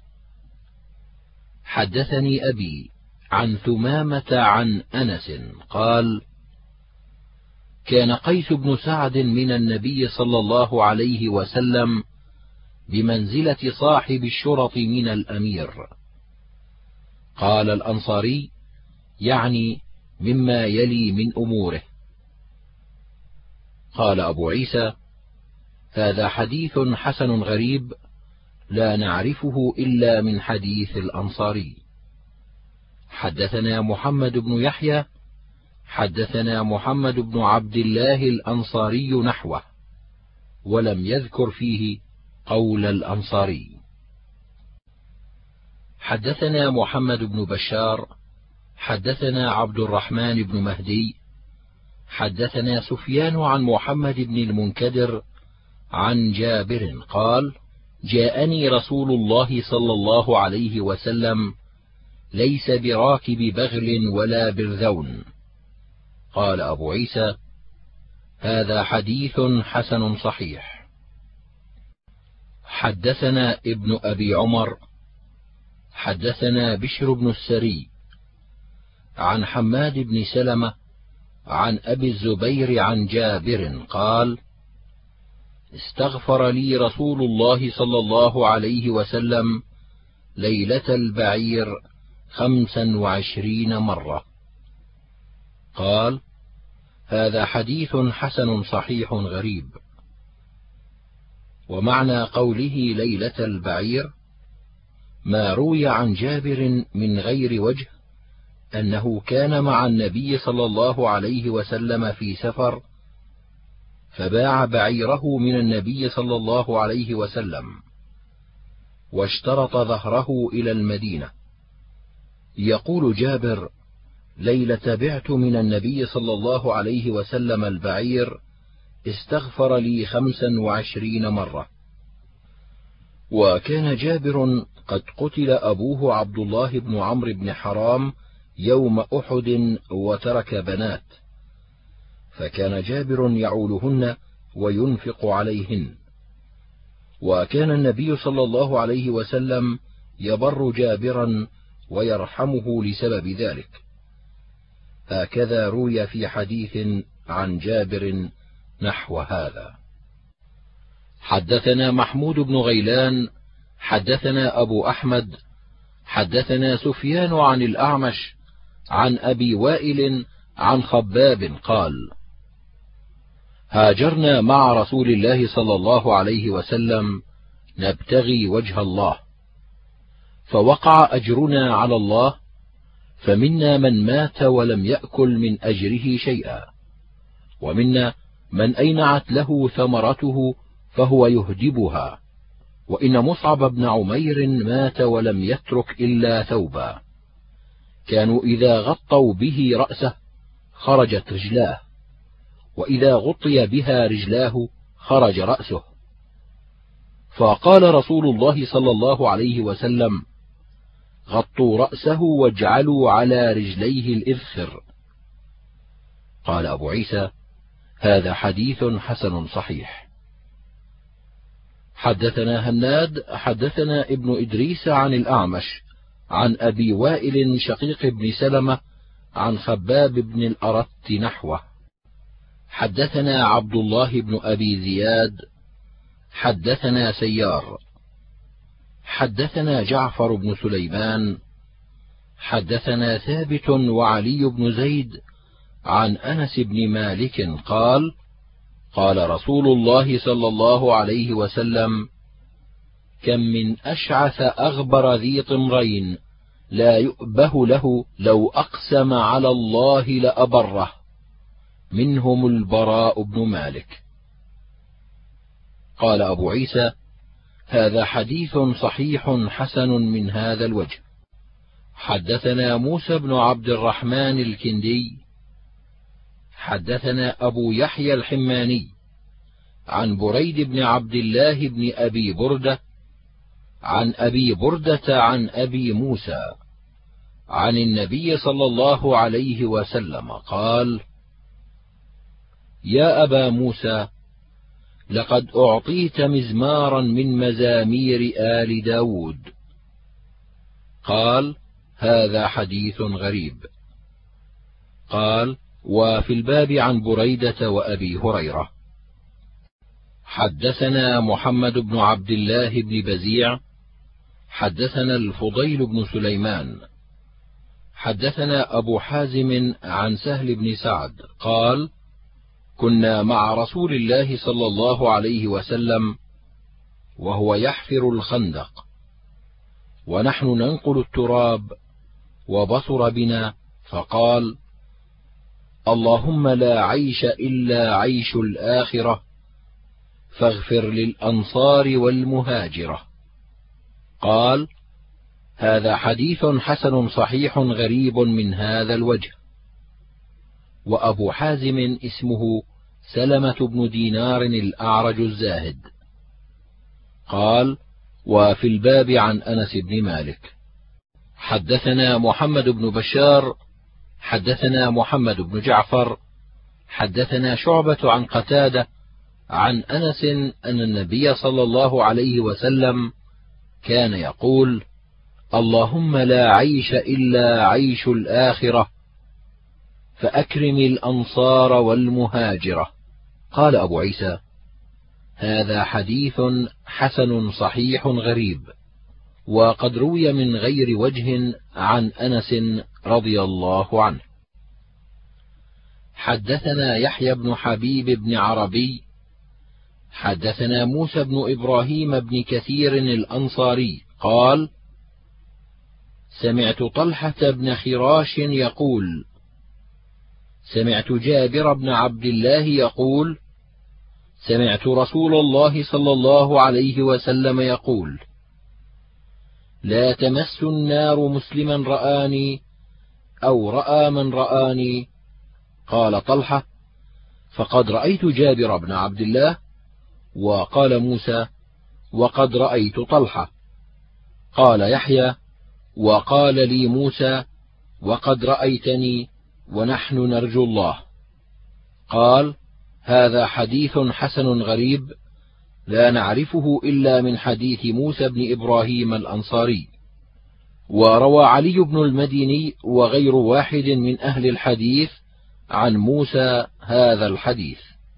حدثني هناد حدثنا أبو معاوية عن الأعمش عن إبراهيم عن عبيدة هو السلماني عن عبد الله بن مسعود قال قال رسول الله صلى الله عليه وسلم خير الناس قرني ثم الذين يلونهم ثم الذين يلونهم ثم يأتي قوم من بعد ذلك تسبق أيمانهم شهاداتهم أو شهاداتهم أيمانهم. قال وفي الباب عن عمر وعمران بن حسين وبريدة قال وهذا حديث حسن صحيح. حدثنا قتيبة حدثنا الليث عن أبي الزبير عن جابر قال قال رسول الله صلى الله عليه وسلم لا يدخل النار أحد ممن بايع تحت الشجرة. قال أبو عيسى هذا حديث حسن صحيح. حدثنا محمود بن غيلان حدثنا أبو داود قال أنبأنا شعبة عن الأعمش قال سمعت ذكوان أبا صالح عن أبي سعيد الخدري قال قال رسول الله صلى الله عليه وسلم لا تسبوا أصحابي. فوالذي نفسي بيده لو أن أحدكم أنفق مثل أحد ذهبا ما أدرك مد أحدهم ولا نصيفه. قال هذا حديث حسن صحيح. ومعنى قوله نصيفه يعني نصف المد. حدثنا الحسن بن علي الخلال وكان حافظا. حدثنا أبو معاوية عن الأعمش عن أبي صالح عن أبي سعيد عن النبي صلى الله عليه وسلم نحوه. حدثنا محمد بن يحيى حدثنا يعقوب بن إبراهيم بن سعد حدثنا عبيدة بن أبي رائطة عن عبد الرحمن بن زياد عن عبد الله بن مغفل قال قال رسول الله صلى الله عليه وسلم الله الله في أصحابي. الله الله في أصحابي. لا تتخذوهم غرضا بعدي. فمن أحبهم فبحبي أحبهم. ومن أبغضهم فببغضي أبغضهم. ومن آذاهم فقد آذاني. ومن آذاني فقد آذى الله. ومن آذى الله فيوشك أن يأخذه. قال أبو عيسى هذا حديث غريب لا نعرفه إلا من هذا الوجه. حدثنا محمود بن غيلان حدثنا أزهر السمان عن سليمان التيمي عن خداش عن أبي الزبير عن جابر عن النبي صلى الله عليه وسلم قال ليدخلن الجنة من بايع تحت الشجرة إلا صاحب الجمل الأحمر. قال أبو عيسى هذا حديث حسن غريب. حدثنا قتيبة حدثنا الليث عن أبي الزبير عن جابر أن عبدا لحاطب بن أبي بلتع جاء رسول الله صلى الله عليه وسلم يشكو حاطبا. فقال يا رسول الله ليدخلن حاطب النار. فقال رسول الله صلى الله عليه وسلم كذبت لا يدخلها فإنه قد شهد بدرا والحديبية. قال هذا حديث حسن صحيح. حدثنا أبو كريب حدثنا عثمان بن ناجية عن عبد الله بن مسلم أبي طيبة عن عبد الله بن بريدة عن أبيه قال قال رسول الله صلى الله عليه وسلم ما من أحد من أصحابي يموت بأرض إلا بعث قائدا ونورا لهم يوم القيامة. قال هذا حديث غريب. وروي هذا الحديث عن عبد الله بن مسلم أبي طيبة عن أبي بريدة عن النبي صلى الله عليه وسلم مرسل وهو أصح. حدثنا أبو بكر محمد بن نافع حدثنا النضر بن حماد حدثنا سيف بن عمر عن عبيد الله بن عمر عن نافع عن ابن عمر قال قال رسول الله صلى الله عليه وسلم إذا رأيتم الذين يسبون أصحابي فقولوا لعنة الله على شركم. قال أبو عيسى هذا حديث منكر لا نعرفه من حديث عبيد الله بن عمر إلا من هذا الوجه. والنضر مجهول وسيف مجهول. حدثنا قتيبة حدثنا الليث عن ابن أبي مليكة عن المسور بن مخرمة قال: سمعت النبي صلى الله عليه وسلم يقول: وهو على المنبر: إن بني هشام بن المغيرة استأذنوني في أن ينكحوا ابنتهم علي بن أبي طالب فلا آذن. ثم لا آذن ثم لا آذن إلا أن يريد ابن أبي طالب أن يطلق ابنتي وينكح ابنتهم. فإنها بضعة مني يريبني ما رابها ويؤذيني ما آذاها. قال أبو عيسى هذا حديث حسن صحيح. وقد رواه عمرو بن دينار عن ابن أبي مليكة عن المسور بن مخرمة نحو هذا. حدثنا إبراهيم بن سعيد الجوهري حدثنا الأسود بن عامر عن جعفر الأحمر عن عبد الله بن عطاء عن ابن بريدة عن أبيه قال كان أحب النساء إلى رسول الله صلى الله عليه وسلم فاطمة ومن الرجال علي. قال إبراهيم بن سعيد يعني من أهل بيته. قال أبو عيسى هذا حديث حسن غريب لا نعرفه إلا من هذا الوجه. حدثنا أحمد بن منيع حدثنا إسماعيل بن علية عن أيوب عن ابن أبي مليكة عن عبد الله بن الزبير أن عليا ذكر بنت أبي جهل فبلغ ذلك النبي صلى الله عليه وسلم فقال إنما فاطمة بضعة مني يؤذيني ما آذاها وينصبني ما أنصبها. قال أبو عيسى هذا حديث حسن صحيح. هكذا قال أيوب عن ابن أبي مليكة عن ابن الزبير وقال غير واحد عن ابن أبي مليكة عن المسور بن مخرمة. ويحتمل أن يكون ابن أبي مليكة روى عنهما جميعا. حدثنا سليمان بن عبد الجبار البغدادي حدثنا علي بن قادم حدثنا أصباط بن نصر الهمداني عن السدي عن صبيح مولى أم سلمة عن زيد بن أرقم أن رسول الله صلى الله عليه وسلم قال لعلي وفاطمة والحسن والحسين أنا حرب لمن حاربتم وسلم لمن سالمتم. قال أبو عيسى هذا حديث غريب إنما نعرفه من هذا الوجه. وصبيح مولى أم سلمة ليس بمعروف.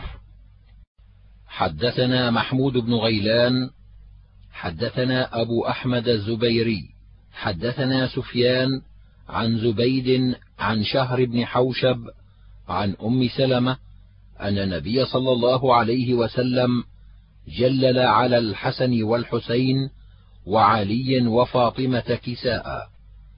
ثم قال اللهم هؤلاء أهل بيتي وخاصتي أذهب عنهم الرجس وطهرهم تطهيرا. فقالت أم سلمة وأنا معهم يا رسول الله؟ قال إنك إلى خير. قال هذا حديث حسن وهو أحسن شيء روي في هذا الباب. وفي الباب عن عمر بن أبي سلمة وأنس بن مالك وأبي الحمراء ومعقل بن يسار وعائشة. حدثنا محمد بن بشار حدثنا عثمان بن عمر. أخبرنا إسرائيل عن ميسرة بن حبيب عن المنهال بن عمرو عن عائشة بنت طلحة عن عائشة أم المؤمنين قالت: ما رأيت أحدا أشبه سمتا ودلا وهديا برسول الله في قيامها وقعودها من فاطمة بنت رسول الله صلى الله عليه وسلم. قالت وكانت إذا دخلت على النبي صلى الله عليه وسلم قام إليها فقبلها وأجلسها في مجلسه. وكان النبي صلى الله عليه وسلم إذا دخل عليها قامت من مجلسها فقبلته وأجلسته في مجلسها. فلما مرض النبي صلى الله عليه وسلم دخلت فاطمة فأكبت عليه فقبلته ثم رفعت رأسها فبكت. ثم أكبت عليه ثم رفعت رأسها فضحكت.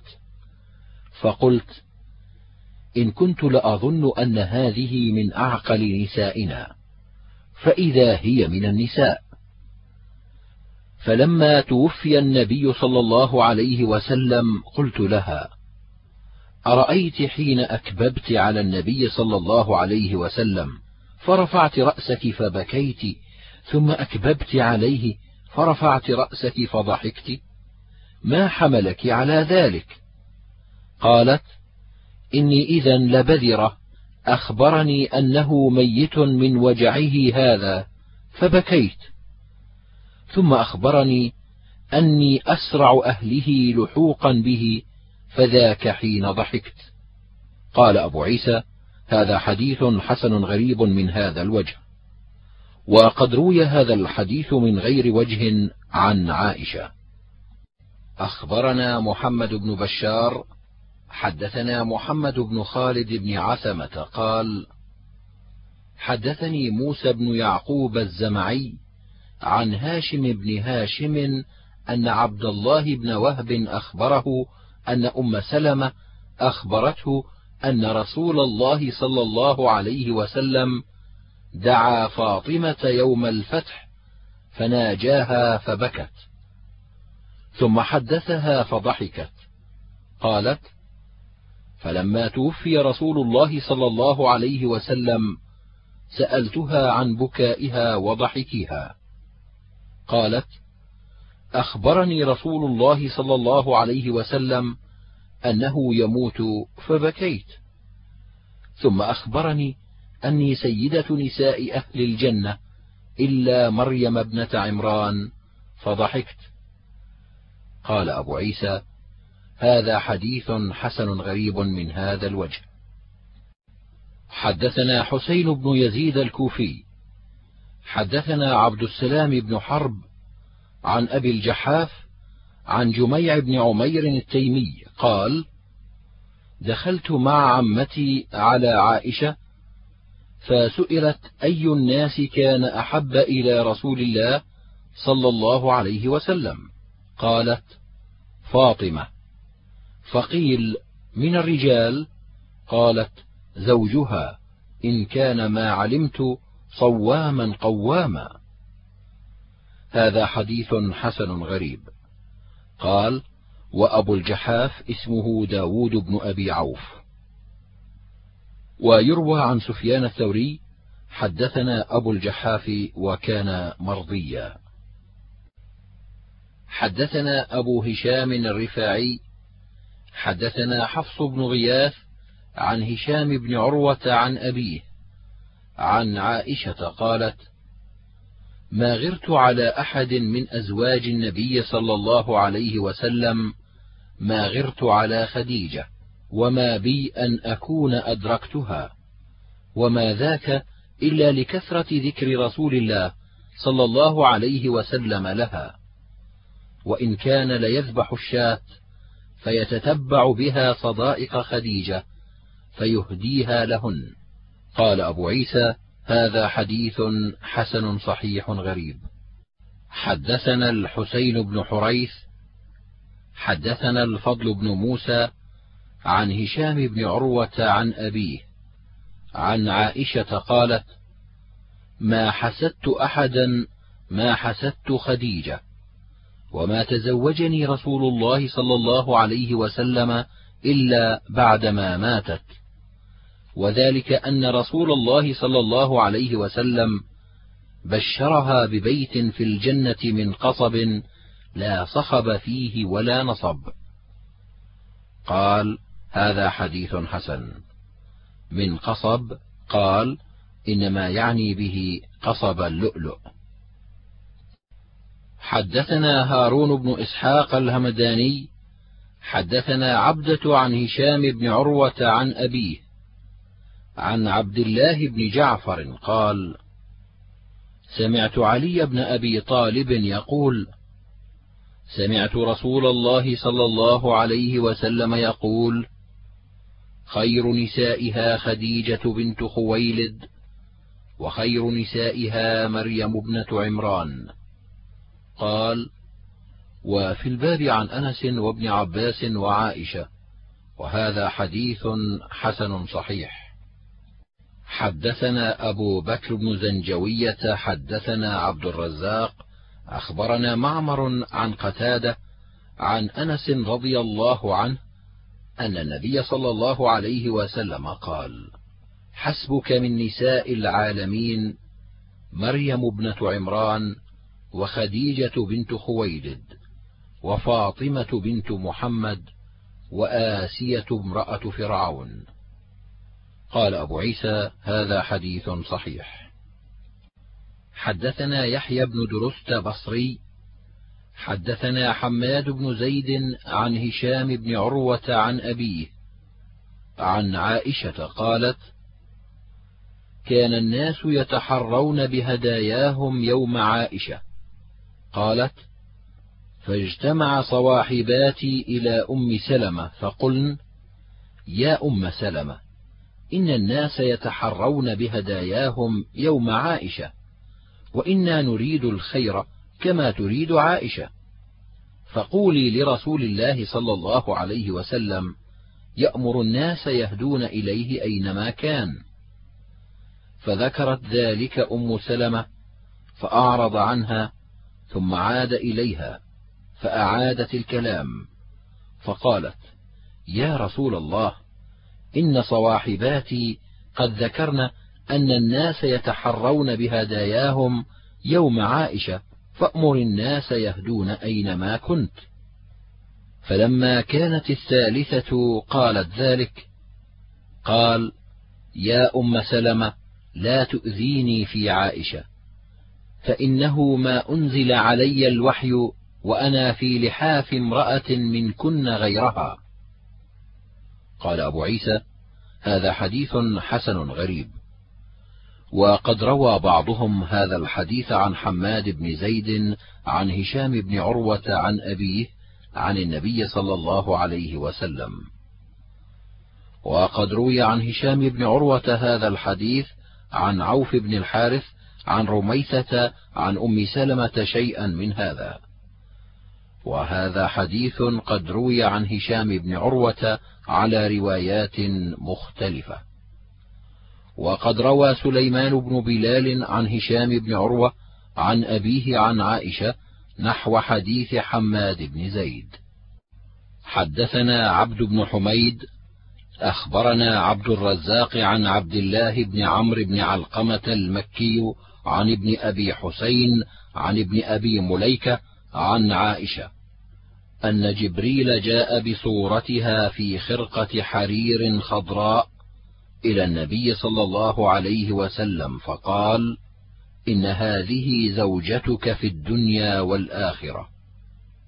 قال هذا حديث حسن غريب لا نعرفه إلا من حديث عبد الله بن عمرو بن علقمة. وقد روى عبد الرحمن بن مهدي هذا الحديث عن عبد الله بن عمرو بن علقمة بهذا الإسناد مرسلا ولم يذكر فيه عن عائشة. وقد روى أبو أسامة عن هشام بن عروة عن أبيه عن عائشة عن النبي صلى الله عليه وسلم شيئا من هذا. حدثنا سويد بن نصر حدثنا عبد الله بن المبارك أخبرنا معمر عن الزهري عن أبي سلمة عن عائشة رضي الله عنها قالت قال رسول الله صلى الله عليه وسلم يا عائشة هذا جبريل وهو يقرأ عليك السلام. قالت قلت وعليه السلام ورحمة الله وبركاته ترى ما لا نرى. قال أبو عيسى هذا حديث حسن صحيح. حدثنا سويد. أخبرنا عبد الله بن المبارك. أخبرنا زكريا عن الشعبي عن أبي سلمة بن عبد الرحمن عن عائشة قالت قال لي رسول الله صلى الله عليه وسلم إن جبريل يقرأ عليك السلام. فقلت وعليه السلام ورحمة الله وبركاته. قال أبو عيسى وهذا حديث حسن. حدثنا حميد بن مسعدة حدثنا زياد بن الربيع حدثنا خالد بن سلمة المخزومي عن ابن أبي بردة عن أبي موسى قال ما أشكل علينا أصحاب رسول الله صلى الله عليه وسلم حديث قط فسألنا عائشة إلا وجدنا عندها منه علما. قال أبو عيسى هذا حديث حسن صحيح. حدثنا القاسم بن دينار الكوفي حدثنا معاوية بن عمرو عن زائدة عن عبد الملك بن عمير عن موسى بن طلحة قال ما رأيت أحدا أفصح من عائشة. قال هذا حديث حسن صحيح غريب. حدثنا إبراهيم بن يعقوب ومحمد بن بشار واللفظ لابن يعقوب. قالا حدثنا يحيى بن حماد حدثنا عبد العزيز بن المختار حدثنا خالد الحذاء عن أبي عثمان النهدي عن عمرو بن العاص أن رسول الله صلى الله عليه وسلم استعمله على جيش ذات السلاسل قال فأتيته فقلت يا رسول الله أي الناس أحب إليك؟ قال عائشة قال من الرجال؟ قال أبوها. قال أبو عيسى هذا حديث حسن صحيح. حدثنا إبراهيم بن سعيد الجوهري. حدثنا يحيى بن سعيد الأموي عن إسماعيل بن أبي خالد عن قيس بن أبي حازم عن عمرو بن العاص أنه قال يا رسول الله من أحب الناس إليك؟ قال عائشة. قال من الرجال؟ قال أبوها. هذا حديث حسن غريب من هذا الوجه من حديث إسماعيل عن قيس. حدثنا علي بن حجر حدثنا إسماعيل بن جعفر عن عبد الله بن عبد الرحمن بن معمر الأنصاري عن أنس أن رسول الله صلى الله عليه وسلم قال فضل عائشة على النساء كفضل الثريد على سائر الطعام. قال وفي الباب عن عائشة وأبي موسى. قال وهذا حديث حسن وعبد الله بن عبد الرحمن بن معمر هو أبو طوالة الأنصاري المدني ثقة. وقد روى عنه مالك بن أنس. حدثنا محمد بن بشار حدثنا عبد الرحمن بن مهدي. حدثنا سفيان عن أبي إسحاق عن عمرو بن غالب أن رجلا نال من عائشة عند عمار بن ياسر فقال أغرب مقبوحا منبوحا أتؤذي حبيبة رسول الله صلى الله عليه وسلم؟ قال هذا حديث حسن. حدثنا محمد بن بشار حدثنا عبد الرحمن بن مهدي حدثنا أبو بكر بن عياش عن أبي حسين عن عبد الله بن زياد الأسدي قال سمعت عمار بن ياسر يقول هي زوجته في الدنيا والآخرة يعني عائشة رضي الله عنها. قال هذا حديث حسن وفي الباب عن علي. حدثنا أحمد بن عبدة الضبي حدثنا المعتمر بن سليمان عن حميد عن أنس رضي الله عنه قال قيل يا رسول الله من أحب الناس إليك؟ قال عائشة. قيل من الرجال؟ قال أبوها. قال هذا حديث حسن غريب من هذا الوجه من حديث أنس. حدثنا عباس العنبري حدثنا يحيى بن كثير العنبري أبو غسان حدثنا مسلم بن جعفر وكان ثقة عن الحكم بن أبان عن عكرمة قال قيل لابن عباس بعد صلاة الصبح ماتت فلانة لبعض أزواج النبي صلى الله عليه وسلم فسجد. فقيل له أتسجد هذه الساعة؟ فقال أليس قد قال رسول الله صلى الله عليه وسلم إذا رأيتم آية فاسجدوا فأي آية أعظم من ذهاب أزواج النبي صلى الله عليه وسلم؟ قال أبو عيسى هذا حديث حسن غريب لا نعرفه إلا من هذا الوجه. حدثنا محمد بن بشار حدثنا عبد الصمد بن عبد الوارث حدثنا هاشم هو ابن سعيد الكوفي. حدثنا كنانة قال حدثتنا صفية بنت حيي قالت دخل علي رسول الله صلى الله عليه وسلم وقد بلغني عن حفصة وعائشة كلام فذكرت ذلك له فقال ألا قلت فكيف تكونان خيرا مني؟ وزوجي محمد وأبي هارون وعمي موسى. وكان الذي بلغها أنهم قالوا نحن أكرم على رسول الله صلى الله عليه وسلم منها. وقالوا نحن أزواج النبي صلى الله عليه وسلم وبنات عمه. قال وفي الباب عن أنس. قال وهذا حديث غريب لا نعرفه من حديث صفية إلا من حديث هاشم الكوفي وليس إسناده بذلك القوي.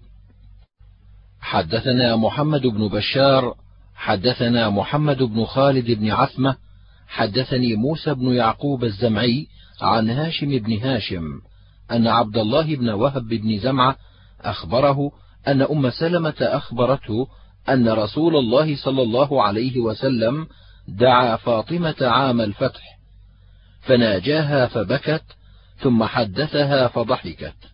قالت فلما توفي رسول الله صلى الله عليه وسلم سألتها عن بكائها وضحكها. قالت أخبرني رسول الله صلى الله عليه وسلم أنه يموت فبكيت. ثم أخبرني أني سيدة نساء أهل الجنة إلا مريم بنت عمران فضحكت. قال هذا حديث حسن غريب من هذا الوجه.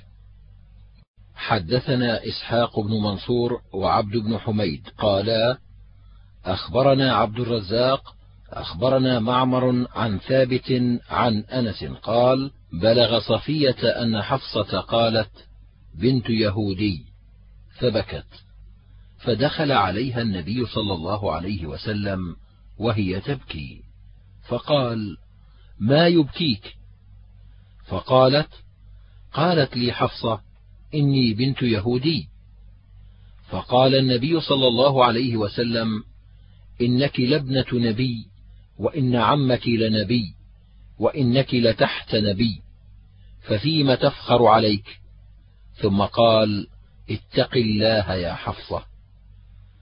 قال أبو عيسى هذا حديث حسن صحيح غريب من هذا الوجه. حدثنا محمد بن يحيى حدثنا محمد بن يوسف حدثنا سفيان بن هشام بن عروة عن أبيه عن عائشة قالت قال رسول الله صلى الله عليه وسلم خيركم خيركم لأهله وأنا خيركم لأهلي. وإذا مات صاحبكم فدعوه. قال أبو عيسى هذا حديث حسن غريب صحيح من حديث الثوري ما أقل من رواه عن الثوري. وروي هذا عن هشام بن عروة عن أبيه عن النبي صلى الله عليه وسلم مرسل. حدثنا محمد بن يحيى حدثنا محمد بن يوسف عن إسرائيل عن الوليد عن زيد بن زائد عن عبد الله بن مسعود. قال قال رسول الله صلى الله عليه وسلم لا يبلغني أحد عن أحد من أصحابي شيئا فإني أحب أن أخرج إليهم وأنا سليم الصدر. قال عبد الله فأتي رسول الله صلى الله عليه وسلم بمال فقسمه. فانتهيت إلى رجلين جالسين وهما يقولان والله ما أراد محمد بقسمته التي قسمها وجه الله ولا الدار الآخرة فتثبت حين سمعتهما فأتيت رسول الله صلى الله عليه وسلم وأخبرته. فاحمر وجهه وقال دعني عنك. فقد أوذي موسى بأكثر من هذا فصبر. قال أبو عيسى هذا حديث غريب من هذا الوجه وقد زيد في هذا الإسناد رجل. حدثنا محمد بن إسماعيل حدثنا عبد الله بن محمد حدثنا عبيد الله بن موسى والحسين بن محمد عن إسرائيل عن السدي عن الوليد بن أبي هشام عن زيد بن زائد عن عبد الله بن مسعود رضي الله عنه عن النبي صلى الله عليه وسلم قال لا يبلغني أحد عن أحد شيئا. وقد روي هذا الحديث عن عبد الله بن مسعود عن النبي صلى الله عليه وسلم شيئا من هذا من غير هذا الوجه. حدثنا محمود بن غيلان حدثنا أبو داود أخبرنا شعبة عن عاصم قال سمعت زر بن حبيش يحدث عن أبي بن كعب أن رسول الله صلى الله عليه وسلم قال له إن الله أمرني أن أقرأ عليك القرآن. فقرأ عليه لم يكن الذين كفروا وفيها إن ذات الدين عند الله الحنيفية المسلمة لا اليهودية ولا النصرانية ولا المجوسية. من يعمل خيرا فلن يكفره. وقرأ عليه لو أن لابن آدم واديا من مال لابتغى إليه ثانيا ولو كان له ثانية لابتغى إليه ثالثا ولا يملأ جوف ابن آدم إلا التراب ويتوب الله على من تاب. قال أبو عيسى هذا حديث حسن. وقد روي من غير هذا الوجه رواه عبد الله بن عبد الرحمن بن أبزة عن أبيه عن أبي بن كعب رضي الله عنه أن النبي صلى الله عليه وسلم قال له إن الله أمرني أن أقرأ عليك القرآن. وقد رواه قتادة عن أنس أن النبي صلى الله عليه وسلم قال لأبي بن كعب إن الله أمرني أن أقرأ عليك القرآن. حدثنا محمد بن بشار حدثنا أبو عامر عن زهير بن محمد عن عبد الله بن محمد بن عقيل عن الطفيل بن أبي بن كعب.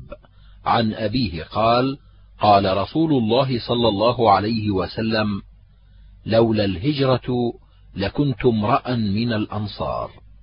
حدثنا بندار حدثنا محمد بن جعفر حدثنا شعبة عن عدي بن ثابت عن البراء بن عازب أنه سمع النبي صلى الله عليه وسلم أو قال قال النبي صلى الله عليه وسلم في الأنصار لا يحبهم إلا مؤمن ولا يبغضهم إلا منافق. من أحبهم فأحبه الله ومن أبغضهم فأبغضه الله. فقلت له أأنت سمعته من البراء؟ فقال إياي حدث. قال هذا حديث صحيح. قال وبهذا الإسناد عن النبي صلى الله عليه وسلم قال لو سلك الناس واديا أو شعبا لكنت مع الأنصار. قال هذا حديث حسن. حدثنا محمد بن بشار قال حدثنا محمد بن جعفر. حدثنا شعبة قال سمعت قتادة عن أنس رضي الله عنه قال جمع رسول الله صلى الله عليه وسلم ناسا من الأنصار فقال هل فيكم أحد من غيركم؟ قالوا لا إلا ابن أخت لنا. فقال صلى الله عليه وسلم إن ابن أخت القوم منهم. ثم قال إن قريشا حديث عهدهم بجاهلية ومصيبة وإني أردت أن أجبرهم وأتألفهم. أما ترضون أن يرجع الناس بالدنيا وترجعون برسول الله صلى الله عليه وسلم إلى بيوتكم؟ قالوا بلى. فقال رسول الله صلى الله عليه وسلم لو سلك الناس واديا أو شعبا وسلكت الأنصار واديا أو شعبا. لسلكت وادي الأنصار أو شعبهم. قال أبو عيسى هذا حديث حسن صحيح.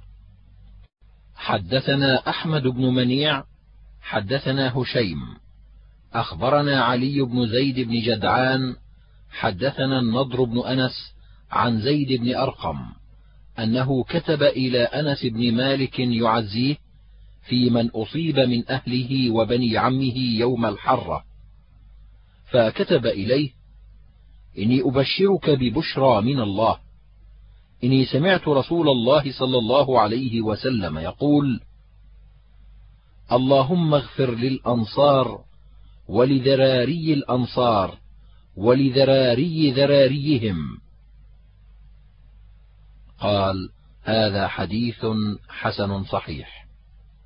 حدثنا أحمد بن منيع حدثنا هشيم أخبرنا علي بن زيد بن جدعان. حدثنا النضر بن أنس وقد رواه قتادة عن النضر بن أنس عن زيد بن أرقم. حدثنا عبدة بن عبد الله الخزاعي البصري. حدثنا أبو داود وعبد الصمد قالا حدثنا محمد بن ثابت البناني عن أبيه عن أنس بن مالك عن أبي طلحة قال قال لي رسول الله صلى الله عليه وسلم أقرئ قومك السلام فإنهم ما علمت أعفة صبر. قال هذا حديث حسن غريب. حدثنا الحسين بن حريث حدثني الفضل بن موسى عن زكريا بن أبي زائدة عن عطية عن أبي سعيد الخدري عن النبي صلى الله عليه وسلم قال ألا إن عيبتي التي آوي إليها أهل بيتي وإن كرشي الأنصار فاعفوا عن مسيئهم واقبلوا من محسنهم. قال أبو عيسى هذا حديث حسن. قال وفي الباب عن أنس.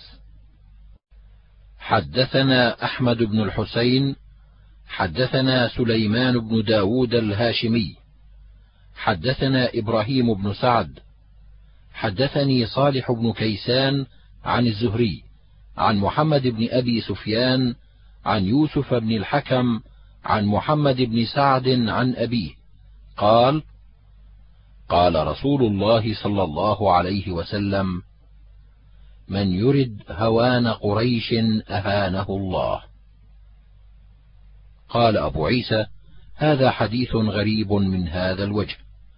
حدثنا عبد بن حميد قال أخبرني يعقوب بن إبراهيم بن سعد قال حدثني أبي عن صالح بن كيسان عن ابن شهاب بهذا الإسناد نحوه.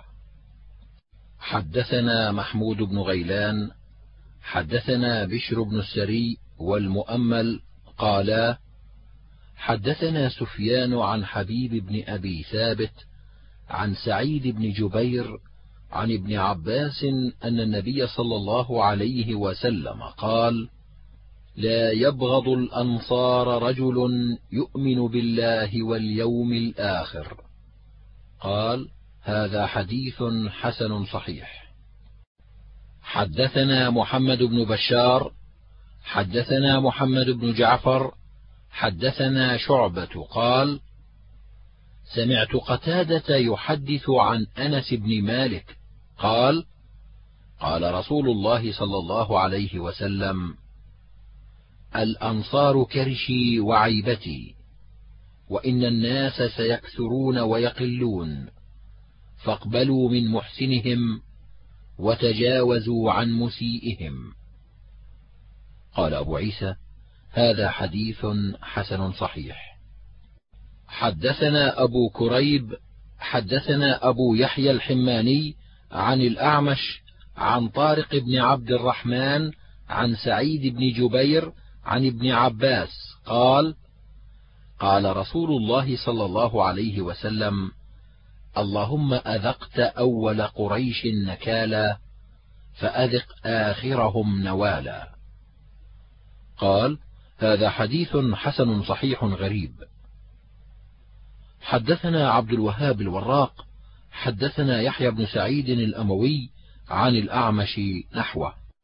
حدثنا القاسم بن دينار الكوفي حدثنا إسحاق بن منصور عن جعفر الأحمر عن عطاء بن السائب عن أنس أن النبي صلى الله عليه وسلم قال اللهم اغفر للأنصار ولأبناء الأنصار ولأبناء أبناء الأنصار ولنساء الأنصار. قال أبو عيسى هذا حديث حسن غريب من هذا الوجه. حدثنا قتيبة حدثنا الليث عن يحيى بن سعيد الأنصاري أنه سمع أنس بن مالك يقول قال رسول الله صلى الله عليه وسلم ألا أخبركم بخير دور الأنصار أو بخير الأنصار؟ قالوا بلى يا رسول الله. قال بنو النجار. ثم الذين يلونهم بنو عبد الأشهل ثم الذين يلونهم بنو الحارث بن الخزرج ثم الذين يلونهم بنو ساعدة ثم قال بيده فقبض أصابعه ثم بسطهن كالرامي بيديه قال وفي دور الأنصار كلها خير. قال هذا حديث حسن صحيح. وقد روي هذا أيضا عن أنس عن أبي أسيد عن النبي صلى الله عليه وسلم. حدثنا محمد بن بشار حدثنا محمد بن جعفر حدثنا شعبة قال سمعت قتادة يحدث عن أنس بن مالك عن أبي أسيد الساعدي قال قال رسول الله صلى الله عليه وسلم خير دور الأنصار دور بني النجار ثم دور بني عبد الأشهل ثم بني الحارث بن الخزرج ثم بني ساعدة وفي كل دور الأنصار خير. فقال سعد ما أرى رسول الله صلى الله عليه وسلم إلا قد فضل علينا. فقيل قد فضلكم على كثير. قال أبو عيسى هذا حديث حسن صحيح. وأبو أسيد الساعدي اسمه مالك بن ربيعة. وقد روي نحو هذا عن أبي هريرة عن النبي صلى الله عليه وسلم. ورواه معمر عن الزهري عن أبي سلمة وعبيد الله بن عبد الله بن عتبة عن أبي هريرة عن النبي صلى الله عليه وسلم. حدثنا أبو السائب سلم بن جنادة حدثنا أحمد بن بشير عن مجالد عن الشعبي عن جابر بن عبد الله قال قال رسول الله صلى الله عليه وسلم خير ديار الأنصار بنو النجار. قال هذا حديث غريب من هذا الوجه. حدثنا أبو السائب سلم بن جنادة حدثنا أحمد بن بشير عن مجالد عن الشعبي عن جابر بن عبد الله قال قال رسول الله صلى الله عليه وسلم خير الأنصار بنو عبد الأشهل. قال هذا حديث غريب من هذا الوجه. حدثنا قتيبة حدثنا الليث عن سعيد بن أبي سعيد المقبري عن عمرو بن سليم الزرقي عن عاصم بن عمر عن علي بن أبي طالب قال خرجنا مع رسول الله صلى الله عليه وسلم حتى إذا كنا بحرة السقيا التي كانت لسعد بن أبي وقاص فقال رسول الله صلى الله عليه وسلم ائتوني بوضوء فتوضأ ثم قام فاستقبل القبلة. ثم قال اللهم إن إبراهيم كان عبدك وخليلك ودعا لأهل مكة بالبركة. وأنا عبدك ورسولك أدعوك لأهل المدينة أن تبارك لهم في مدهم وصاعهم مثلي ما باركت لأهل مكة. مع البركة بركتين. قال هذا حديث حسن صحيح. قال وفي الباب عن عائشة وعبد الله بن زيد وأبي هريرة. حدثنا عبد الله بن أبي زياد. حدثنا أبو نباتة يونس بن يحيى بن نباتة. حدثنا سلمة بن وردان عن أبي سعيد بن المعلى عن علي بن أبي طالب وأبي هريرة رضي الله عنهما قالا قال رسول الله صلى الله عليه وسلم ما بين بيتي ومنبري روضة من رياض الجنة قال هذا حديث حسن غريب من هذا الوجه من حديث علي وقد روي من غير وجه عن أبي هريرة عن النبي صلى الله عليه وسلم. حدثنا محمد بن كامل المروزي حدثنا عبد العزيز بن أبي حازم الزاهد عن كثير بن زيد عن الوليد بن رباح عن أبي هريرة عن النبي صلى الله عليه وسلم قال ما بين بيتي ومنبري روضة من رياض الجنة. وبهذا الإسناد عن النبي صلى الله عليه وسلم قال صلاة في مسجدي هذا خير من ألف صلاة فيما سواه من المساجد إلا المسجد الحرام. قال هذا حديث حسن صحيح وقد روي عن أبي هريرة رضي الله عنه عن النبي صلى الله عليه وسلم من غير وجه. حدثنا محمد بن بشار حدثنا معاذ بن هشام حدثني أبي عن أيوب عن نافع عن ابن عمر قال قال رسول الله صلى الله عليه وسلم من استطاع أن يموت بالمدينة فليمت بها. فإني أشفع لمن يموت بها. قال وفي الباب عن سبيعة بنت الحارث الأسلمية. قال هذا حديث حسن غريب من حديث أيوب السختياني. حدثنا محمد بن عبد الأعلى. حدثنا المعتمر بن سليمان. قال سمعت عبيد الله بن عمر عن نافع عن ابن عمر رضي الله عنهما أن مولاة له أتته فقالت اشتد علي الزمان وإني أريد أن أخرج إلى العراق. قال فهلا إلى الشأم أرض المنشر اصبري لكاع. فإني سمعت رسول الله صلى الله عليه وسلم يقول من صبر على شدتها ولأوائها كنت له شهيدا أو شفيعا يوم القيامة. قال وفي الباب عن أبي سعيد وسفيان بن أبي زهير وسبيعة الأسلمية. قال وهذا حديث حسن صحيح غريب من حديث عبيد الله.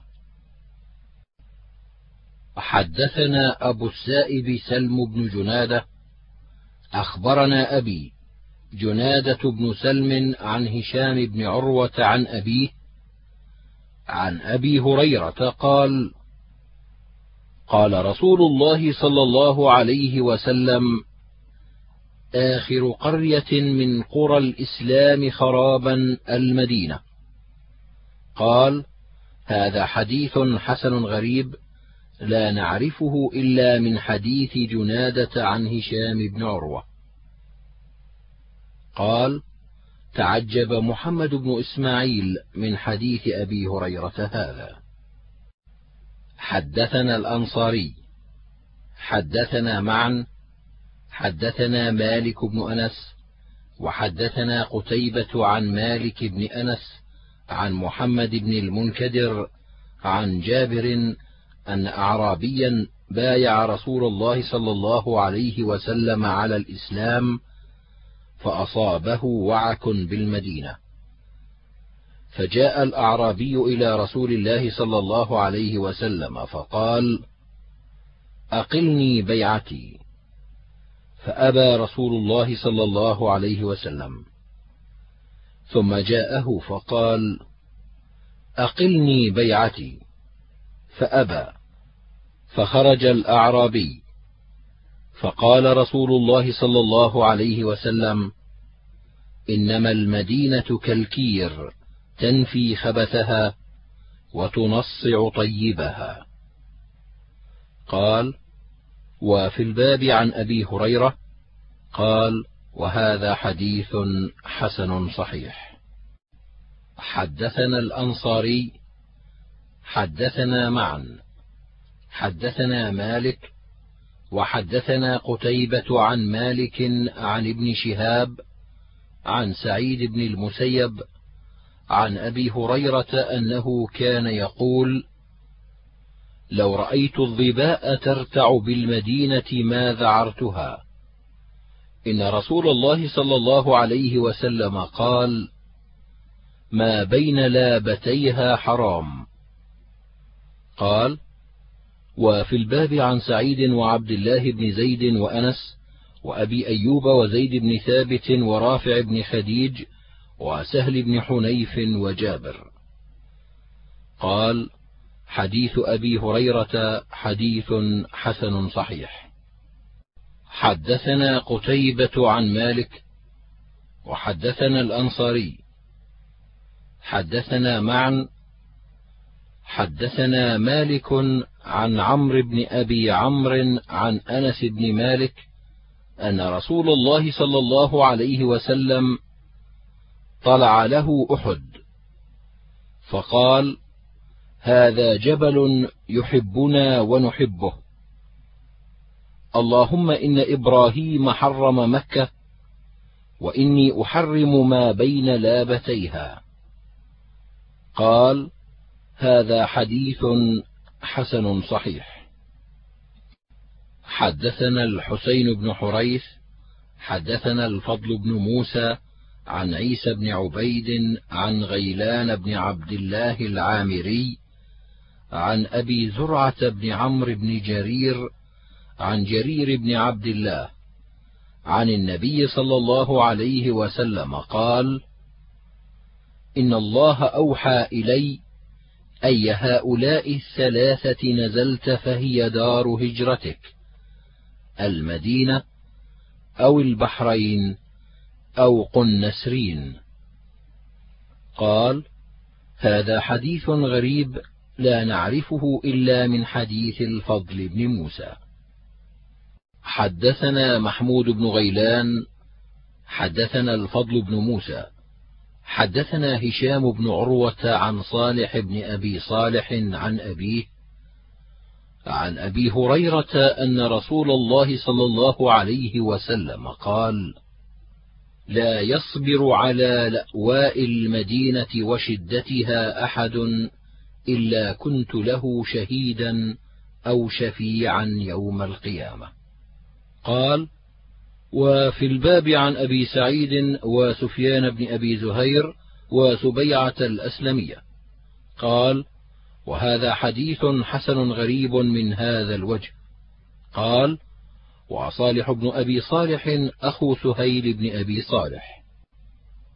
حدثنا قتيبة حدثنا الليث عن عقيل عن الزهري عن أبي سلمة عن عبد الله بن عدي بن حمراء الزهري قال رأيت رسول الله صلى الله عليه وسلم واقفا على الحزورة فقال والله إنك لخير أرض الله وأحب أرض الله إلى الله.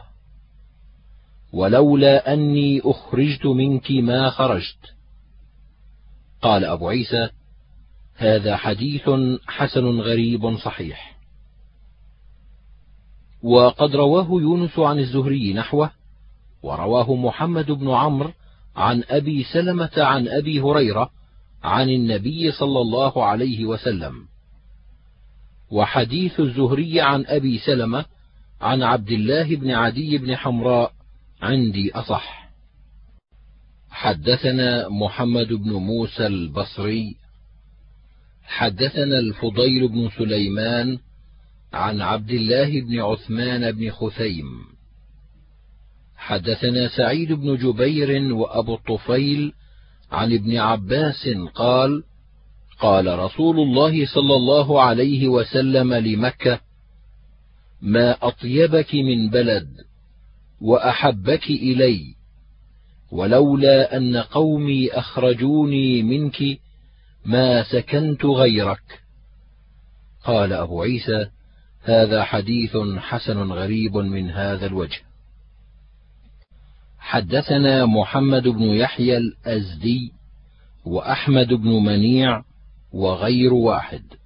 قالوا حدثنا أبو بدر شجاع بن الوليد عن قابوس بن أبي ظبيان عن أبيه عن سلمان قال قال لي رسول الله صلى الله عليه وسلم يا سلمان لا تبغضني فتفارق دينك. قلت يا رسول الله كيف أبغضك وبك هدانا الله؟ قال تبغض العرب فتبغضني. قال هذا حديث حسن غريب لا نعرفه إلا من حديث أبي بدر شجاع بن الوليد. وسمعت محمد بن إسماعيل يقول أبو ظبيان لم يدرك سلمان مات سلمان قبل علي. حدثنا عبد بن حميد حدثنا محمد بن بشر العبدي. حدثنا عبد الله بن عبد الله بن الأسود عن حسين بن عمر الأحمسي عن مخارق بن عبد الله عن طارق بن شهاب عن عثمان بن عفان. قال قال رسول الله صلى الله عليه وسلم من غش العرب لم يدخل في شفاعتي ولم تنله مودتي. قال هذا حديث غريب لا نعرفه إلا من حديث حسين بن عمر الأحمسي عن مخارق. وليس حسين عند أهل الحديث بذاك القوي. حدثنا يحيى بن موسى قال حدثنا سليمان بن حرب. حدثنا محمد بن أبي رزين عن أمه قالت كانت أم الجرير إذا مات أحد من العرب اشتد عليها. فقيل لها إنك نراك إذا مات رجل من العرب اشتد عليك. قالت سمعت مولاي يقول قال رسول الله صلى الله عليه وسلم من اقتراب الساعة هلاك العرب. قال محمد بن أبي رزين ومولاها طلحة بن مالك قال هذا حديث غريب إنما نعرفه من حديث سليمان بن حرب. حدثنا محمد بن يحيى الأزدي حدثنا حجاج بن محمد عن ابن جريج أخبرني أبو الزبير أنه سمع جابر بن عبد الله يقول حدثتني أم شريك أن رسول الله صلى الله عليه وسلم قال ليفرن الناس من الدجال حتى يلحقوا بالجبال قالت أم شريك يا رسول الله فأين العرب يومئذ؟ قال هم قليل. قال أبو عيسى هذا حديث حسن غريب. حدثنا بشر بن معاذ العقدي بصري. حدثنا يزيد بن زريع عن سعيد بن أبي عروبة عن قتادة عن الحسن عن سمرة بن جندب أن رسول الله صلى الله عليه وسلم قال سام أبو العرب ويافث أبو الروم وحام أبو الحبش. قال أبو عيسى هذا حديث حسن.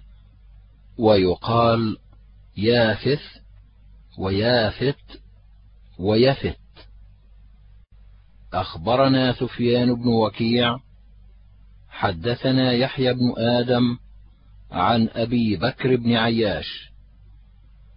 حدثنا صالح بن أبي صالح مولى عمرو بن حريث قال سمعت أبا هريرة يقول ذكرت الأعاجم عند النبي صلى الله عليه وسلم فقال النبي صلى الله عليه وسلم لأنا بهم أو ببعضهم أوثق مني بكم. أو ببعضكم. قال هذا حديث غريب لا نعرفه إلا من حديث أبي بكر بن عياش وصالح بن أبي صالح هذا يقال له صالح بن مهران مولى عمرو بن حريث. حدثنا علي بن حجر حدثنا عبد الله بن جعفر حدثني ثور بن زيد الديلي عن أبي الغيث عن أبي هريرة قال كنا عند رسول الله صلى الله عليه وسلم حين أنزلت سورة الجمعة فتلاها فلما بلغ وآخرين منهم لما يلحقوا بهم قال له رجل يا رسول الله من هؤلاء الذين لم يلحقوا بنا؟ فلم يكلمه قال وسلمان الفارسي فينا. قال فوضع رسول الله صلى الله عليه وسلم يده على سلمان فقال والذي نفسي بيده لو كان الإيمان بالثريا لتناوله رجال من هؤلاء. قال هذا حديث حسن. وقد روي من غير وجه عن أبي هريرة عن النبي صلى الله عليه وسلم.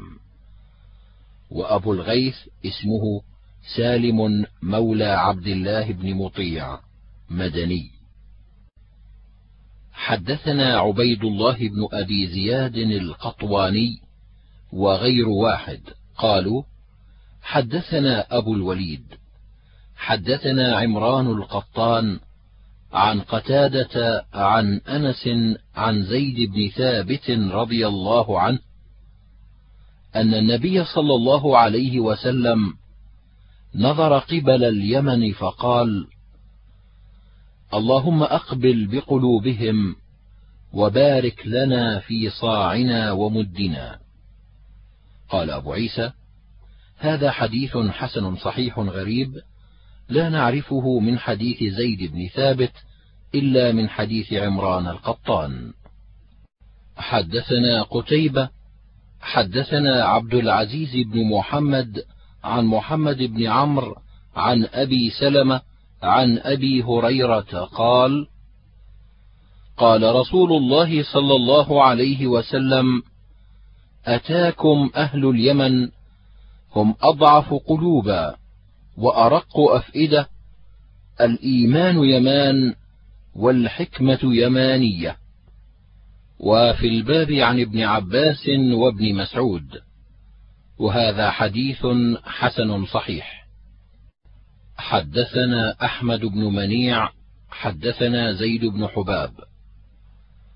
حدثنا معاوية بن صالح حدثنا أبو مريم الأنصاري عن أبي هريرة قال قال رسول الله صلى الله عليه وسلم الملك في قريش والقضاء في الأنصار والأذان في الحبشة والأمانة في الأزد يعني اليمن.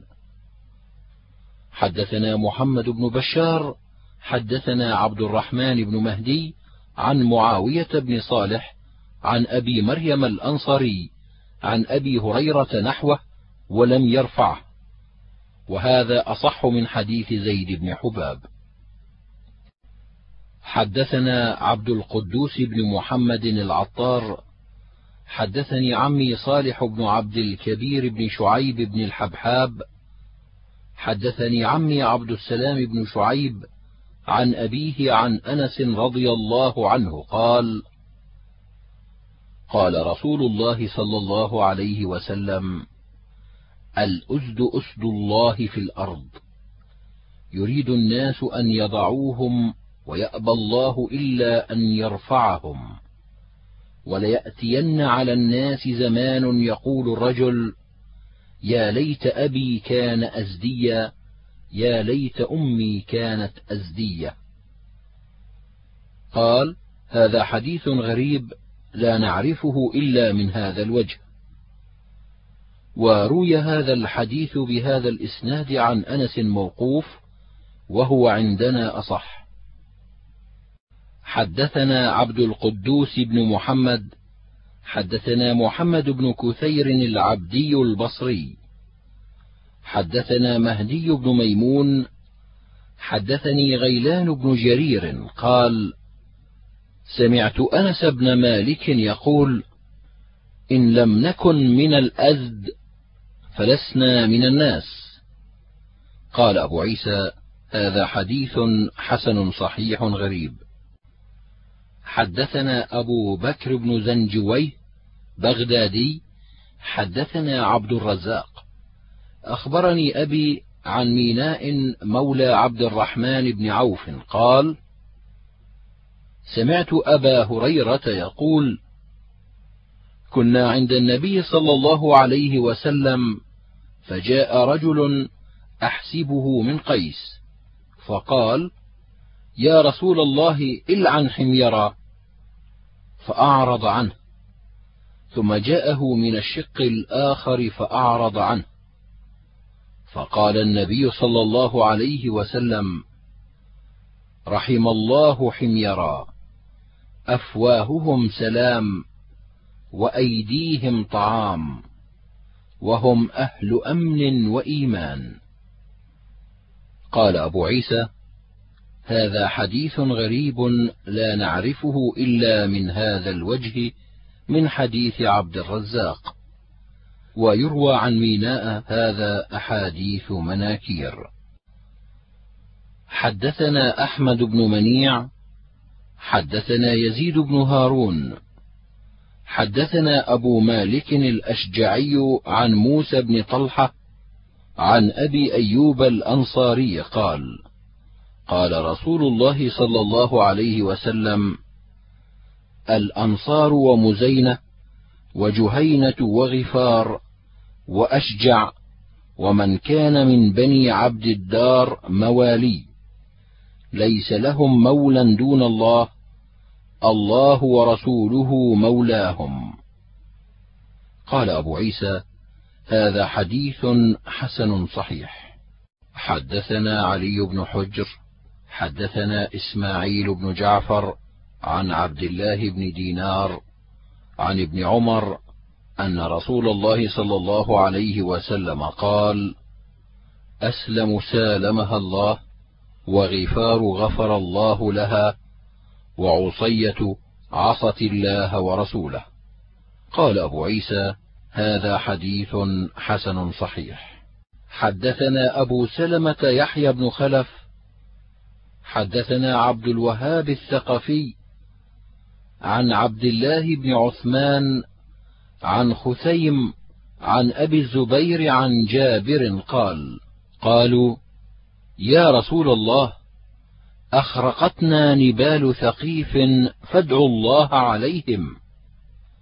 قال اللهم اهد ثقيفا. قال هذا حديث حسن صحيح غريب. حدثنا زيد بن أخزم الطائي. حدثنا عبد القاهر بن شعيب. حدثنا هشام عن الحسن عن عمران بن حسين قال مات النبي صلى الله عليه وسلم وهو يكره ثلاثة أحياء ثقيفا وبني حنيفة وبني أمية. قال هذا حديث غريب لا نعرفه إلا من هذا الوجه. حدثنا علي بن حجر أخبرنا الفضل بن موسى عن شريك عن عبد الله بن عاصم عن ابن عمر قال قال رسول الله صلى الله عليه وسلم في ثقيف كذاب ومبير.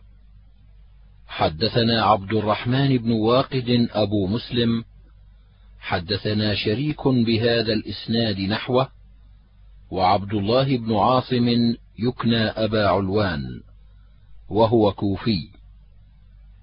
قال هذا حديث حسن غريب لا نعرفه إلا من حديث شريك. وشريك يقول عبد الله بن عاصم وإسرائيل يروي عن هذا الشيخ ويقول عبد الله بن عصمة.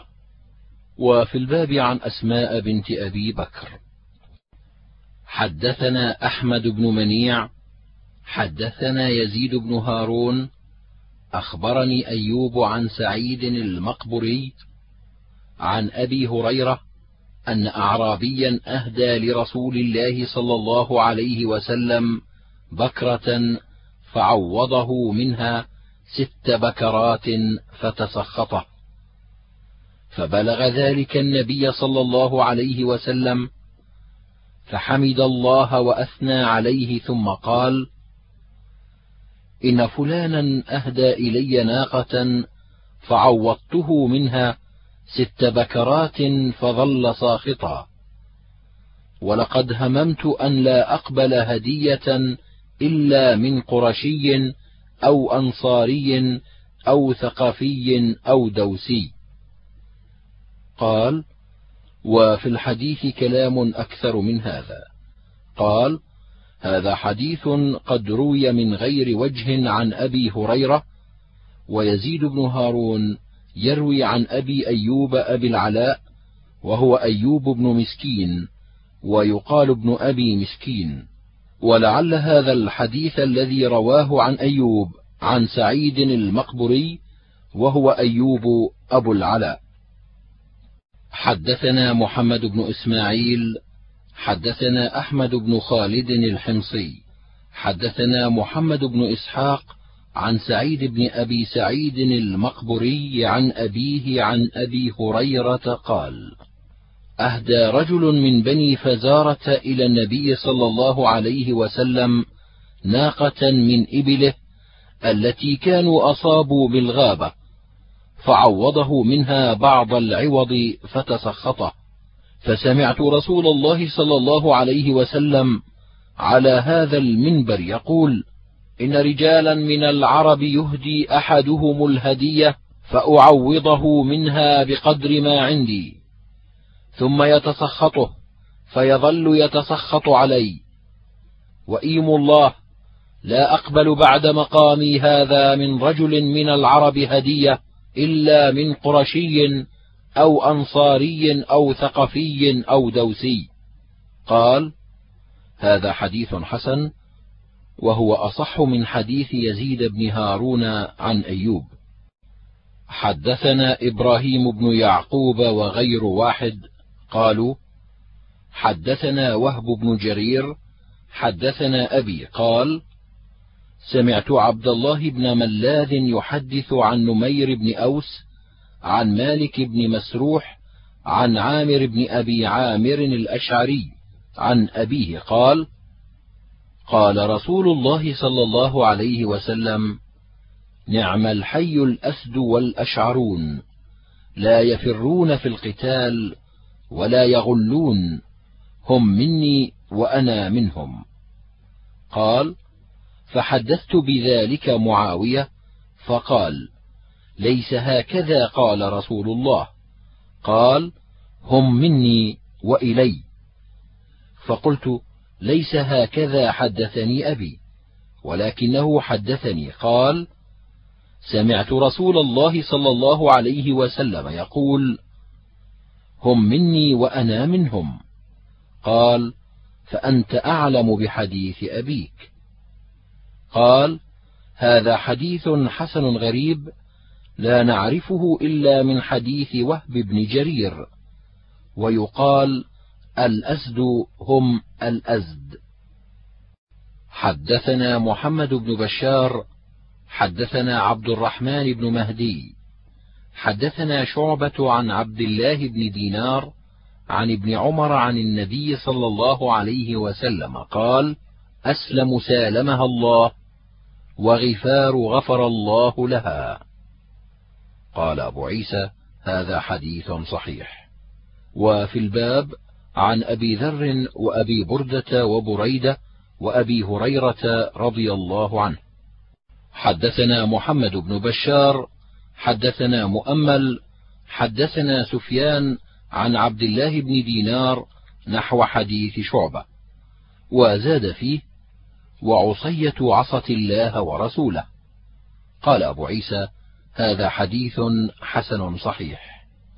حدثنا قتيبة حدثنا المغيرة بن عبد الرحمن عن أبي الزناد عن الأعرج عن أبي هريرة قال قال رسول الله صلى الله عليه وسلم والذي نفس محمد بيده لغفار وأسلم ومزينة ومن كان من جهينة.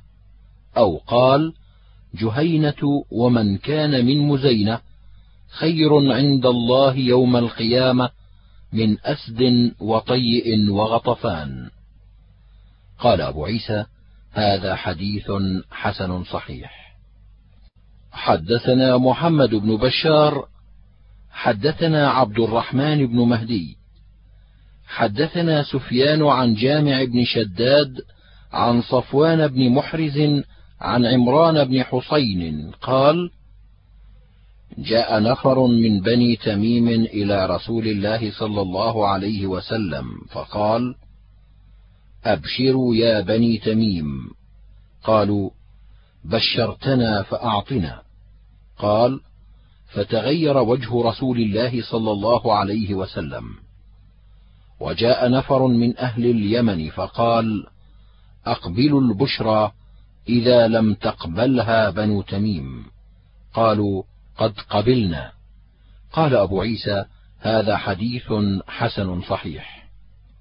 حدثنا محمود بن غيلان حدثنا أبو أحمد حدثنا سفيان عن عبد الملك بن عمير عن عبد الرحمن بن أبي بكرة عن أبيه أن رسول الله صلى الله عليه وسلم قال أسلم وغفار ومزينة خير من تميم وأسد وغطفان وبني عامر بن صعصعة يمد بها صوته فقال القوم قد خابوا وخسروا قال فهم خير منهم قال هذا حديث حسن صحيح حدثنا بشر بن آدم بن بنت أزهر السمان حدثني جدي أزهر السمان عن ابن عون عن نافع عن ابن عمر أن رسول الله صلى الله عليه وسلم قال اللهم بارك لنا في شأمنا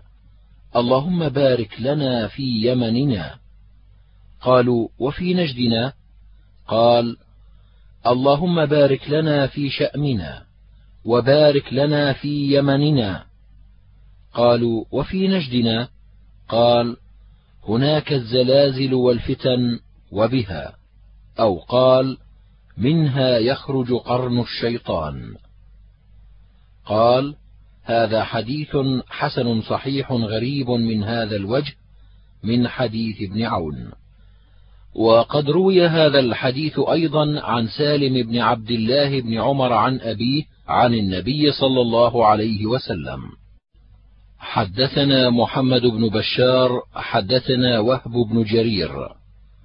حدثنا أبي قال سمعت يحيى بن أيوب يحدث عن يزيد بن أبي حبيب عن عبد الرحمن بن شماسة عن زيد بن ثابت قال كنا عند رسول الله صلى الله عليه وسلم نؤلف القرآن من الرقاع فقال رسول الله صلى الله عليه وسلم طوبى للشأم فقلنا لأي ذلك يا رسول الله؟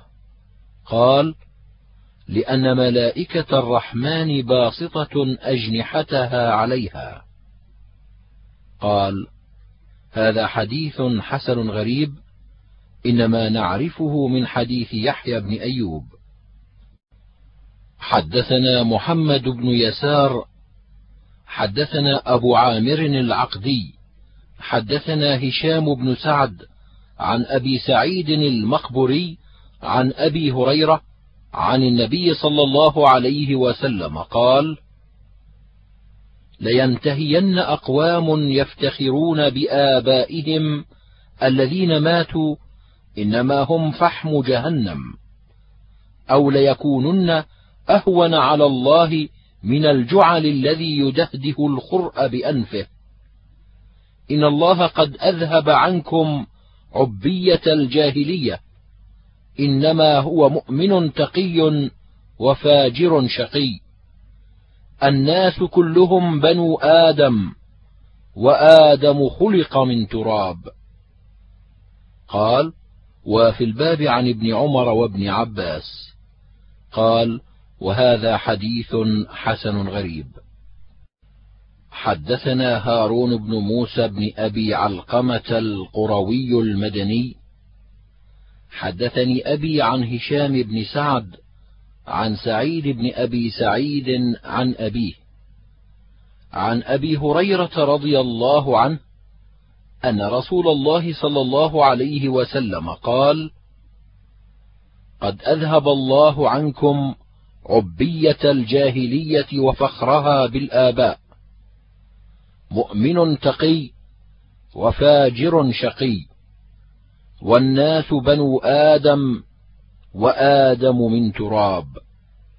قال وهذا أصح عندنا من الحديث الأول وسعيد المقبري قد سمع أبا هريرة ويروي عن أبيه أشياء كثيرة عن أبي هريرة رضي الله عنه.